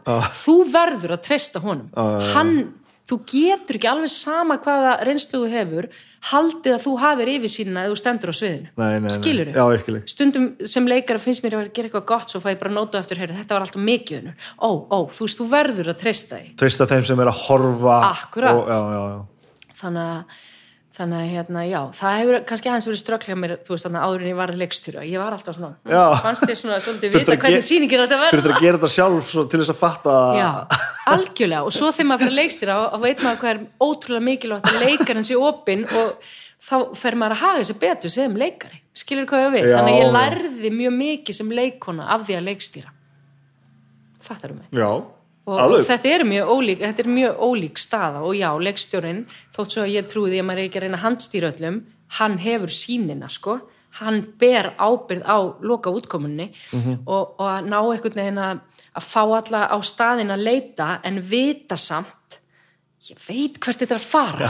Ég, nei, nei, nei, þetta er alltaf leið, þú veist. Ég fá alltaf tvær ykkur frumsýningu nótur frá öllum kollegunum, já þetta virkar ekki þetta virkar ekki, og þá þarf ég að, þú veist, það er erfiðast í tímapunktur fyrir leikstjóra að því ég ein veit hvar ég ætla að enda. Já, já. skilur hvað Þá ég veit ertu komið með eitthvað svona gefið mér nokkar daga þá verður þetta allt í lagi. já, já, já. Ef, ef, ef þá reynir á mann að, að vera ekki órygur af því að þá er maður að skýta á sig. Að já, ok, já, ég sleppi bara þessu lagi þetta virkar ekki, eða já, þessi leikari er ekki alveg nóg góður fattaru mig, þú veist að maður verður að vita hvert maður ætlar að fara en hleypa öllum inn í leitinu og að borðinu með sér.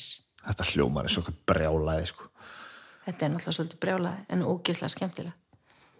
En það er erfiðast þarna, það er kví, kvíðapunktur en það er tvær ykkur í frumsýningu. Ertu þá að efast um það sem út að, um eigin sannfæringu eða bara að því að það er svo margi sem það er koma bara að svo, að koma svo er margar já,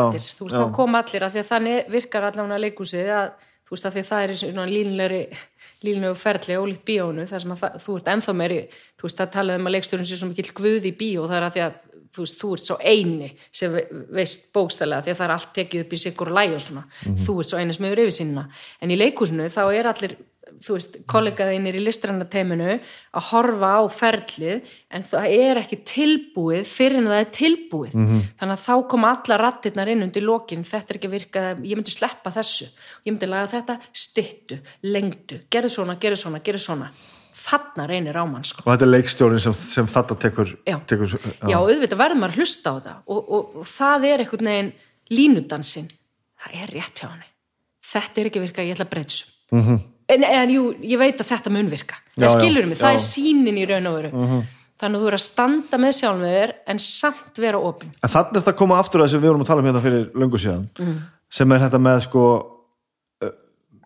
með hvað er að vinna með fólki sem, sem að skiptir svo miklu miklu meira máli heldur en hvað á skóður gítar sko. algjörlega, en bara e, þe- þetta samtal sem þú ert að tala um það er það sem getur gert make eða break sko. ég myndi segja 90% af vinnum minni Já, er að geta unni með fólki Mhm. 90% sko að ég tala nú ekki um, þú veist, það er kannski annað fyrir rítöfund, þú veist, sem situr einn Mhm. eða, eða tónskáld sem er eitt heima að semja en í svona hérna svona samskipta formi sem að listir eru og leikhúsið náttúrulega og, og kvikmyndinni sem ég kem úr þetta snýst allt um það, allt um samtal og ákvarðanir og byttu og, og hlusta á þetta og finna nei, þetta er ekki rétt eh, alveg bara rosalega mikið og reyna að inspirera fólk, draga fram það besta í því, samt íta því út á brúnina og út úr þægindaramanum en ekki missa það þannig að því sem fara að liða illi vinnun, skilur, þetta er bara þetta er endalaus línudans.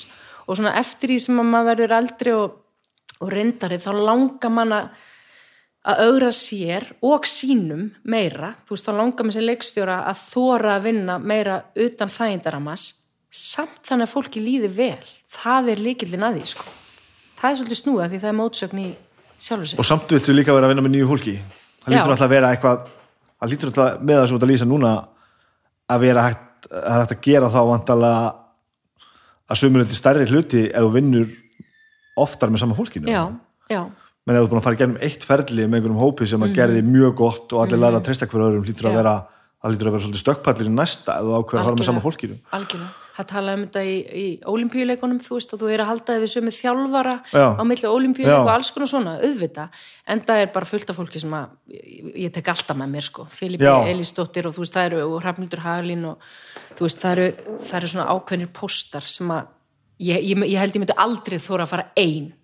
og koma bara með nýtt fólk með mér Mhm. -hmm. ég myndi ekki treysta mér í það, aldrei maður þarf einhvern veginn að hafa sína svona vörður en bara það að þú veist, fá svona nokkra nýja inn inn í svona innsta kjarnan, svona listræna teimið, það er bara ótrúlega holdt fyrir mann. Þú veist, maður hefur uh, hort á, á fullta leikstjórnum sem hafa bara unni með sama teiminu allan ferilin. Eða, ég, ég veit ekki, ég allan að læra það þessu ferli að það var úkislega inspirerandi og holdt að gera það. Þannig að það er svona, þú veist, svo bara hver finnur sína liði, sko, þú veist. já þú veist, ég, ég þekki bara að vera í hljómsveit sko Já, og það er bara, þú veist, þú ferð inn tíu ára setna bara og þú getur breytt heiminum að því að það er svo margt sem þú þarft ekki að að finna upp eða laga eða kynnast eða Já. eitthvað, þú veist, við, nú mættum við bara gráðu fyrir játnum og, og vitum bara hvernig það virkar Einmitt. en að samanskapið þurfum við alltaf einhvern með okkur einhvern pródusent eða eitthvað sem sér þetta þessu utanfrá og já. fest blóð sem að pikkar í ykkur að því við erum bara sestir niður og niður latir, sko. Akkúrat. þannig að þetta er ælu, þetta er mikill þetta er mikill balla, sko. Og líka bara þetta sem þú veist að tala um við króla, þú veist þetta með að mér líður oft eins og ég sé ekki að gera neitt og bara eins og þú upplifur oft leikstjóran það er alveg raunverulegt en það, það, er þetta ósýnanlega eiginlega sem að maður er að gera. Já, sem að er þetta bara að leiða fólk saman og, og geta al, hlustað í alvörunni á skoðanir fólks en hafa samt einhverja einhverja tilfinningu fyrir því hvar maður ætlar að enda. Á þess að vita. Þetta er allt einhvern veginn gráasvæði þess vegna er hérna þess vegna hefur sem ekki áhuga þessari MeToo umræði eins og hún er eldfim að því að ég elska gráasvæði eða skilur mig, ég, ég vinn þar ég vinn svolítið í hættunni.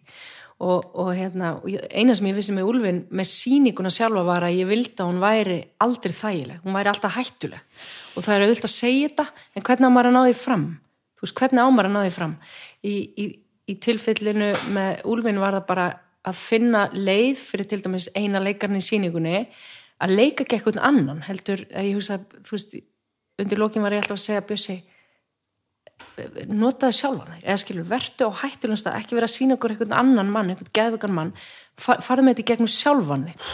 Það er rosalega, ég veit það, það er ógeðslega erfitt fyrir hann og okkur en það er ro, mjög pólitísk ákvörðun hjá mig sem leikstjóra að vera að fjalla um geðveiki. Að vera ekki, að því að hann er ógeðslega klár leikar og það hefði alveg geta farið hérna, einhverja leiða að teikna einhvern brjálaðislega hérna, bilaðan mann og eitthvað ofsalega velgert ástand. En við ákvaðum að fara ekki þá leið, að því að við erum að reyna að segja eitthvað með síningunni, við erum að reyna að segja hún er um þig. -hmm. alla í salnum en þetta er ógeðslega erfitt að finna þetta og þetta er alls ekki fyrir alla leikara að vinna á þessum stað skilur mig ég fæ bara svona ég fæ bara svona ónót, kannski Já. ónóta sem þú varst að byggja um já, já, ég, ég vil að þér líði ekki vel nei. en hérna nei, en þú veist, það er auðvitað þetta bara við erum að reyna að, að alltaf í, í listum að reyfa við ykkur þú veist, við erum að reyna að fá áhörfandi til að aukvæða eitthvað nýtt í sjálfum sér mm -hmm. Og bara í 95% tilfellum virkar það ekki. Þá er þetta bara eitthvað, já, það var mjög gaman. Já. já, eða þú veist, já, svona sjö. Já, þau það þetta vel bara, þannig þau gerðu þetta vel. Eða bara, þessi plata, já, það voru eitthvað góð lög. Já, en svo, þú veist svo, það eru þetta að þú veist að tala um á hvað forsundum er maður, þetta þurfi ekki alltaf að vera svona erfitt. Ég held samt að þú verðir alltaf að taka ákveðna áhættu til að, þú veist, stíga út úr okkur um þægindum og, og, og prófa eitthvað nýtt sem að mögulega ge getur haft eitthvað að gefa eða skilur mig mm Já, ég veit það ekki. Það var eitthvað sem sagði, þú veist, að lífið byrjar út úr þægindaramann og ég var alveg 35 ári í þessum þægindarama, sko. Bara leika ykkur hlutur og gera eins og allir sögðu mér og, og svo er það bara einhvern veginn held ég með lífsreynslunni sem að maður þorir að stíga út úr hún. Já, þú upplifir þetta þannig að þú hefur þurft þurft að gera hitt fyrst og, og fara svo hitt Já, já, já. algjörlega. Var bara ókslega léli leikona í 10-15 ár, sko. ógæðslega lélega leikona Já. já, já. Eða þú veist, bara svona meðvituð og reyna að gera allt rétt. Bara eins og, þú veist, þú í föðurluturkunni. Þetta virkar ekki þannig, sko. Lífi virkar ekki að reyna að, þú veist, gera eitthvað eins og á að vera. Að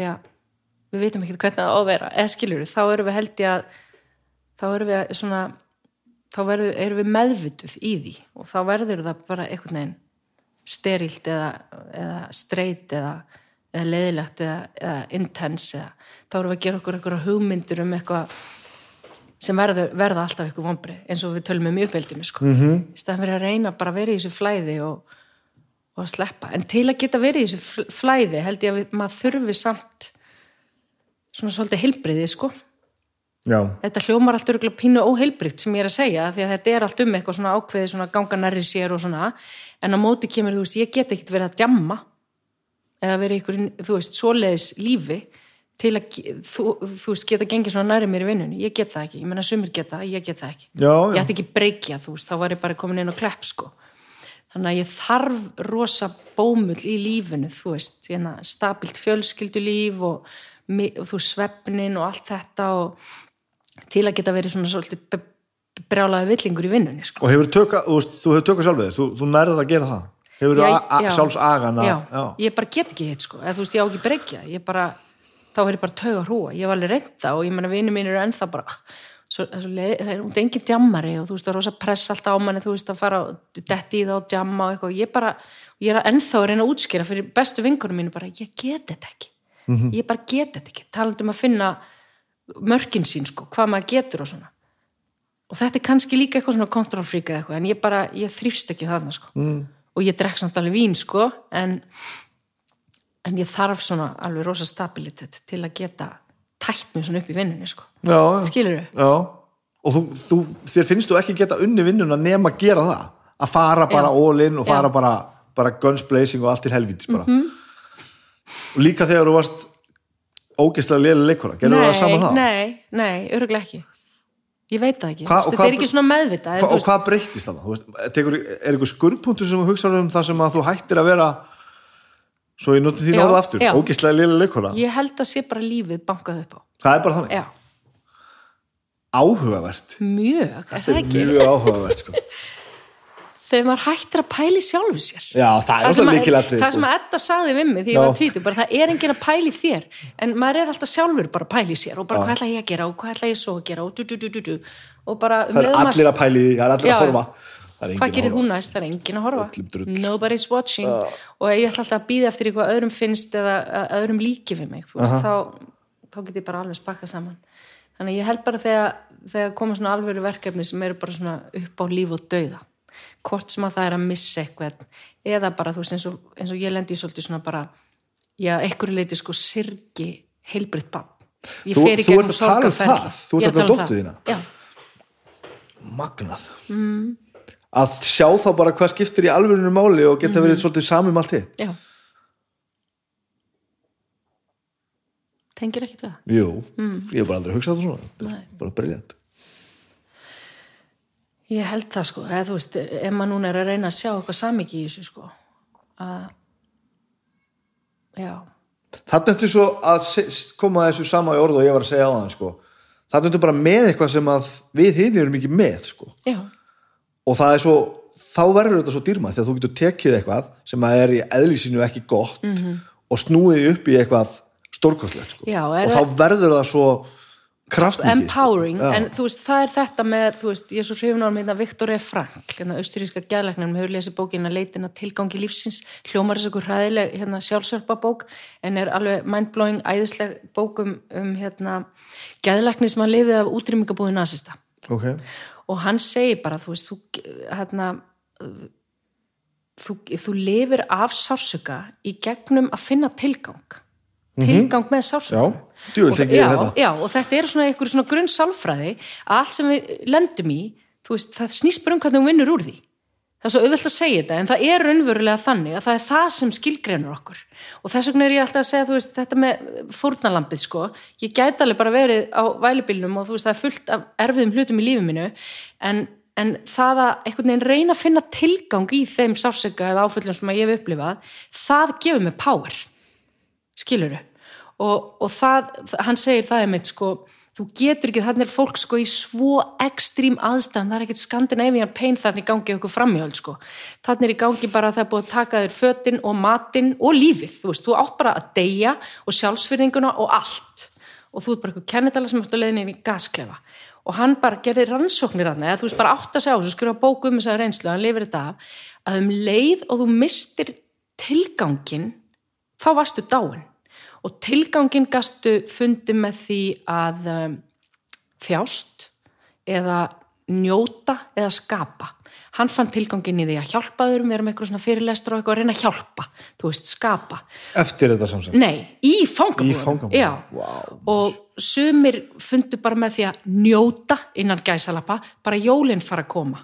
Jólinn koma og þá verður eitthvað gott af því að eitthvað, bara fundi eitthvað svona tilgang í því að geta notið þess að það væri allavega að koma jól. Og hann sagði, þegar fólk hætti að hlakka til jólana, þá var það farið. Já.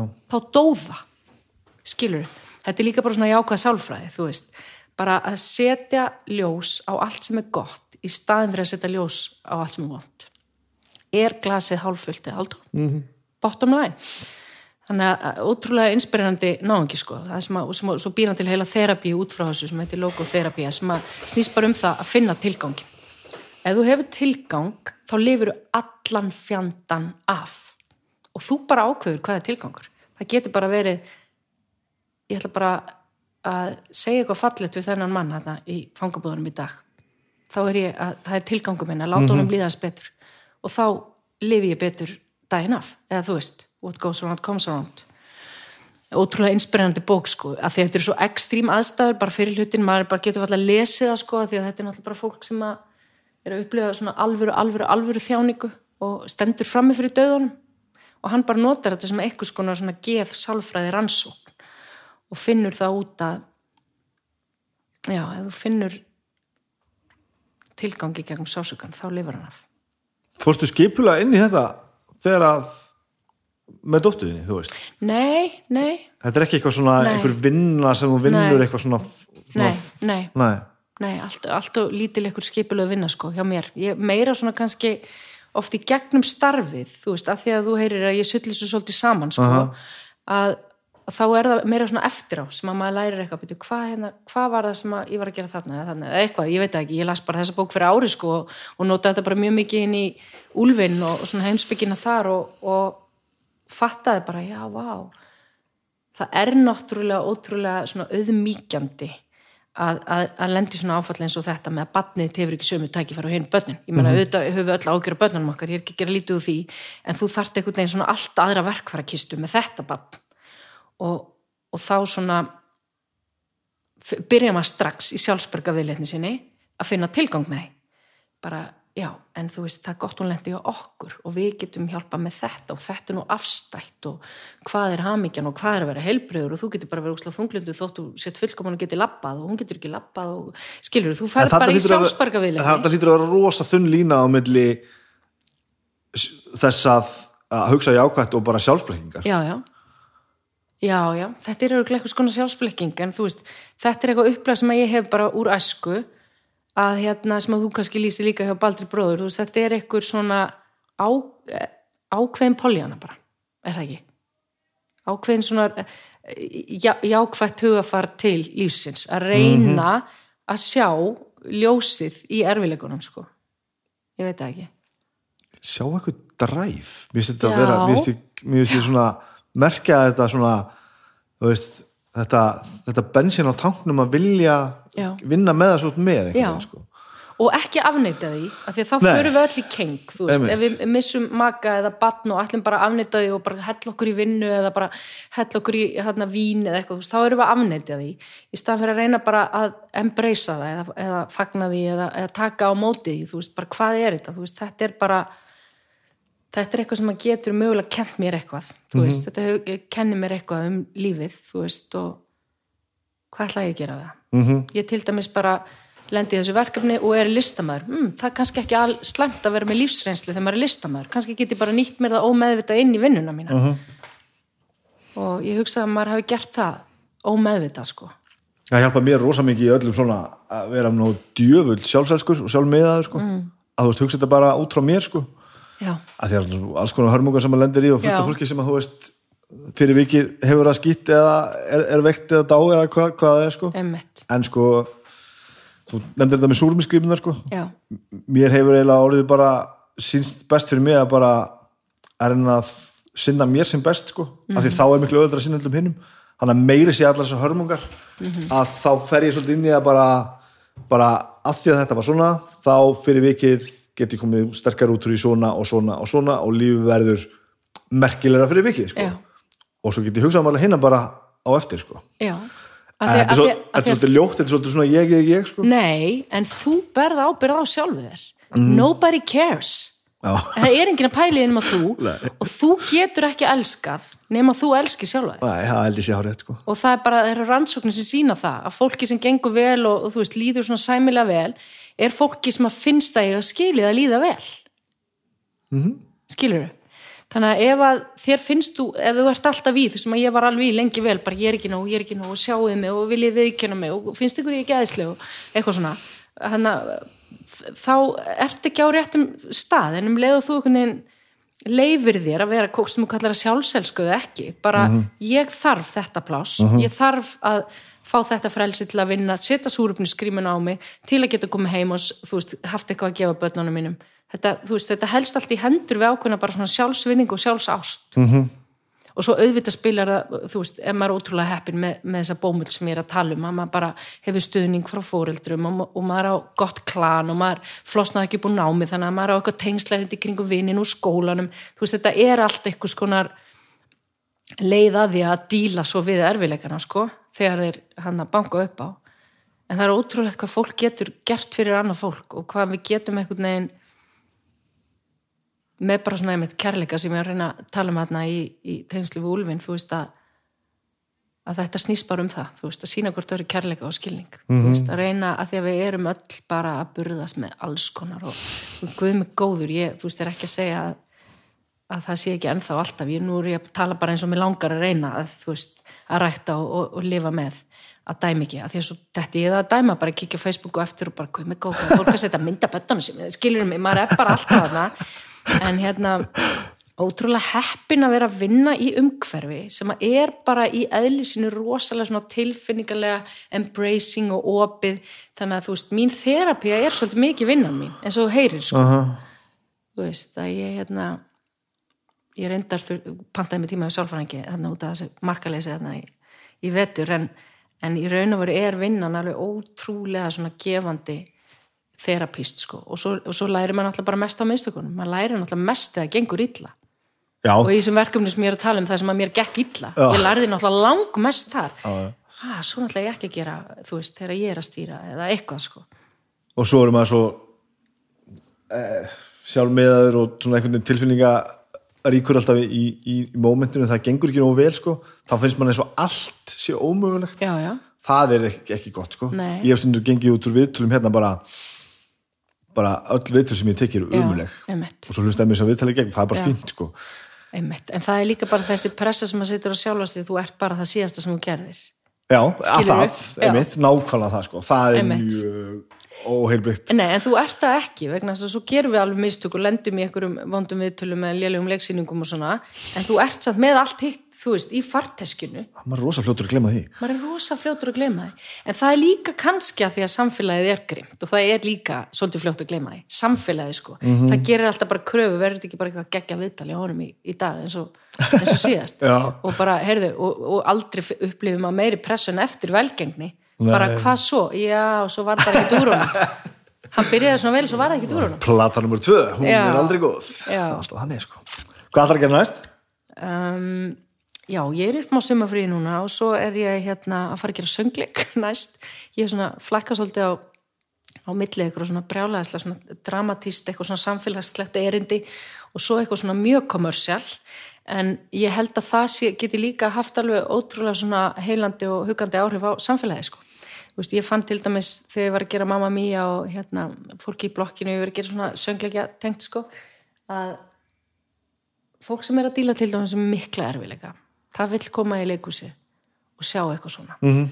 sem við köllum á góri íslensku fílgút efni og, en við verðum auðvitað að finna einhvern veginn svona strengin undir því til að sé ekki bara fróða skilurum mig og ég er að fara að gera núna alveg ótrúlega spennandi nýjan söngleik sænskan söngleik, hljómar ekki mjög sexy og hérna sem að heitir sem á himni eða svo som í himmilen og er byggt á bíómynd sem er frá 2004 með hérna Mikael Nyqvist sem tilum til Óskarsvæluna um kórstjóra sem að flytur aftur á æskustöðunar og fyrir að eða svona rosalega successful gaur sem að þarf að lækka flugið því að hann er veikur og fyrir að stýra áhuga manna kór þannig að þetta er svona samanlegt svona ótrúlega fallið tónlist og, og svona um það bara einmitt hvernig hvernig svona listin getur veitt manni innblástur í erfið verkefni. Þannig að þetta er í raun og veru mjög tengt því sem ég er búin að vera að tala um og ég brenn fyrir en er, er sannlega ekki eitthvað verk sem ég er að skrifa eða ég er bara að fara að leikstýra þessu. Og ég er bara búin að vera undirbúa það á fullu núna í voru og kasta það og, og svona. Fer, fer í, í ganga æfa það núna í haust og svo tökum við upp verðúlur og svo reynum að bara vera hress heima á sér að lifa þetta af. ertu bara, þú veist ski- skiptir það engum máli hvort þetta er sjónvarp eða bíó eða leikhús eða Nei. þú veist, ertu alveg bara, er þetta allt, allt í ringi bara Já, mér finnst bara ógæslega gaman að geta að blanda þessu mikil forréttindi sko og ferðu, þú veist ó, á, á, við líðum svolítið þess að ég er að tala við þess og farið bara inn í allt á sömu fórsendu bara, og bara Já. gerir allt bara eins einhvern veginn. Skrifa, stýra, leika Já, já. sjónvarp, bíó, ég leiksvið held, ég held það, þetta er einhvern veginn sama method á hans að hún sé eitthvað pælt sko. Já, og það er aftur að þessu bara að finna finna hérna eldin sko. Finna eldin með, með efninu og sögunni. Og hvort sem að ég er að skrifa hana eða tólkana, það er ekkit aðalatrið bara ef að, ef að ég hef trú á að þetta geti haft eitthvað erindi eða eitthvað áhrif, þá elska ég elska ég að gera og heldur þetta dugið þér út lífið? Heldur þú gerir þetta bara Já, ég held það. Ég held það. Ég er allavega, þú veist, ég er ekki í svona uppeyju stemningu að vilja, mér, mér finnst það gaman að fást við þetta. Ég vil ekki snúma eitthvað allt öðru, en, en maður auðvitað sannarlega vill alltaf reyna að halda áfram og þróa sig áfram og einhvern tíma náðu eftir að vonandi bíómynd eða seríu eða þú veist, veri ekki alltaf inn í sínu formi beint, sko. Og ég er svona greinilega svona fyrst þú spyrir, þú veist, svona ómeðvitað búin að vera undarfærin ára svona aðeins bara, mm, próf seríu, próf þetta eitthvað svona en hérna ég held að þetta endist mér úr dagina, já, mér finnst þetta alveg ótrúlega gefandi og gaman. Tjúlega gaman Mhm. -hmm. Þetta var geðvægt Já, jésús, ég bara, ég hugsa bara við fyrir að klippa klukkutíma út úr þessu. Aldrei Við erum búin að vera mjög opinn. Þú ert algjör sálfræðingur, sko. Þú dregur allt upp um hann. Það er ekki viljandi sko, mér finnst það bara gaman sko. Já, Það var frábært. Takk fyrir að tala um mig. Já, takk æðislega fyrir að fá mig.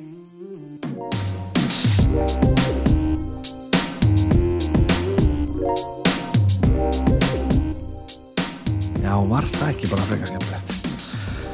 Ég er bara hérna ennþá í rökkrinu eitthvað svona reyna, ég tók hérna börnum í borðið seri og séu komum hérna á það er nú ekki eldhúsvaskur það verður að koma hér inn að mér í fyrramáli og fara að tengja þetta. Þannig ég var eitthvað að að skóla þetta drasl hérna og eitthvað. Svo var ég bara að skoða börnum mín henni í rúmi þau sofa á dínu hérna á gólfinu. Og allt verður gott og hér fjölgar og svo ætlar Agnes að halda upp á ammali sitt með vinkonu sinni hérna um næstu velgi og það verður allt eins gott og hættir að hugsa sér held ég. Held ég. Ég hérna, held að ég þurfi ekki að tala mikið meir um þetta. Allt saman, ég ætla minningur á að, að, að tryggja ykkur með á, á sýninguna. sem hennar unnar og, og sem hann Björn, maðurinn hennar leikur einleikurinn, verður úlfur þjóðleikursinu eh, ég ætla ekki að ljúga að ég sé búin að sjá þetta sjálfur, ég hef ekki hugmynd en, en með að við þetta spjall þá held ég að við þurfum ekki að, að kvíða neinu. Þetta er augljóslega frekar frábær síning, gaman að heyra hvernig við vorum að tala um það að, að, hérna, að viðtalið við, við flosa hefði haft áhrif á, á, á þessa síningu, það glædi mig. Um, Mér langar að minningur á besta plötuna á morgun, förstu dag þar er þáttur nummer 90 90 og hvað sko? 90 93 veit ekki, meira.